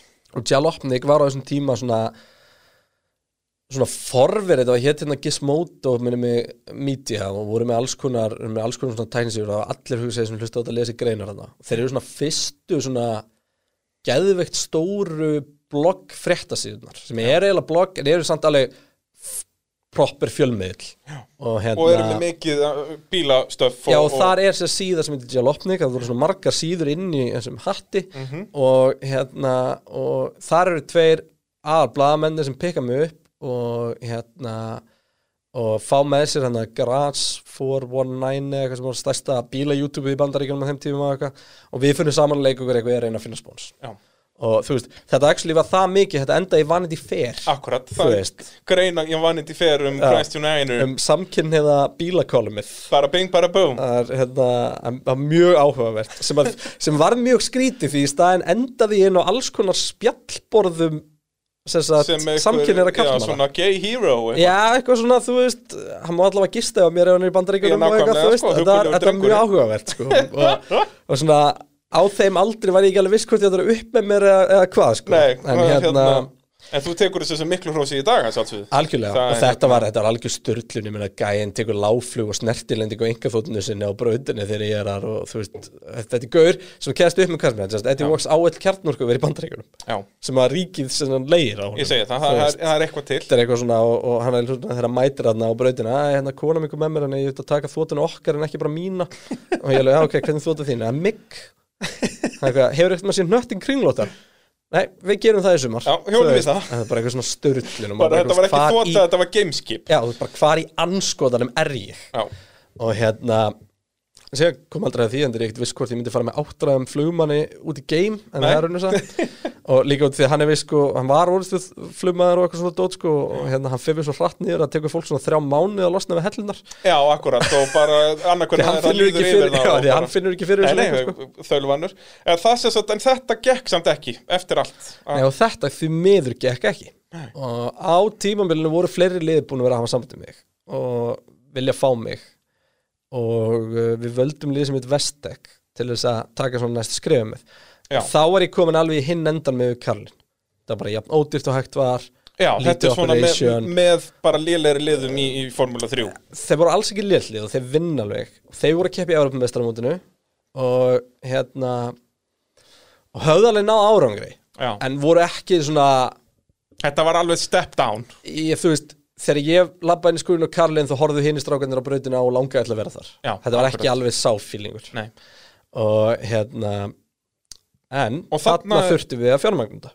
Já, og uh, það reyndist erfitt. Og núna var ég aftur komin í það að þurfa að fara fjármagnum í Íslandi og þar kemur um valli inn. Ok. Og við náðum að skrapa saman pening það voru aðlar eins og Lárus Ísveldinu minn og, og, og fleiri sem að, sem að chipuð inn og, og hjálpuðu mér að komast að stað en síðan í raun og veru verður þetta alltaf erfið og erfiðara En ég minn, hvað erum við að tala um mikið pening hvernig? Er þetta aftur eitthvað 30 miljónir? ég er ekki alveg viss ég bara manna ekki alveg viss alveg. En ég meina, hvort er þetta 2 miljónir eða 20 miljónir? Þetta er ekki 2 miljonir allavega en Þetta er þurfti yfir 10 allavega. Já. Úst, Þetta er náttúrulega, eins og segi Bara þessi samningur er lang, lang, lang stæsti motorsportsamningur sem hefur verið gerður Þó að hann hafi verið mikið stærri ári áður, skilur já.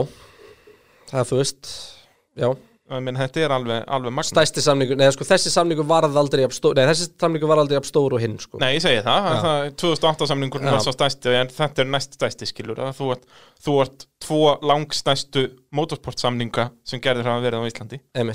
Og, og þetta tímabil einkendist því ég var að missa keppnum út ég var ekki með budget og, og annars slíkt sko. Þannig að hérna og, og e engar æfingar, ég mætti bara í fyrstu keppni hafði aldrei kert bílinn já. og hérna og bíll og ég var að árinu undan. Já, já, og þannig ertu að keppa þess að í evrósku formúlu 3 mótaröðinni sem var í rauninni bara ný stopnu þarna en það ekki, þetta var gert í rauninni upp úr spænsku mótaröðinni í og í rauninni öll liðin að neyru spænsk. Þetta var eina breska liðið, það var liðið sem þú veist í. Campos voru maður sem að koma síðan inn sem HRT í formúluna. Já, Hispania Racing eitthvað. Akkurat að, Og það þetta var- þannig, þetta var svona þeir voru hálft- eina, eina breska lið, það var Já, eitt ítalslið og svo var þetta allt já, já, já. og hérna, en það er þú veist, það er algengt að þannig kjarni myndist utanum eitthvað svona og hérna og náttúrulega flest allar keppnar hann voru á Spáni. Nú var þetta búið að snúast við, þarna varst ekki mest allt á Breitlandi heldur, þarna var keppnin þess á Spáni. já, ég held ég hef kæft þrjár keppnir á nei, ég kæfti bara tvær keppnir á Spáni. Og svo var þú veist hvað, Valencia og, Og- Katalónia já, og svo var það var þetta Spa, Donington, Magnicur og Monza. Akkurat og hérna og uh, mætaðan til Valencia og þetta er sérst þarna Ricardo Tormo brautin, þetta er ekki götubrautin sem var kæft á í, í Formule 1, þetta er, er MotoGP brautin og, og þú veist, þetta er bara svona komast að öllu. Og svo bara strax keppnum með tvö engin peningu til. Já, svoleiðis, kláraðar all, all, allt budgetið í fyrstu keppni. Bara kom okkur á stað og þarna var ég bara race by race dæmi, því ég þurfti bara og þetta þýtti það, og menna hinn voru að æfa því ég kom heim til Íslands að, að selja spons. Já. og um, Og þarna Þarna- náttúrulega ertu ekki búsettur elendis, þarna ertu bara heima og ert bara í FG að reyna að vera rúlingur á saman tíma. Já, ég var endar hættur FG hérna held ég. Nú, já, já, eða var ég FG hérna, ég held það. Getur verið. Jú, ég var ekki FG hérna Þú uh, veist, hversu steikt er það að vera bara í FG og það síðan hjálpaði ekki náminu mínu að ætla að verða formúlugur Nei, ég það ekki var trúið því. áhrifin var ekki þar. Nei, mér varst það rosalega tilgangslust að mæta í næsta í, starffræði tíma og, og ég er enda starffræði og eðlisfræði mega essens fyrir mér. Já, ég en- þurfti hana. Ég þurfti Já, að já, skilja þingdalögumáli í bílum mínum. En starfsending, nei. Nei, eða saga. Já, bara glemt við þannig að hérna, þetta, já, þetta var skrítin tími og, og hérna og hann um þetta leiti þá kynnist ég konu minni sem ég á í dag og, og hérna og uh, þú veist, svona lífi fer svolítið að breytast uh, þú veist að mörgu leiti Fer það bara svona þroskast? Já, í raun og veru. Enda hvað ertu þarna, 19, 20 í 19, þannig. Og uh, síðan sem sagt nei, er tvítugur. Þetta er 2009 já, ég verði tvítug 2009 já. þannig að hérna um, þannig að Ertu að keppa með Team West Tech? Einmitt, Alltaf að fljúa út?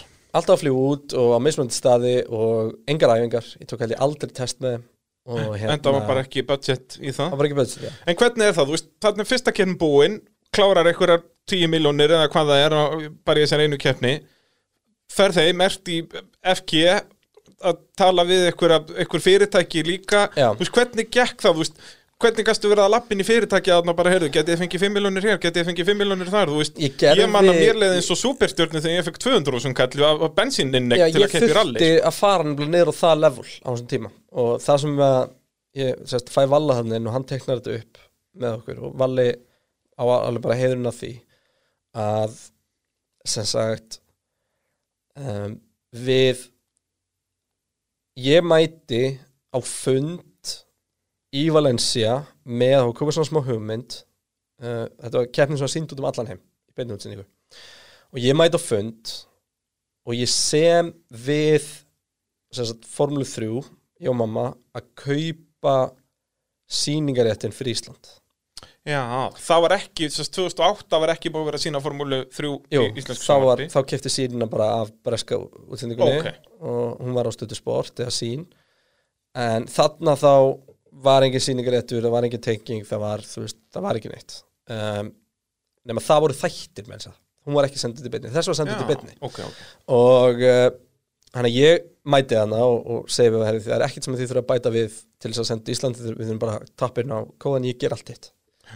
Eru, já, þú veist, ekkert mál. Og ég segi, en þú veist, ég þarf að fá þetta þannig verði að, að ég geti fengið eitthvað út úr þessu Já, já, sýningarétt, þannig að það, til þess ég geti keft og við vorum komin í rosa gott samband þarna. og það var svona kannski gegnum gangandi sem að bæði ég og mamma og allir í kringum ég gerði við, við ving, vinguðumst bara við alla. Og við fengum allir lið með okkur. Þetta var náttúrulega svo mikið syndarillusa það var svo fáranlegt bara að þetta væri hægt skilur við. Og og sko eins og þessi fyrstkemni ég held að vera í 11. sæti og 8. sæti og eitthvað svona þú veist, mér er ekkert að ganga og uh, en þá sem sagt förum við hana og við semjum við við þau og við kaupum sýningaréttin á sama og hann er seldur til Rússland miða við höfðatölu. Já, þannig ég borgaði ekki neitt nei, ég held að millifæsla aldrei fyrir fram. Nei þetta borgaði sig ekki einu svona að gera millifæslu bara, Já. þetta var ekki neitt. Þá voru allar tengingar nýttar og við förum að milna hérna heima og komumstæði og Rúf hafa bara lúmskan áhuga. En þetta er hrun, að Rúf og ekki pening til að borga fyrir þetta. En þeir eru til að sína þetta. Þannig að við gerum samning við Rúf í raun og veru þar sem að þeir kaupa að mér formúluna ef ég ég man rétt, það var þetta eitthvað svona og á sama tíma kaupi ég öll auðlýsingaplássin fyrir saman pening. Akkurat. og allt í henni ég bor hann eins og byrtingahús og sel auglýsingatíma inn í formúluna Inn á rúf, og þá, basically. þannig að þú kefti þér spons á bíli minn Já. að þá fegstu ekki bara, þú veist, þú- þá fegstu sponsið í bónus en fegst samt auglýsingatíma sem varst hvort þér frá að kaupa rúf sko. Já, þú, þú varst basically byrjaðar að selja auðlýsingar fyrir rúf. ekki beint þetta var ennþá sponspakki hjá mér Já, sko. já, en og þannig að þú veist og þarna kom inn, þú veist KC samstöfan kemur með Taco Bell uh, Nathan Olsen komið með Seriós og það er svona eitt og annað sem að dettur inn og, og hérna og þannig náðu við svona on a race by race basis að gera þetta og, og þar koma fleiri að og sem að segja manni þú veist hvað maður átti mikið það var bara eitthvað litróf prentsmiða koma inn og chipa smá pening og, og prenta allt fyrir mig allt markasefni og gera og græja og, og yfir í þú veist einmitt hérna Ice, uh, hérna, Ice Express sem að hérna sem að uh, varð síðan hérna Shop USA þú veist, sem að var einmitt Lalli Íseld sem ég tala um náðan og, og það kom einn alls konar fleiri og, og sérst hauguviðar, hérna Haugur Reiser sem að frendi, sem að hefur verið með mér í, í hérna Erallínu og því öllu saman og bara einn af þeir sem ég þykir hvað vænstum hann hérna hann fer bara fullt í að selja þetta. Hann var bara þá í, í fyrirtækisunni og Vodafone eða eitthvað svona og, og var bara með fullt af tengingum og fyrir bara fullt í að selja þetta og Eli vinnu minn gera líka og svo bara um leið og ég kem heim þá bara, og fyrir bara með operation. Bara það sem við erum bara að ringja út og selja. Og er ég að fara orðið fundi og gera alveg öfugt með hvernig það var þegar að Róbert bara skellti inn hérna 30 miljónum eða hvað það var. Að þannig eru þau bara að fiska inn 500.000 miljón Eða 100 áskall bara. Já, og þannig einhvern veginn náum við að komast keppni fyrir keppni. Og sem er Og- alveg magna og þá nærða að keppa þarna er unni hvað allar keppnir nema tvær eða þrjár. Já, bara tvær. Já. og og kefti alla flottu brautunar Já. og, og þá er komið að þessu að, að sem sagt Formúla 3 fyrir sjónvarp. Og þarna, það eru nokkrin alveg glataði hluti sem gerast þarna fyrir það að hérna fyrsta helgin er spa og það er búið auðlýsa allt og Valli og Guðni Þorbjörns taka að sér að búa bara til íslenska mótsportætti Akkurat. Í beinni útsendingu á rúf og fara að lýsa hana og vitir raunverð ekkert og aldrei séð svona keppni eða neitt Og þekki ekki ökumennina þekki ekki og- ökumennina og, vita ekkert hversu mikið ég sést og svo er ekkert live timing og bla bla bla. Alls konar svona Jú, ég lýr enda því því að það var alltaf live timing því að ég man að Vala hún höndlaði alltaf að keppninar þannig að hún horfði alltaf bara live timingið og svo ef það var eitthvað lag þá var hún alveg bara Bara hértaði buksunum sko. en hérna en uh, þarna þá sem sagt fyrsta keppni var spa eftir þetta og þar keppni bara drullu vel var fyrir, ell- fyrir utan stíin í fyrstu keppni og það bara 15 og 4. seti Ok, og bara, þú veist, í hörkuslag bara allt upp á við. Já, og svo keppni átti að vera sínd en var ekki sínd svo fyrir við til Donington og svo keppni átti sko að vera sínd og fyrir keppni var sínd það sem mér gekk hræðilega.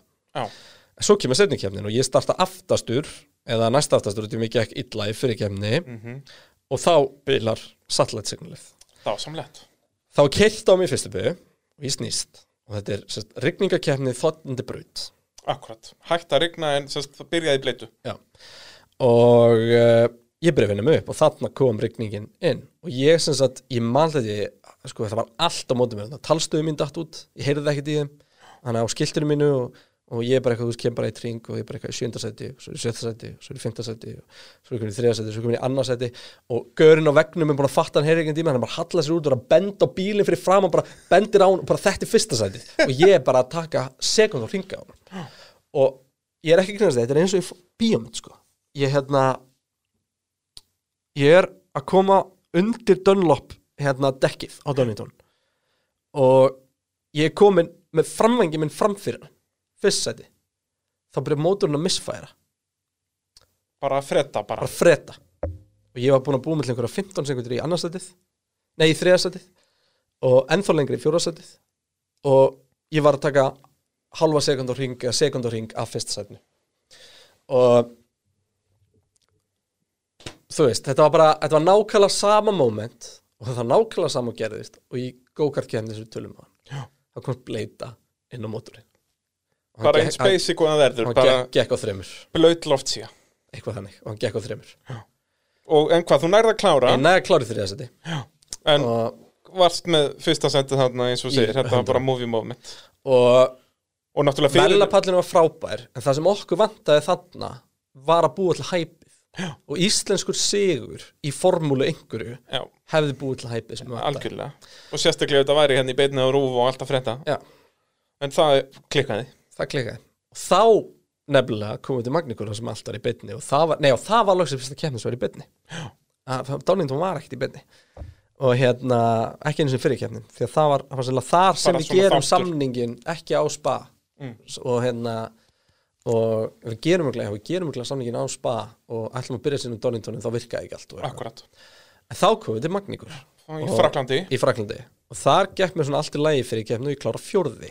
Þú sér að ég er að ná flottum árangarna strax algjörlega óæfður Algjörlega á, á og- bíl sem er kannski ekki alveg to- topp Já, og alltaf þreymur dögum fyrir keppni veit ég hvort ég er að keppa leiku sko. Nákvæmlega og engar æfingar og ekkert að frétta. Og hérna og þarna þá þá sem sagt á Magníkur kláraði fyrir keppni í fjórðarsæti og setni keppni aftur startaði svona aftalega og er að vinna mig upp allan tíman og þetta var í beinni og ógeðslega mikið spenna. Og ég er semst í þriðarsæti að fara að skila velnapalli í beinni útsendingu á rúf Íslendingur að fara að standa á pallinum þegar það er bomba aftanum í síðustu beigni og við erum að tala um í Magníkur en 90 gráða vinkilbega svo svona 20 metra kabli og hægri vinst sér kein og flagga út þar. Já. Og þetta er í 90 gráða vinkilbeginni og þá er fáiði sem heitir því astnalega nafni Bruno Palli glemir aldrei. Bruno Palli. Hérna sem að tekur bara 20 metra dífu á mig. Veist, hann, hann, ég, ég var ekki svona frá hann skilur, hann var alltaf langt í burtu. Og hann bara keir, þetta er svona þessu tölvuleik hann bara keirir inn í hliðin á mér. Því ég er komin inn í beginni ég, ég byrjar að gefa í úturinni hann bara bremsaði bara ekkert Já. fyrir beiguna og hann var bara stefnan á bræðinni og það myndi var alltaf í trailetum fyrir formið þrjú eftir það þegar ég stend yfir einhverjum einum og 60 gæja að öskra á hann í malagrifi og magníkur veist ég hefði getað hlaupið í mark og kláraði þriðasæti sko. Ég var með það gott fórskot síðan á fimmtasæti sko. fyrst að hann var dóttin út. Þannig að þetta var algjört hartbreyk algjört. Og svo förum við til Monsa Já. og það er besta keppni mín ever. Ok, en samt dætti út. Segðu mér. Um, á Monsa þá þetta var skrítin vika. Þetta var rosalega skrítin vika og þetta er vikan sem að hefur haft hvað mest áhrif á mig sem einstakling. Uh, ég mæti og ég veit að ég er góður á Monsa og ég veit að ég er jafn góður eða betur á görðinu sem er að vinna þessa keppnir. Og Og að vera Liðsfélaginn að vinna sem bara að og með mér- og og liðslega sem með mér var ógeðslega leiðilegu ná ekki, þú veist, alveg bara endalust kokki eitthvað og, þú veist, og hérna, hann var búinn að vera að vinna nokkra keppnir og ég vissi að betur en hann, ég nefndis ekki. Og þarna fer ég út í æfingar og ég er sko 0,7 eða hálfri sekundur hraðar en hann í öðru seti. Já. og lang bara, bara by far bestur á hópnum. Og svo kemur það tímatökum. Og þarna sannaði sig að vera með reyndan tæknistjóra. Ég sem sagt um, er aftur, þú veist, ég veist, sett upp vandræðum, þú veist, ég kann þetta ekki, ég lærði þetta ekki nógu vel. Og hérna en ég fer út í tímatökur og með kassan svo langt úti svo langflottastur af öllum á þessari braut að halvarinn og ætla hann að segja það heiminn auðvitað. Og ég tek hérna fyrsta hringin og annar hringin og svo kem ég fram á skiltinu mínu og ég er í, þú veist ég man ekki svona, hvað veit ég, 15. eða eitthvað, þú veist, eða 12.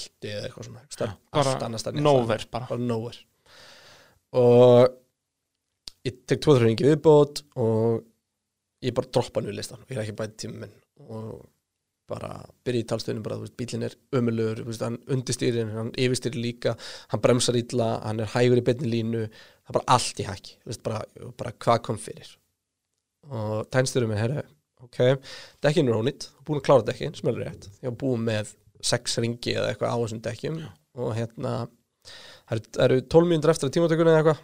Og hérna og uh, við sem sagt uh, komum inn inn og, og, og hættum þessu bulli.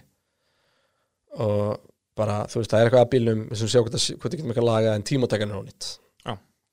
þannig ég í pitt alveg fjúming brjálaður sko. og eitthvað, þú veist, hva, hverju breytti í bílnum inn á milli og þú veist, bara bara ekki lægi hvernig ég var sko. og hérna og hann bara tekur alla sökin á sig. Bara hann hefði gert breytingar sem ég held að væri til batnaðar.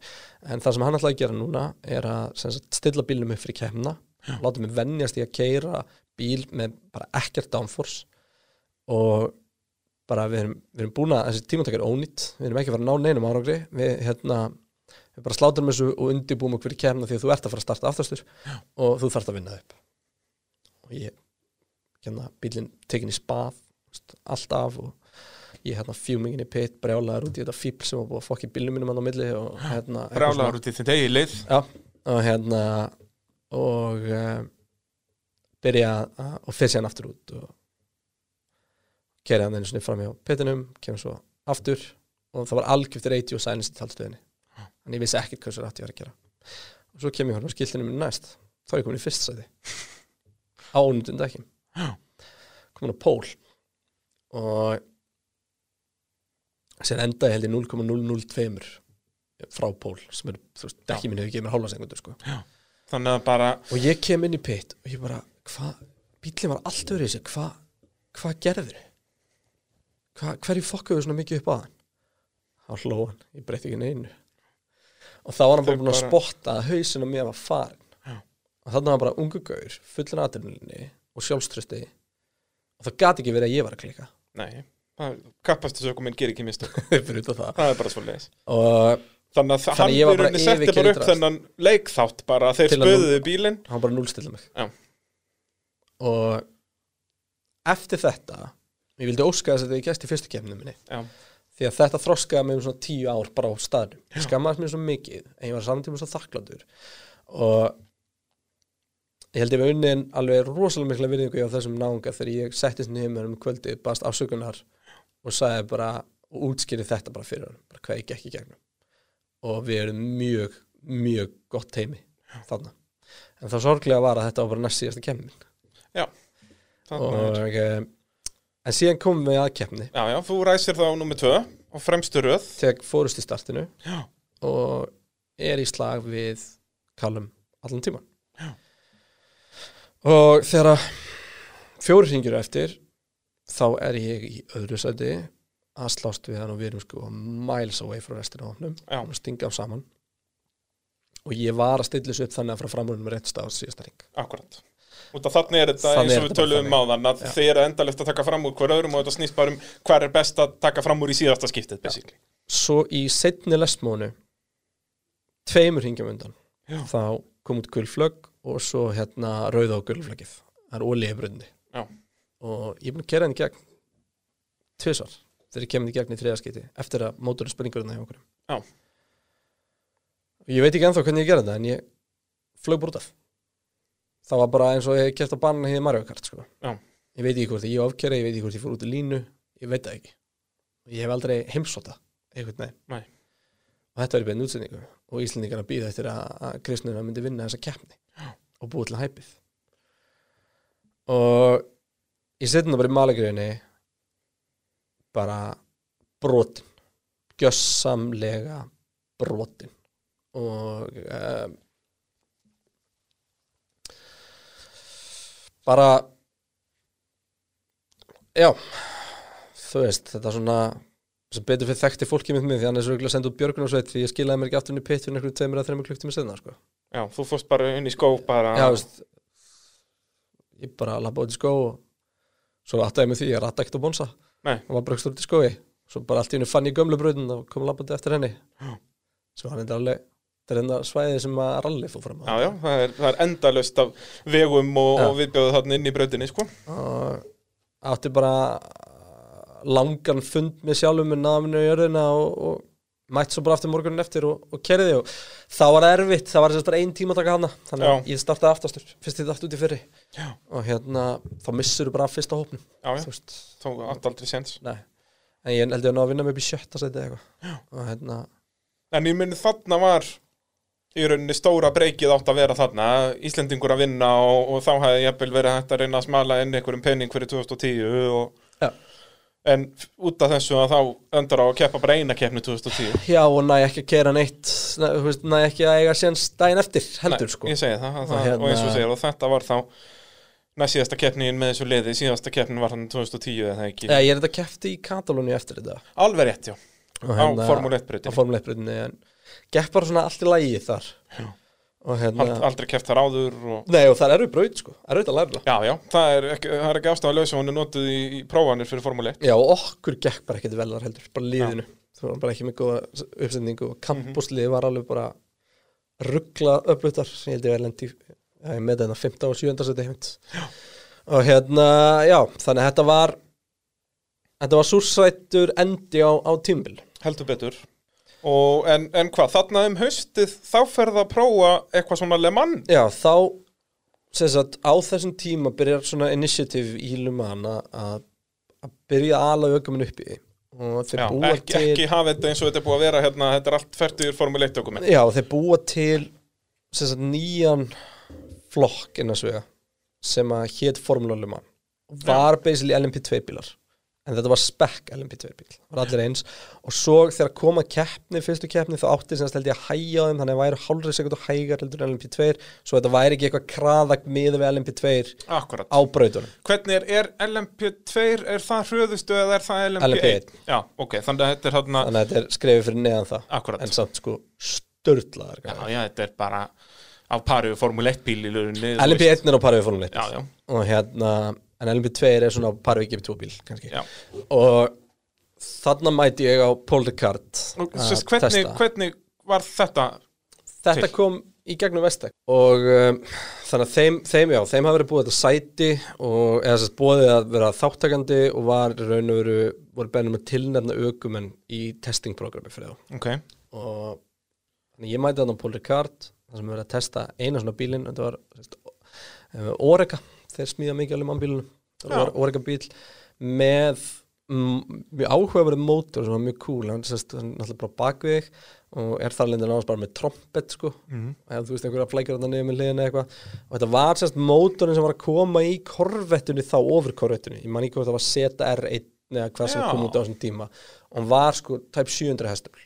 Þá bara LS tjúnaði eitthvað Já. svaka. Eða 600 og eitthvað sem var 600 og eitthvað hestöfl og ég held að bílinn með aukuminn hafi 900 kíló Nákvæmlega. Störtlu græða Þetta, þetta hreyfðist eitthvað. Og ég mæti þannig og ég á eftir hátið og ég mæti þannig í hátinu og að fylgast eitthvað með þannig nýri, nýri þetta er rétt fyrir nýs þessi braut. Mm -hmm. og, og svo verið að lappa og það er eitthvað gauður að kera og ég veit ekkert og svo sest, kallaði mig þegar bílinn sé að koma inn og seatfit á mig og eitthvað bla bla. Þá stígur Nigel Mansell upp á bílnum. Bara Formule 1 Já, legend hafði hann verið fenginn til, að- til að testa. Já. Og þá líka eitthvað svona publicity vandanlega Nei, og líka eitthvað, þú veist, spurning með sinans, þeir voru á svipum aldrei og ég og átti að fara að kera og var ég að byrja að skoða hvort það er mannsel feðgalið. Já, þeir þrýr myndi keppa saman og eitthvað svona. Ok. Og hérna og alls konar áhugavert og þannig ég testa þarna og, og við skoðum þetta. En þú veist, einu sinni en þú veist, ég er ekki komin á þann stað að þetta sé fulli borgað. Já, þannig að, og náttúrulega kapastu bara virkar því miður þannig bara upp í Formule 1 og jafnvel í Formule 1 Já er það ekki, þú veist, það er í öll þessi þrep að þú þarft alltaf að borga. Jú, jú, Það eru, þetta eru bara fyrirtæki, já, já, í enda dagsins. Um, þetta er svolítið skrítið því að þetta er svona blanda fyrirtæki og kemsli þannig að þú veist, já, já er, ég hef oft sagði það sko það kemst ekki inn í Formule 1 uh, sem sagt, það kemst það er meir líkur á að þú komist ekki í Formule 1 út af peningaleysi heldur en hæfileikaleysi Já. skilur það er, það er svo leis og, en þannig eru við reynum að reyna að halda þessu áfram Já. og reyna að gera eitthvað svipað. Og þetta ár þannig er og sama tíma hefjast viðræðar við mjög áhugavert batteri á spáni sem var mjög áhugavert þá. Ok, og ég sérst fer og keppi þessari einu keppni og sama tíma og ég sæna hjá því entity fyrir árið eftir sérst keppir í þessari hérna, keppni á Katalúnin 2009, ertu að tala um það? Ertu Nei, að tala ég um held Spa ég komin í 2010? 2010 sko. Ok. það er eina keppni sem ég keppi Já, það 3 ég man þarna. ekki svona hvernig það var sko, því miður ég, alltaf, ég fór ekki þá, veist, fór bara óæfður og allt Já. skilur Bara og ennþá hérna- að reyna í rauninni Bara það verður ekkert annað í stöðinni að- að- og svo fólk átt að segja það er engar takmarkanir á æfingar veist, þannig að Þannig að ríku krakkanir geta verið dag já, eftir. Max Chilton æfði bara í hverjumstu viku Já, já. veist, þetta var bara svona svolítið þannig og, og æfingardag kostar aldrei undir miljón í hildina sko. Mhm. þannig að, og, og þá er það meira sér, þú veist, á Pembrey eða eitthvað, það er ekki Silvestónu eða eitthvað alveg sko. Jep. og hérna, en við allavega sem sagt, förum í þetta og förum í þetta æfintýri hérna út til til uh, Spánar Spánar Hvað er það? Er það eitthvað, er það open wheel dæmi? Já, eða? þar var í raun og hugmyndið svo að koma upp uh, kapasliði bæði, já, þar átti ég semst, það árið voru farin að skoða ég fær inn í Porsche Supercup ok, á 911 bílunum sem að hérna support-serían fyrir Formule 1 og þeir ætla að rönna því liði og meðal annars Steve Holman sem er einn að sem var gaurinn hjá Karlin uppalega fylgir mér. Við erum að fara saman að byggja upp liðana. Ok. Og allt fjármagnað af, af, af einum aðila og, og, og hérna og ég flutt, flytt til Spánar og kona mín og dóttir okkar Já, þetta var alveg komið á þann stað bara Já, þegar já, þið já, flutt út ég bara allt í einu var bara með líkilega einhvern skúr sem að taka bíl sem er vildi það sem var bara bíla sapp alls Ok. konar Ferrariar og dót ég var bara með 300-500 villu með 2500 lóð með sundlaug og öllum pakkanum og bara hafa það rosalega gott. amalegt. Er þetta hvað, bara vorið 2010, eða haustið 2010? við flytjum endanlega út þannig um jólin 2010-11 Ok, en þetta er allt byrja lungu fyrir það. Já, já. En við flytjum út og stelpan byrjar í skóla í janúar sest, í, í, á Spáni? Já. Uh, sest, uh, Þannig að, að hérna Þannig að uh, En, já, Þannig að við höfum það mikla trú á þess að við fluttum út með Já, þetta já. og, og, Og- og hvað sest, Þetta endaði að verða ekki að neinu? Nei, svo í raun og veru koma upp og ég veit ekki anþá hvort að þetta var allt bara bull eða hvort að raunverulega hlutir komu upp en þetta var rosalega skríti og í raun og veru efni bara í heilan þátt. Já, bara þessi tími en þú veist á einhverjum tíma þetta hætti launin bara að berast ég var komið með aðurnáðsamning já þú varst bara á launum hérna Já, þú veist, ég var með samning upp á einhverja tæpa 200.000 eurur í laun á ári, sko. Þú veist, og, 20 og miljonar varst ári að fá þetta álíka. bara vikulega, mánuðanlega Ég svo bara mjög hratt hætti það að koma. En hvað varst að að gera? mánu. Ég var þú bara ert- undirbúið með þeim og ég átti bara að vera hvað, bara mæta á fundi og þú veist, bara varst á að að æfa þig nei, við vorum bara að byrja að setja upp vestmiðuna og það allt saman og, og hérna, Það var bara verið að byggja upp kapastlið já, þetta er sérst þjóðveri sem hafði gríðalega áhuga á Íslandi, Ok. meðal annars.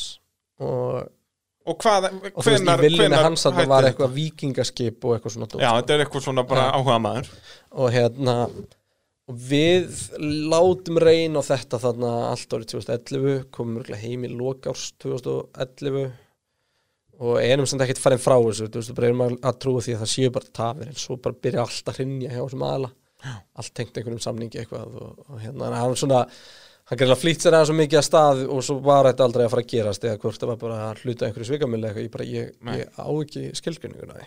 En hvað, þú ert þarna úti þá hvað, í eitt ár? Já, og rauninu hann var sem að með þetta var rosalega tengdur inn í græna já, vindmilur í, fyrir utan hérna, í, í döðahafinu og eitthvað svona. Og hérna þannig ég allt í henni var mættið til ruf hérna Porsche-tjúnirna að fara að keppa fyrir þá í, á einhverjum Siemens ruf Ramax 911 já, já. Og svo var það ekki hægt þegar ég mætti, þetta áttur mjög skemmtilegt og mjög áhugavert. Því að uh, þeir náðu bara ekki að gera hann þannig að þú veist, það voru 50% líkur um þú klára að keppna 30% líkur ef ég myndi fá ströym á degi og 20% líkur ef myndi kveikna í bílum og haugu við að varum til að út með mig því ég var búin að prófa að taka þátt í hann að eralínu á tíma. Alveg rétt, já. Tók þátt í einu hann að heimsmyndstunum hann heima og bara, bara með keppniskapi gekk bara drullu vel. Já. Það er enda sennilega byggarinn sem ég ekki mæst væntum þegar ég var valið maður Alveg rétt, maður keppnar hann þess að var keppt í rally. Já, Að, hérna, þú varst að keppa í hliðarallinu í Já. rauninni. En það er svona að þú gefur nótuna hennar Já, til þess að aðri geti keppt. Bara bing, bara búm en hérna en, en já, þannig að það æfintýri bara svolítið svona um sjálft sig bara hvarf þarna. Já, rauninni, og ég eyði Hvar náttúrulega- áður en það byrjaði í Já, rauninni ég eigði þá alltaf tveimur árum ekki spotlightinu sko. Já. þannig að þú veist mér var ekki að bjóðast í framhaldi viltu koma? og, og þú veist. Já, ég, var þarna- komin á það- þann stað þarna Já. að ég hefði getað farið og tekið skrefið yfir í sportbílakapastur ekki borgandi.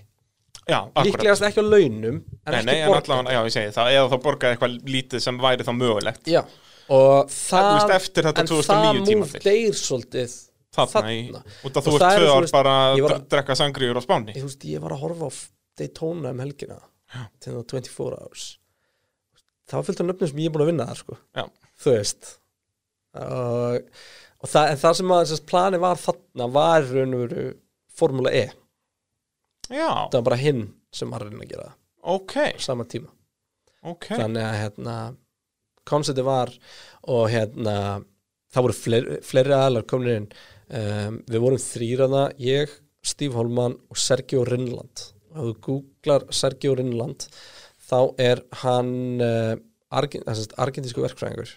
Og hann er frægastur fyrir bara sáber og að hafa Já. smíðað kartbílinn og sérst, kart as in sko CRT hérna bílinn.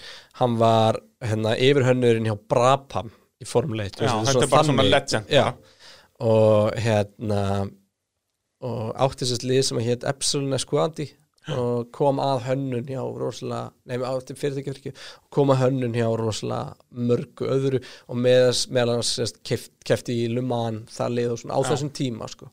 En, en þarna eins og segir, ertu svolítið já, dottin úr sviðsljósinu og, og þarna er, er ferlinum bara svolítið að ljúka eða ekki sem, sem ökumæður basically, hann endar á út af spáni eða gerir ekki neitt basically. Já, pretty much. Og hérna og svo náttúrulega tekur við bara alls konar skemmtilegheit út og þú varst nú orðið alveg nafn í þessum akstusbransa og hefur verið að vinna með, með fyrirtækjum og í, í auglýsingum með sjónvarsláttum og svo náttúrulega varst að lýsa formúlinu í öll þessi ár. Mikið rétt. Þannig að þetta er ekki bara sorgarsaga.